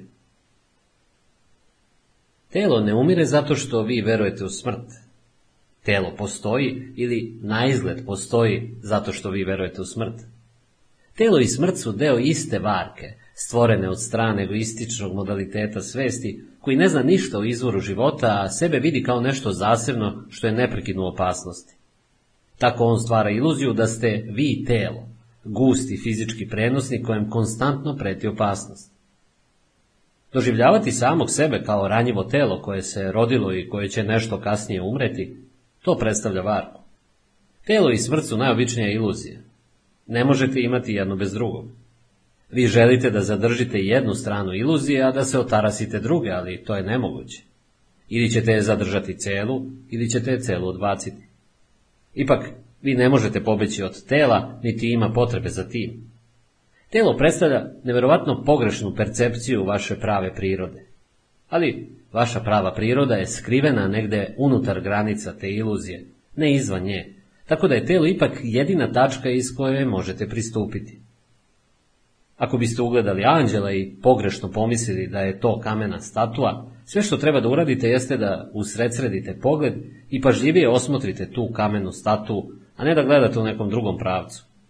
Onda biste otkrili da kamena statua nikad nije ni postojala. Ako verovanje u smrt stvara telo, zašto životinja ima telo? Životinja nema ego i ne veruje u smrt. Ali ona ipak umire, ili na izgled umire. Sjetite se da je vaša percepcija sveta odraz stanja vaše svesti. Vi niste odvojeni od nje, a nikakav objektivan svet ne postoji u spoljašnjosti. Svakog trenutka vaša svest stvara svet koji nastanjujete. Jedan od najvažnijih uvida koji je proistekao iz savremene fizike jeste onaj o jedinstvu između posmatrača i posmatranog. Osoba koja izvodi eksperiment, svest koja posmatra, ne može se odvojiti od fenomena koji se posmatra, a drugačiji način posmatranja uzrokuje da se opaženi fenomen ponaša drugačije. Ako na jednom dubljem nivou verujete u odvojenost i borbu za opstanak, onda se to verovanje reflektuje na sve oko vas i strah upravlja vašom percepcijom. Nastanjeni ste u svetu smrti i tela koja se bore, ubijaju i međusobno proždiru. Ništa nije onako kako se čini. Svet koji stvarate i koji posmatrate kroz um ega može izgledati kao veoma nesavršeno mesto, čak kao dolina suza. Ali sve što opažate predstavlja samo neku vrstu simbola, kao slika iz sna. To je ono kako vaša svest tumači molekularni energetski ples univerzuma i kako uzajamno deluje sa njim. Ta energija predstavlja sirovinu takozvane fizičke realnosti. Vi je vidite u obliku tela, rođenja i smrti ili kao borbu za opstanak. Beskonačan broj potpuno različitih tumačenja, potpuno različitih svetova, moguće i zapravo postoji u zavisnosti od svesti koja opaža. Svako biće predstavlja fokusnu tačku svesti, a svaka takva fokusna tačka stvara sobstveni svet, mada su svi ti svetovi međusobno povezani. Postoji svet ljudi, svet mrava, svet delfina i tako dalje. Postoje nebrojena bića čija je frekvencija svesti toliko drugačija od vaše, da verovatno niste svesni njihovog postojanja, kao što ni ona nisu svesna vaše. Visoko svesna bića koja znaju za svoju povezanost sa izvorom, kao i za međusobnu povezanost, nastanjivala bi svet koji bi vama delovao kao carstvo nebesko, a opet svi svetovi su u krajnjoj liniji jedno. Naš kolektivni ljudski svet je većim delom stvoren pomoću nivoa svesti koji nazivamo U. Čak i u okvirima kolektivnog ljudskog sveta postoje ogromna neslaganja, mnogi različiti podsvetovi u zavisnosti od promatrača ili stvaralaca sobstvenih zasebnih svetova. Pošto su svi svetovi međusobno povezani, kada se kolektivna ljudska svest bude preobrazila, priroda i životinsko carstvo će odražavati tu promenu. Odatle navod iz Biblije koji kaže da će u dobu koje dolazi lav leći s jagnjetom. Ovo ukazuje na mogućnost jednog sasvim drugačijeg poredka realnosti. Svet, onakav kakav nam sada izgleda, jeste, kao što sam već rekao, poneviše odraz egoističnog uma. Pošto je strah neizbežna posljedica zablude ega, to je svet kojim vlada strah. Baš kao što su slike i sna zapravo simboli unutrašnjih stanja i osjećanja, tako je i naša kolektivna realnost pretežno simbolički izraz straha i masivnih naslaga negativnosti koje su se nataložile u kolektivnoj ljudskoj psihi. Mi nismo odvojeni od našeg sveta i zbog toga će, onda kada se većina ljudi bude oslobodila zablude ega, ova unutrašnja promjena pogoditi ceo svet. Doslovce ćete nastaniti novi svet. To je promjena u planetarnoj svesti. Kazivanje nepoznatog budiste da će svako drvo i svaka vlat trave na kraju postati prosvetljeni ukazuju na istovetnu istinu. Prema svetom Pavlu, čitav svet čeka da ljudi postanu prosvetljeni. To je način na koji ja tumačim njegove reči da stvoreni univerzum nestrpljivo iščekuje objavu Božijih sinova. Sveti Pavle nastavlja dalje rečima da će se ceo svet iskupiti kroz prosvetljenje. Do ovog trenutka čitav stvoreni univerzum u svakom svom delu ječi kao da je na porođenim mukama. Ono što se rađa jeste nova svest i jedan novi svet, kao njen neizbežan odraz. To je također predskazano u starozavetnoj knjizi Otkrovenja. Tada sam video novo nebo i novu zemlju jer su prvo nebo i prva zemlja iščezli. Ali nemojte pobrkati uzrok i posljedicu. Vaš primarni zadatak nije da tragate za spasenjem putem stvaranja boljeg sveta, već da se probudite iz poistovećivanja sa oblikom. Nakon toga više nećete biti ograničeni na ovaj svet, ovaj nivo realnosti. Moći ćete da osjetite svoje korene u nepojavnom i na taj ćete način biti oslobođeni privrženosti pojavnom svetu. I dalje ćete moći da uživate u prolaznim zadovoljstvima ovoga sveta, ali ovoga puta bez straha od gubitka, tako da neće biti potrebe da se grčevito držite za njih. Iako ćete biti u mogućnosti da uživate u čulnim zadovoljstvima, žudnja za čulnim iskustvom će nestati, baš kao što više neće biti ni neprekine potrage za ispunjenjem putem psihološkog zadovoljenja, putem zadovoljavanja ega. Bićete u dodiru sa nečim beskrajno većim od bilo kog zadovoljstva, većim od bilo koje pojavne stvari. Na izvestan način ovaj svet vam više neće biti potrebno. Čak vam neće biti potrebno ni da bude drugačije od onoga kakav već jeste. Tek u toj tački vi ćete početi da dajete pravi doprinost proizvođenju novog sveta, stvaranju drugačijeg vida realnosti. Tek u toj tački vi ćete u stanju da osjetite istinsku samilost i da pomažete drugima na nivou uzroka. Samo oni koji su prevazišli ovaj svet mogu da proizvedu bolji svet.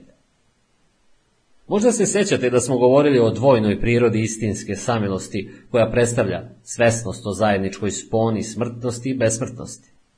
Na ovom dubokom nivou samilost postaje isceljujuća u najširem smislu te reči. U tom stanju vaš isceljujući uticaj nije zasnovan na onome što činite, već prvenstveno na bivstvu. Svi oni sa kojima budete došli u kontakt bit će dirnuti vašim prisustvom i pogođeni spokojstvom koje iz vas zrači, bilo da su toga svesni ili ne. Kada ste potpuno prisutni, a ljudi oko vas ispoljavaju nesvesno ponašanje, vi ne osjećate potrebu da odreagujete na to, što znači da mu ne pridajete bilo kakvu realnost. Vaše spokojstvo je toliko ogromno i duboko da sve što nije spokojno iščezava u njemu kao da nikada nije ni postojalo. To ruši karmički ciklus akcije i reakcije. Životinje, drveće, cveće, sve će osjećati vaše spokojstvo i odazvaće se na njega. Vi učite druge pomoću pivstva putem demonstriranja spokojstva Boga. Vi postajete svetlo sveta, emanacija čiste svesti i na taj način poništavate patnju na nivou uzroka.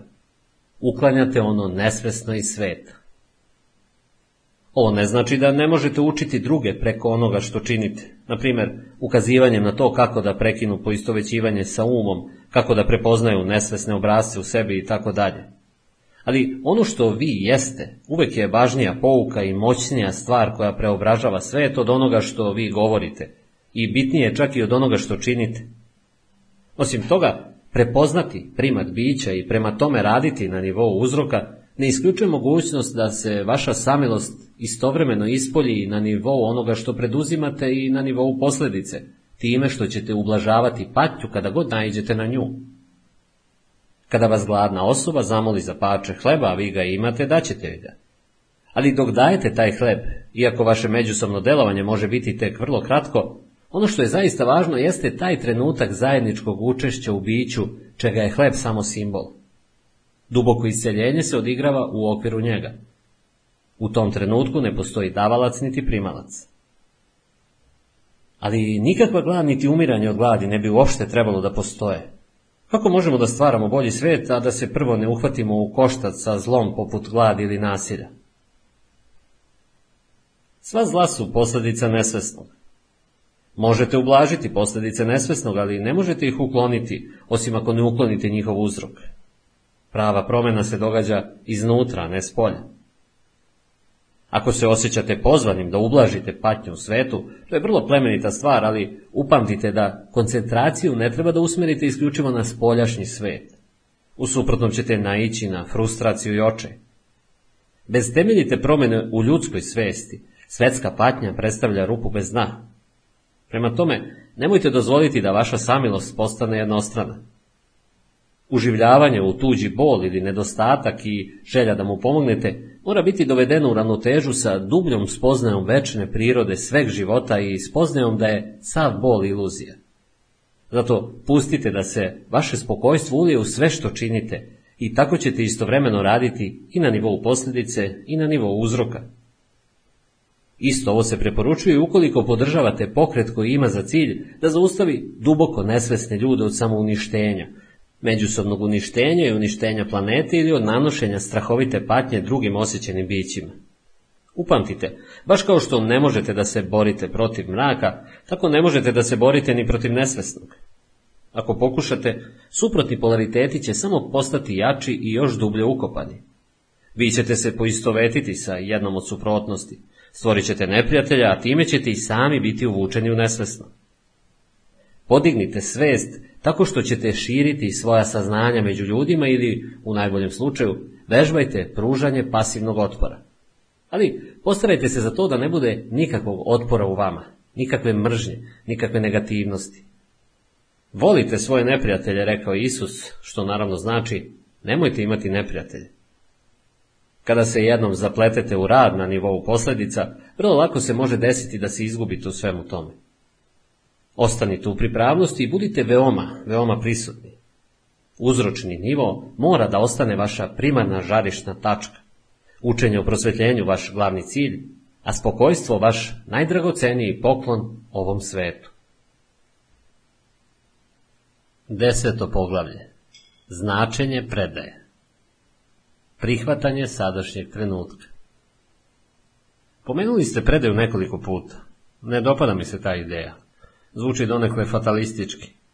Ako stalno prihvatamo stvari onakve kakve jesu, nećemo učiniti nikakav napor da ih poboljšamo.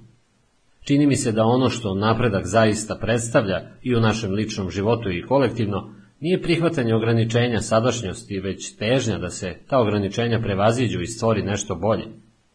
Da to nismo već uradili, još uvijek bismo živjeli u pećinama. Na koji način se predaja može pomiriti sa menjanjem i obavljanjem stvari?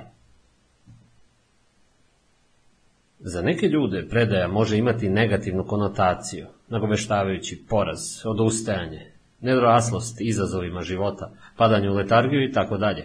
Međutim, istinska predaja je nešto sasvim drugačije. Ona ne znači da treba pasivno da trpite bilo koju situaciju u kojoj se možete naći i da ne radite ništa povodom nje. Niti ona znači da treba da prekinete sa pravljenjem planova ili započinjanjem pozitivne akcije. Predaja označava jednostavno, ali duboku mudrost, prepuštanja, pre nego suprostavljanja životnom toku.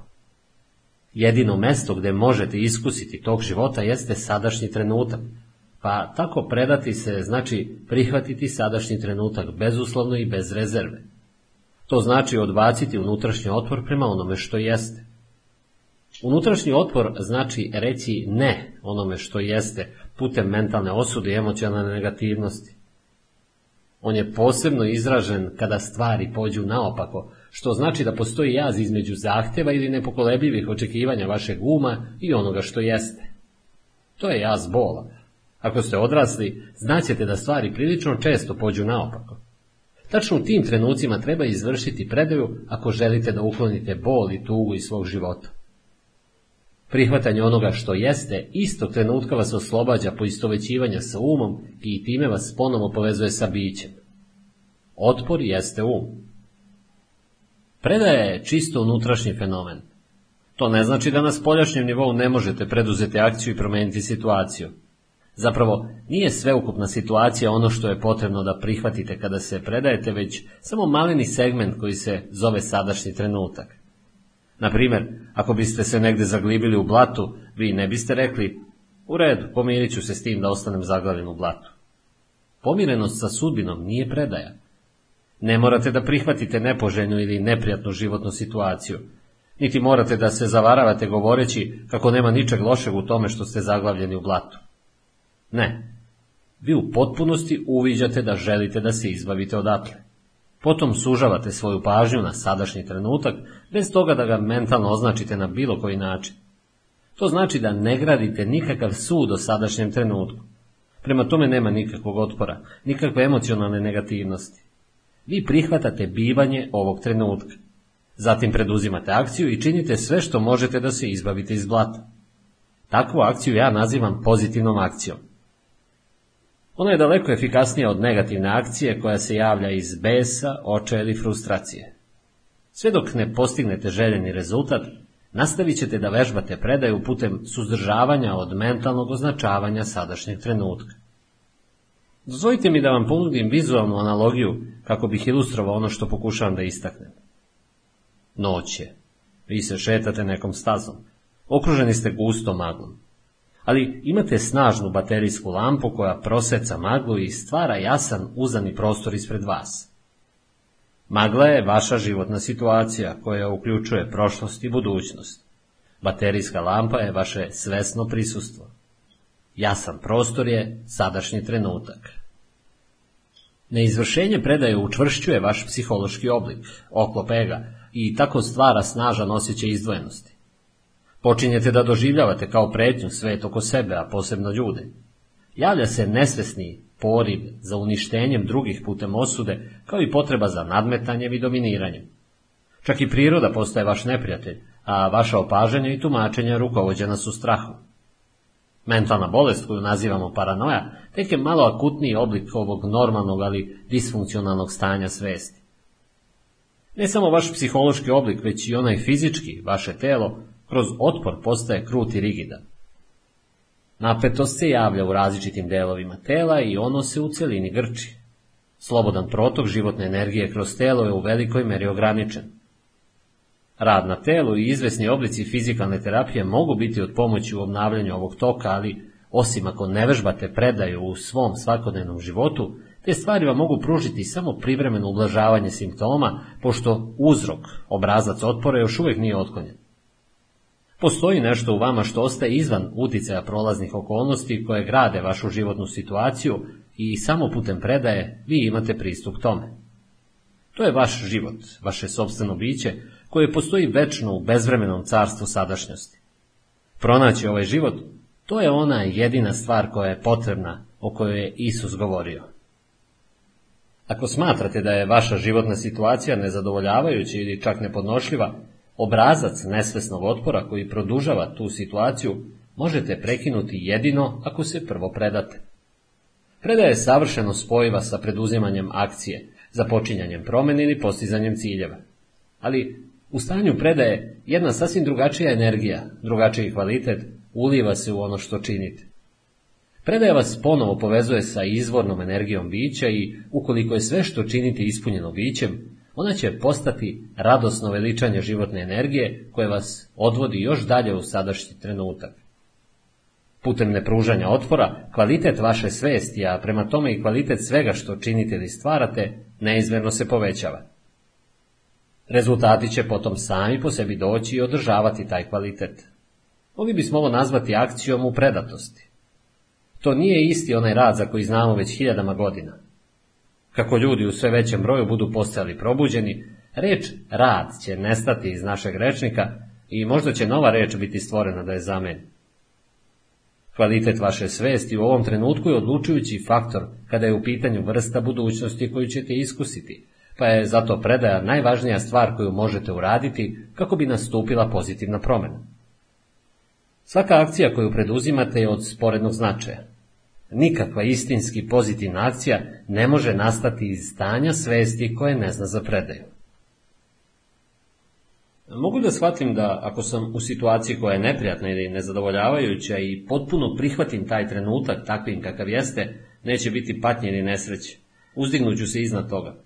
Ali još uvijek ne mogu da najbolje vidim odakle će doći energija ili motivacija za preduzimanje akcije i postizanje promjene ako ne postoji izvesna količina nezadovoljstva. U stanju predaje vi sasvim jasno vidite šta je to što treba da se uradi i preduzimate akciju, radeći stvari redom i koncentrišući se na jedno po jedno.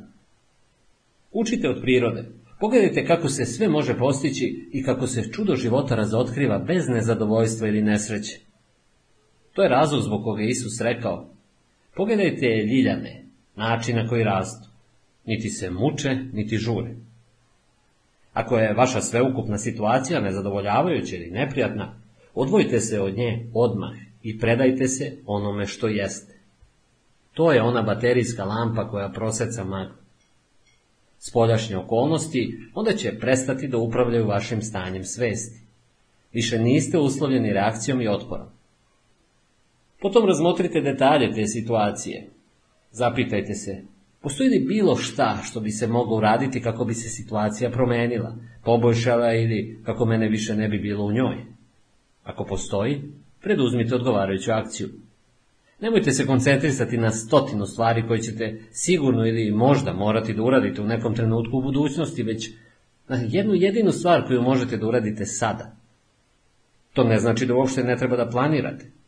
Upravo planiranje može biti ta jedina stvar koju možete sada da uradite. Ali pobrinite se da ne počnete da puštate mentalne filmove, da projektujete sebe u budućnosti i tako izgubite sadašnji trenutak. Neće možda svaka akcija koju preduzmete uroditi plodom istog trenutka. Sve dok se to ne desi, nemojte se opirati onome što jeste. Ako ne postoji nikakva akcija koju možete preduzeti, a ni vi niste u stanju da se udaljite od situacije, onda iskoristite tu situaciju kako biste ušli još dublje u predaju još dublje u sadašnji trenutak, još dublje u biće. Kada se zakorači u, u ovu večnu dimenziju sadašnjosti, promjena se najčešće događa na neobične načine, bez potrebe za ulaganjem prevelikog truda s vaše strane. Život postaje uslužan i kooperativan. Ako su vas unutrašnji faktori kao što su strah, krivica ili pasivnost sprečavali da preduzmete akciju, oni će se rastopiti na svetlu vašeg svesnog prisustva. Nemojte pobrkati predaju sa stavom kao što je ne mogu više da se trudim ili jednostavno više mi nije stalo. Ako se time pažljivije pozabavite, otkrićete da je takav stav zatrovan negativnošću u obliku prikrivene zlovolje, pa zato on uopšte ne predstavlja predaju, već zamaskirani otpor. Nakon što se predate, usmerite svoju pažnju prema unutra kako biste proverili da li je ostao ikakav trag otpora u vama. Budite veoma oprezni dok to radite. U suprotnom, vrećica otpora u obliku misli ili neprepoznate emocije može nastaviti da se krije u nekom mračnom uglu. Prestati sa otporom, to je lakše reći nego uraditi. Još uvijek mi nije baš najjasnije kako to da učinim. Ako kažete da je predaja način na to, ostaje pitanje kako. Počnite tako što ćete priznati da otpor postoji. Budite tu kada se on dogodi, kada se otpor pojavi. Posmatrajte kako ga vaš um stvara, na koji način označava situaciju, vas ili druge. Obratite pažnju na proces razmišljanja koji je u to uključen. Osjetite energiju emocije. Time što prisustvujete pojavi otpora, uvidjet ćete da on nema nikakvu svrhu. Usmeravanjem celokupne vaše pažnje na sadašnji trenutak, nesvesni otpor je učinjen svesnim i to je njegov kraj. Ne možete biti i svesni i nesresni, i svesni i puni negativnosti. Negativnost, nesreće ili patnja u svakom obliku znače da postoji otpor, a otpor je uvek nesvestan. Nesumnjivo je moguće da budemo svesni svojih nesrećnih osjećanja. Da li ste vi odabrali nesreću? Ako niste, kako se pojavila? Šta je njena svrha? Ko je održava u životu? Kažete da ste svesni svojih nesrećnih osjećanja, ali istina je ta da ste se poistovetili sa njima i održavate taj proces u životu putem prisilnog razmišljanja. Sve to je nesvesno ponašanje. Kada biste bili svesni, odnosno potpuno prisutni u sadašnjem trenutku, sva negativnost bi se gotovo istog trenutka poništila. Ne bi mogla da opstane u vašem prisustvu. Ona jedino može opstati u vašem odsustvu. Čak ni otelotvoreni bol ne može opstati dugo u vašem prisustvu. Vi održavate svoju nesreću time što joj dajete vremena. To je njen glavni pokretač. Uklonite vreme putem intenzivne svesti o sadašnjem trenutku i ona će prestati. Ali, da li želite da prestane? Pa ste se zaista zasitili. Ko ćete biti bez nje? Sve dok ne ostvarite predaju, duhovna dimenzija je nešto o čemu čitate, o čemu razgovarate, što vas uzbuđuje, o čemu pišete knjige, o čemu razmišljate, u šta verujete ili ne verujete, kako bilo. Nema nikakve razlike. Sve dok se ne predate, ta dimenzija neće postati živa stvarnost u vašem životu. A kada to učinite, Energija koja će zračiti iz vas i upravljati vašim životom imaće daleko veću vibracijonu frekvenciju od energije uma koji još uvek upravlja našim svetom. Energije koja je stvorila postojeće društvene, političke i ekonomske strukture naše civilizacije i koja se također neprekidno obnavlja putem naših obrazovnih sistema i medija. Kroz predaju, duhovna energija dolazi na ovaj svet. Ona ne stvara nikakvu patnju ni vama, ni drugim ljudima, niti bilo kojem drugom obliku života na ovoj planeti.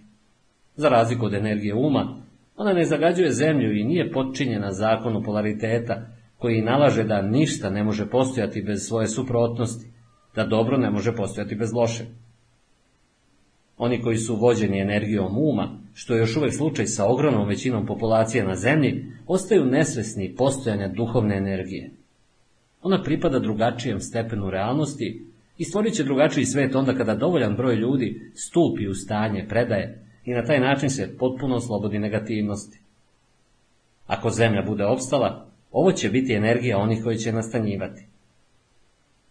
Isus je ukazao na ovu energiju kada je dao svoju poznatu proročansku izjavu u besedi na gori. Blagosloveni su oni koji popuštaju. Oni će imati svet u svom posedu. Tiho, ali intenzivno prisustvo jeste ono što poništava nesvesne mentalne obrazce. Oni ipak mogu ostati aktivni još neko vreme, ali više neće upravljati vašim životom. Spoljašnje okolnosti kojima ste se opirali također teže da se brzo promene ili ponište kroz predaju. Ona na veoma moćan način preobražava situacije ljude. Ukoliko se okolnosti ne promene odmah, vaše prihvatanje sadašnjeg trenutka omogućit će vam da se uzdignete iznad njih. U oba slučaja bit ćete slobodni. Šta je s onim ljudima koji žele da me iskoriste, da utiču na mene ili da me kontrolišu? Da li i njima treba da se predam? Oni su odvojeni od bića, stoga nesvesno pokušavaju da od vas dobiju energiju i moć. Tačno je da će samo nesvesna osoba pokušati da iskoristi ili izmanipuliše druge, ali je podjednako tačno da samo nesvesna osoba može biti iskorišćena i izmanipulisana. Ako se opirete nesvesnom ponašanju drugih ili se borite protiv njega, i sami postajete nesvesni. Ali predaja ne znači da treba dopuštati da vas nesvesni ljudi koriste. Nipošto. Apsolutno je moguće nekoj osobi jasno i glasno reći ne, ili se udaljiti od neke situacije i istovremeno biti u stanju potpunog unutrašnjeg nepružanja otpora. Kada kažete ne nekoj osobi ili situaciji, neka ono ne proistekne iz reakcije, već iz uvida, iz jasne spoznaje toga šta je u tom trenutku za vas dobro, a šta ne. Neka to bude nereagujuće ne, ne visoko kvaliteta, ne koje je sasvim oslobođeno negativnosti i zato više ne stvara nikakvu patnju. Na poslu se nalazimo u jednoj situaciji koja je neprijatna. Uprkos pokušajima bilo je nemoguće da joj se predam. I dalje nastavlja da se javlja velika količina otpora. Ako ne možete da se predate, odmah preduzmite akciju. Otvoreno kažite ili učinite ono što će izazvati promjenu u situaciji, ili se udaljite od nje. Preuzmite odgovornost za svoj život. Nemojte ni vaše prelepo blistavo unutrašnje biće, ni zemlju zagađivati negativnošću. Nemojte ostavljati prostora u sebi za neraspoloženje u bilo kakvom obliku. Ako ne možete da preduzmete akciju, na primjer ako ste u zatvoru, onda vam ostaju dva izbora, otvor ili predaja, ropstvo ili unutrašnja sloboda od spoljašnjih uslova, patnja ili unutrašnji mir. Da li nepružanje otpora također treba primjenjivati u spoljašnjem vođenju naših života, kao što je nepružanje otpora nasilju, ili je to nešto što se odnosi samo na naš unutrašnji život? Vas jedino treba da interesuje unutrašnji aspekt. To je primarno. Naravno, to će također izmeniti i vođenje vašeg spoljašnjeg života, vaših veza i tako dalje. Putem predaje, vaše veze će biti vrlo temeljno promenjene. Ako nikada ne budete mogli da prihvatite ono što jeste, samim tim nećete biti u stanju da prihvatite ni jednu osobu onakvom kakva ona jeste. Vi ćete osuđivati, kritikovati, etiketirati, odbacivati ili pokušavati da promenite ljude. Osim toga, ako sadašnji trenutak stalno budete pretvarali u sredstvo za postizanje cilja u budućnosti, onda ćete i svaku osobu na koju naiđete ili sa kojom uspostavite vezu pretvarati u sredstvo za postizanje cilja. Veza, ljudsko biće, tada postaje od sekundarne važnosti za vas ili gubi bilo kakav značaj. Primarno postaje ono što možete da izvučete iz veze, bilo da je to materijalna korist, osjećaj moći, fizičko zadovoljstvo ili neki oblik zadovoljenja ega. Dozvolite li da vam prikažem na koji način predaja može da funkcioniše u vezama. Kada postanete umešani u svađu ili neku konfliktnu situaciju, recimo sa partnerom ili nekim ko vam je blizak, započnite tako što ćete posmatrati sobstvenu potrebu da se branite onda kada je vaš stav napadnut ili pokušajte da osjetite snagu sobstvene agresije dok napadate stav druge osobe. Posmatrajte privrženost koju osjećate prema svojim pogledima i mišljenjima. Osjetite mentalno-emocionalnu energiju koja leži u pozadini vaše potrebe da budete u pravu i da optužujete onu drugu osobu da nije u pravu. To predstavlja energiju egoističnog uma. Vi je činite svesnom time što je priznajete, time što je osjećate što je više moguće. A onda, jednog dana, u sred nekakve svađe, iznenada ćete shvatiti da imate izbora. Tako da ćete možda odlučiti da odustanete od sobstvene reakcije, samo da biste vidjeli šta će se dogoditi. Vi se predajete. Ne mislim samo na odustajanje od verbalne reakcije, tako što ćete reći, u redu, ti si u pravu, sa izrazom na licu koji govori, Ja sam iznad ovog detinjastog nesvesnog stanja. Time samo premeštate otpor na jedan drugi nivo, dok egoistični um i dalje ostaje na vlasti, prisvajajući pravo na komandu. Ja govorim o napuštanju čitavog mentalno-emocionalnog energetskog polja u vama koje se bori za moć. Ego je lukav, zato morate da budete veoma oprezni, veoma prisutni i potpuno iskreni prema sebi kako biste se uverili da li ste zaista odustali od poistovećivanja sa mentalnim stavom i time se oslobodili svog uma. Ako se iznada osetite veoma lagano, neopterećeno i duboko spokojno, to je nepogrešiv znak istinske predaje. Zatim posmatrajte šta će se desiti sa mentalnim stavom one druge osobe nakon što ga vi više ne potkrepljujete pružanjem otpora. Prava komunikacija počinje tek kada se poistovećenost sa mentalnim stavovima ukloni sa puta. Šta je sa nepružanjem otpora uprkos nasilju, agresiji i tome slično? Nepružanje otpora ne znači nužno da ne radite ništa. Sve što znači jeste da bilo kakvo činjenje prestaje da bude reaktivno. Setite se duboke mudrosti koja leži u osnovi vežbanja istočnjačkih borilačkih veština. Nemojte se opirati snazi protivnika. Popustite kako biste ga nadjačali. Znajući to, nečinjenje ničega dok ste u stanju intenzivnog prisustva, veoma je moćan način na koji se situacije i ljudi menjuju i isceljuju. U taoizmu postoji termin koji se zove wu wei, obično prevođen kao aktivnost bez akcije ili sedeti mirno i ne raditi ništa. U drevnoj Kini ovo je smatrano jednim od najviših dostignuća, odnosno jednom od najvećih vrlina. To se radikalno razlikuje od neaktivnosti u običnom stanju svesti ili, bolje rečeno, u stanju bez svesti koja potiče od straha, inercije ili neodlučnosti. Ono pravo nečinjenje ničeg podrazumeva unutrašnje nepružanje otpora i veliki oprez. S druge strane, ako je potrebna akcija, vi više nećete reagovati iz uslovljenog uma, već ćete na situaciju odgovarati iz vašeg svesnog prisustva. U tom stanju vaš um je oslobođen pojmova, uključujući tu i pojam nenasilja. Prema tome, ko može da predvidi šta ćete uraditi? Ego veruje da vaša snaga leži u vašem otporu, a tačno je zapravo to da vas otpor odvaja od bića, jedinog mesta istinske moći. Otpor predstavlja slabost i strah maskiran kao snagu. Ono što ego vidi kao slabost, u stvari je vaše biće u svoj svojoj čistoti, nevinosti i moći, a ono što on vidi kao snagu zapravo je slabost. Dakle, ego postoji u neprekidnom modalitetu otpora, igra lažne uloge kako bi prikrio vašu slabost, koja zapravo predstavlja vašu moć. Sve dok ne bude nastupila predaja, nesvesno igranje uloga sačinjavat će veliki deo međusobnog ljudskog delovanja. Kada se budete predali, neće vam više biti potrebne utvrde ega i lažne maske. Postaćete veoma jednostavni, veoma stvarni. To je opasno, kaže ego. Bićete povređeni, postaćete ranjivi. Ono što ego ne zna, naravno, jeste da samo ako odbacite otpor, ako postanete ranjivi, možete da otkrijete vašu istinsku i suštinsku neranjivost.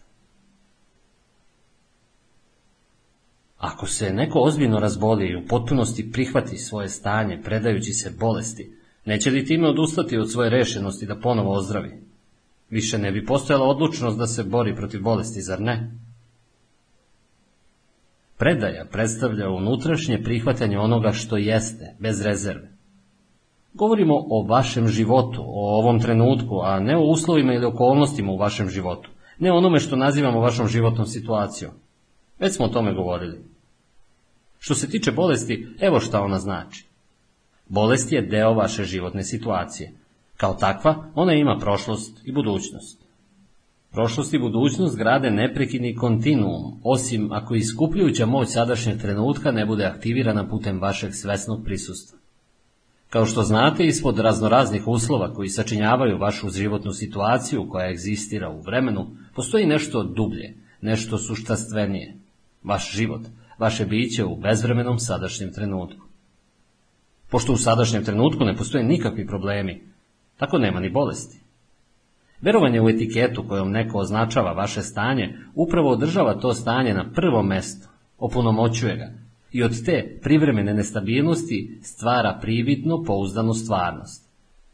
Vašem stanju to pruža ne samo realnost i pouzdanost, već i kontinuitet u vremenu kakav ono ranije nije imalo. Usmeravanjem pažnje na sadašnji trenutak i suzdržavanjem od njegovog mentalnog obeležavanja, bolest se svodi na jedan ili nekoliko činilaca. Fizički bol, slabost, nelagodnost ili nesposobnost. Sadašnji trenutak, to je ono čemu se predajete. Vi se ne predajete ideji o bolesti. Dozvolite patnji da vas uvuče u sadašnji trenutak, u stanje intenzivnog svesnog prisustva. Iskoristite je za prosvetljenje. Predaja ne preobražava ono što jeste ili barem to ne čini direktno. Predaja preobražava vas. Kada vi postanete preobraženi, ceo vaš svet biva preobražen jer svet predstavlja samo odraz. O tome smo ranije govorili.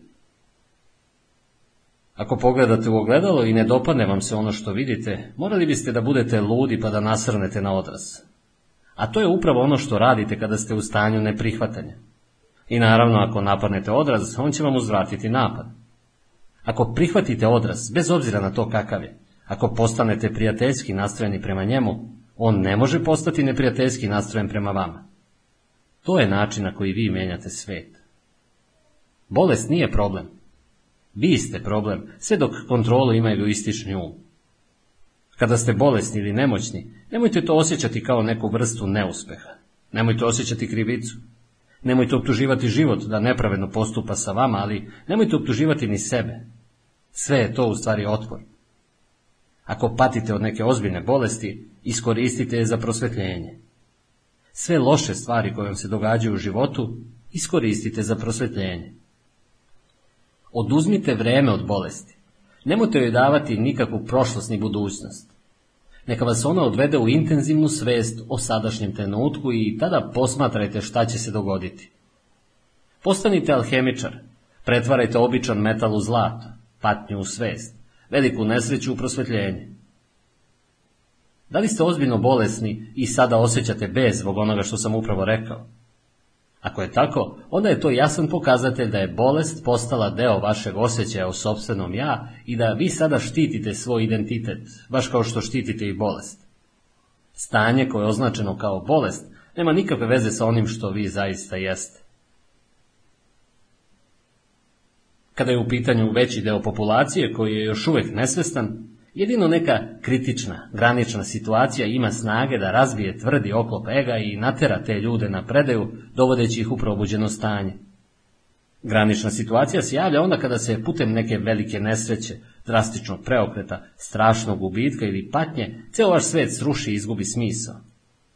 Ona predstavlja susret sa smrću, bilo da je fizička, bilo psihološka. Egoistični um, tvorac ovog sveta, se ruši. Novi svet potom može nastati iz pepela onog starog. Ne postoje nikakve garancije, naravno da će čak i granična situacija uspeti to da učini, ali mogućnost uvek postoji. Otpor prema onome što jeste se kod nekih ljudi u takvoj situaciji čak pojačava i to onda prerasta u spuštanje u pakao. Kod drugih se može javiti samo delimična predaja, ali čak i to će im dati izvesnu dubinu i spokojstvo koje ranije nisu imali. Delovi oklopa ega će otpadati, omogućavajući delićima sjaja i spokojstva koji leže ispod uma da zasijaju. Granične situacije su dovele do mnogih čuda. Bilo je ubica koji su u zatvoru čekali na izvršenje smrtne kazne i u toku posljednjih nekoliko sati svog života iskusili stanje u kom ego ne postoji i duboku radost i spokojstvo koji idu uz to. Unutrašnji otpor prema situaciji u kojoj su se našli postoje toliko snažan da je proizveo nepodnošljivu patnju, a nisu imali gde da pobegnu, niti su mogli bilo šta da učine da izbegnu, čak ni da se umom projektuju budućnost. To ih je navelo da u potpunosti prihvate neprihvatljivo. Bili su naterani na predaju. Na ovaj način postali su sposobni da uđu u stanje milosti sa kojim nastupa iskupljenje, potpuno oslobađanje od prošlosti. Naravno, ono što zaista utire put čudu milosti i iskupljenja nije granična situacija, već sam čin predaje. Dakle, kad god vas bude pogodila nekakva velika nesreća, bolest, nesposobnost, gubitak doma, bogatstva ili društveno određenog identiteta, prekid bliske veze, smrt ili patnja voljene osobe ili smrt koja letbi na vama samima, ili kada se nešto bude ozbiljno pogoršalo, znajte da sve to posjeduje i svoju drugu stranu, da ste samo jedan korak udaljeni od nečeg neverovatnog, od potpunog alhemijskog preobražaja neplemenitog metala bola i patnje u zlatu. Taj jedan korak naziva se predaje. Nemam nameru da tvrdim kako ćete u nekoj od takvih situacija postati srećni. Nećete. Ali strah i bol bit će pretvoreni u unutrašnji mir i spokojstvo koji potiču sa jednog veoma dubokog mesta, iz samog nepojavnog. To je onaj mir Božiji koji prevazilazi sve razumevanje.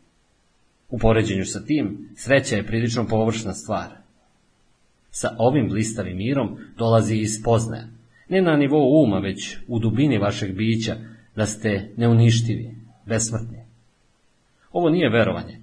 To je apsolutna uverenost kojoj ne treba nikakav spoljašnji dokaz ili potvrda od nekog sekundarnog izvora. Postoji priča o jednom filozofu stojku u staroj Grčkoj koji je, pošto mu je rečeno da mu je sin poginuo u nesreći, odgovorio Znao sam da nije besmrtan. Tad je to predaja. Ako jeste, ja je ne želim. Postoje neke situacije kada se predaja čini neprirodnom i neljudskom. Biti odsečen od svojih osjećanja nije predaja, ali mi ne znamo kako je bilo njegovo unutrašnje stanje kada je izgovorio te reči. U izvesnim ekstremnim situacijama možda će vam i dalje biti nemoguće da prihvatite sadašnji trenutak, ali kod predaje ćete uvijek dobiti drugu šansu. Vaša prva šansa jeste da svaki trenutak predate realnosti tog trenutka. Znajući da ono što jeste ne može biti poništeno jer ono već jeste, vi govorite da onome što jeste ili prihvatate ono što nije. Zatim radite ono što morate, šta god da situacija nalaže. Ako budete obitavali u ovom stanju prihvatanja, više nećete stvarati negativnost, patnju, nesreću. Tada ćete živjeti u stanju nepružanja otpora, stanju milosti i prosvetljenosti, oslobođeni borbe. Kad god niste u stanju da to učinite, kad god propustite tu šansu, bilo zbog toga što ne stvarate dovoljno svesnog prisustva da biste sprečili pojavljivanje nekog uobičajenog i nesvesnog obrazca otpora, bilo zato što je stanje toliko ekstremno da je za vas apsolutno neprihvatljivo, vi tada stvarate neki oblik bola, neki oblik patnje. Može vam izgledati kao da je situacija ta koja stvara patnju, ali u osnovi nije tako. To čini vaš otpor. Evo sada vaše druge šanse da se predate. Ako ne možete da prihvatite ono što se nalazi s polja, onda prihvatite ono što se nalazi unutra. Ako ne možete da prihvatite spoljašnje stanje, prihvatite unutrašnje. To znači, nemojte se opirati bolu. Dopustite mu da bude tu. Predajte se žalosti, očaju, strahu, usamljenosti ili bilo kojem obliku koji patnja poprimi. Budite joj sve do kada je mentalno ne označavajte. Prigradite bol. Onda ćete vidjeti na koji način čudo predavanja duboku patnju preobražava u duboki mir. Ovo je vaše raspeće. Neka ono postane i vaše uskrsnuće i uzdignuće. Ne vidim kako neko može da se preda patnje.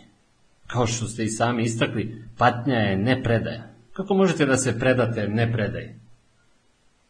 Zaboravite predaju na trenutak.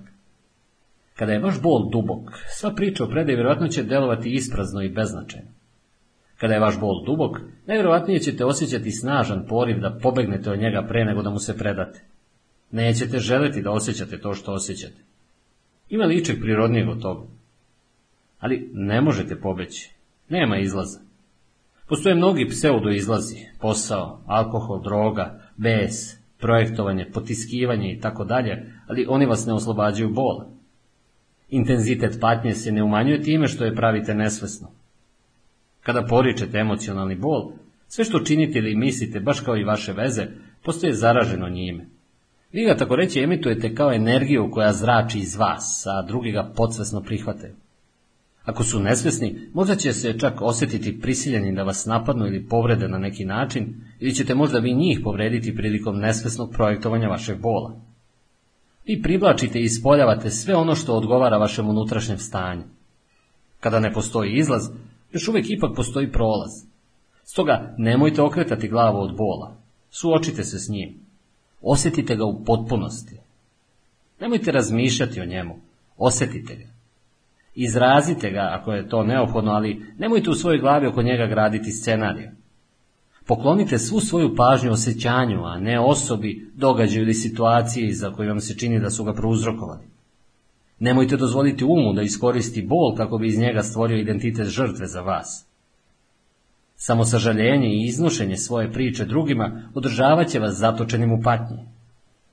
Pošto je nemoguće pobeći od osjećanja, jedina mogućnost promjene jeste da se uđe u njega. U suprotnom, ništa se neće izmeniti. Prema tome, poklonite celokupnu pažnju onome što osjećate i pokušajte da to mentalno ne označite. Dok budete zalazili dublje u osjećanje, budite na velikom oprezu. U početku može vam se činiti kao da je u pitanju jedno mračno i užasavajuće mesto, međutim, kada se bude javio poriv da okrenete glavu od njega, posmatrajte ga, ne reagujte. Nastavite da usmeravate svoju pažnju na bol, nastavite da osjećate žalost, strah, prestravljenost, usamljenost, šta god da je prisutno. Ostanite oprezni, ostavite prisutni, prisutni celim svojim bićem, svakom ćelijom svog tela. Dok to budete činili, unosit ćete svetlost u ovu tamu. To je plamen vaše svesti. Na ovom stadijumu ne morate se više brinuti o predaje. Ona se već odigrala. Kako? Potpuna pažnja isto je što i potpuno prihvatanje, isto je što i predaja. Posvećivanjem pune pažnje vi koristite moć sadašnjeg trenutka, odnosno moć vašeg prisustva. Nijedan skriveni ostatak otpora tu ne može opstati. Prisustvo uklanja vreme, a bez vremena nikakva patnja, nikakva negativnost ne može da opstane. Prihvatanje patnje jeste putovanje u smrt. Suočavanje sa dubokim bolom, dopuštanje da on postoji, usmeravanje pažnje na njega, sve to predstavlja svestan odlazak u smrt. Kada budete umrli ovom smrću, uvidjet ćete da smrti u stvari nema i da se nemate čega bojati. Samo ego umire. Zamislite svetlosni zrak koji je zaboravio da je neodvojivi deo sunce i sebe zavarava verovanjem da mora da se bori za opstanak, stvarajući neki drugi identitet koji nije sunce i grčevito se držeći za njega. Zar smrt ove zablude ne bi predstavljala nevjerojatno oslobođenje? Želite li laku smrt? Da li biste radije umrli bez bola, bez agonije? Onda svakog trenutka umrite za prošlost i pustite da svetlost vašeg prisustva svojim zracima spere teško, vremenom okovano ja, za koje ste mislili da je vaše istinsko ja. Postoje mnoga svjedočanstva ljudi koji kažu da su pronašli Boga putem duboke lične patnje, a postoji hrišćanski izraz put krsta koji pretpostavljam ukazuje na istu stvar. Ovdje se samo time i bavimo. Strogo uzevši, oni nisu pronašli Boga putem svoje patnje, zato što patnja podrazumeva otpor. Pronašli su Boga putem predaje, putem potpunog prihvatanja onoga što jeste, a njihova žestoka patnja ih je primorala na to. Mora da su uvidjeli na nekom nivou da je njihov bol samog sebe stvorio. Na koji način izjednačavate predaju sa pronalaženjem Boga? Pošto je otpor nerazdvojiv od uma, napuštanje otpora, odnosno predaja, predstavlja smrt uma kao vašeg gospodara, varalice koja se pretvara da je vi, lažnog Boga. Sve osude i sve negativnosti se razgrađuju. Carstvo bića koje je bilo prikriveno umom, tada otvara svoje kapije. Iznada se u vama javlja duboka tišina, neobjašnjivo osjećaj mira, a u tom miru leži ogromna radost, a u toj radosti leži ljubav. A u samom središtu počiva ono sveto, ono bezgranično, ono što se ne može imenovati. Ja to ne nazivam pronalaženjem Boga, jer kako možete pronaći ono što nikad nije ni bilo izgubljeno, sem život koji vi predstavljate? Reč Bog je ograničavajuća ne samo zbog toga što je hiljadama godina bila pogrešno prihvatana i pogrešno upotrebljavana, već i zbog toga što ona podrazumeva i neko drugo biće pored vas. Bog predstavlja biće samo, a ne neko biće. Tu ne može biti nikakvog subekat-obekat odnosa, nikakve dvojnosti. Ne možete postojati vi i Bog. Spoznaja Boga je najprirodnija stvar koja postoji. Iznenađujuća i neshvatljiva činjenica nije ta da možete postati svesni Boga, već ta da niste svesni Boga. Put krsta koji ste pomenuli predstavlja stari put ka prosvetljenju, a do nedavno je to bio i jedini put. Ali nemojte ga odbacivati ili pocijenjivati njegovu efikasnost. On još uvijek deluje. Put krsta predstavlja potpuni preokret. To znači da se najgora stvar u vašem životu, vaš krst, pretvara u najbolju stvar koja vam se ikada dogodila time što vas primorava na predaju, na smrt. Primorava vas da postanete ništa. da postanete kao Bog, jer Bog također ne predstavlja nešto. U ovom trenutku, barem kada je u pitanju većinska, nesvesna populacija, put krsta je još uvijek jedini put. Oni će se probuditi jedino putem dalje patnje, a prosvetljenju kao kolektivnom fenomenu predvidivo prethodit će silni preokreti. Taj proces odražava delovanje izvesnih univerzalnih zakona koji upravljaju razvojem svesti i kao takvog su ga predvidjeli neki proroci. Opisan je između ostalih mesta i u knjizi Otkrovenja, odnosno Apokalipsi, mada je prikriven nejasnom i ponekad nedokučivom simbolikom.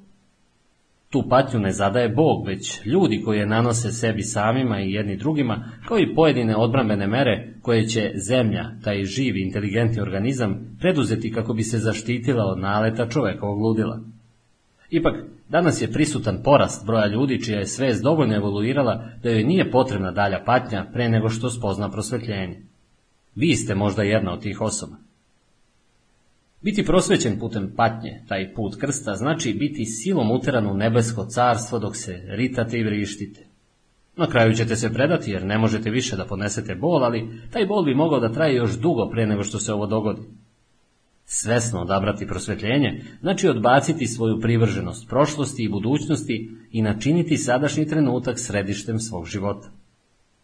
To znači izabrati da obitavate u stanju prisustva, a ne u vremenu. To znači reći da onome što jeste. Bol vam tada više neće biti potreban. Koliko još vremena smatrate da će vam biti potrebno pre nego što budete u stanju da kažete neću više stvarati bol niti patnju? Koliko će vam još bola biti potrebno pre nego što budete mogli da načinite taj izbor?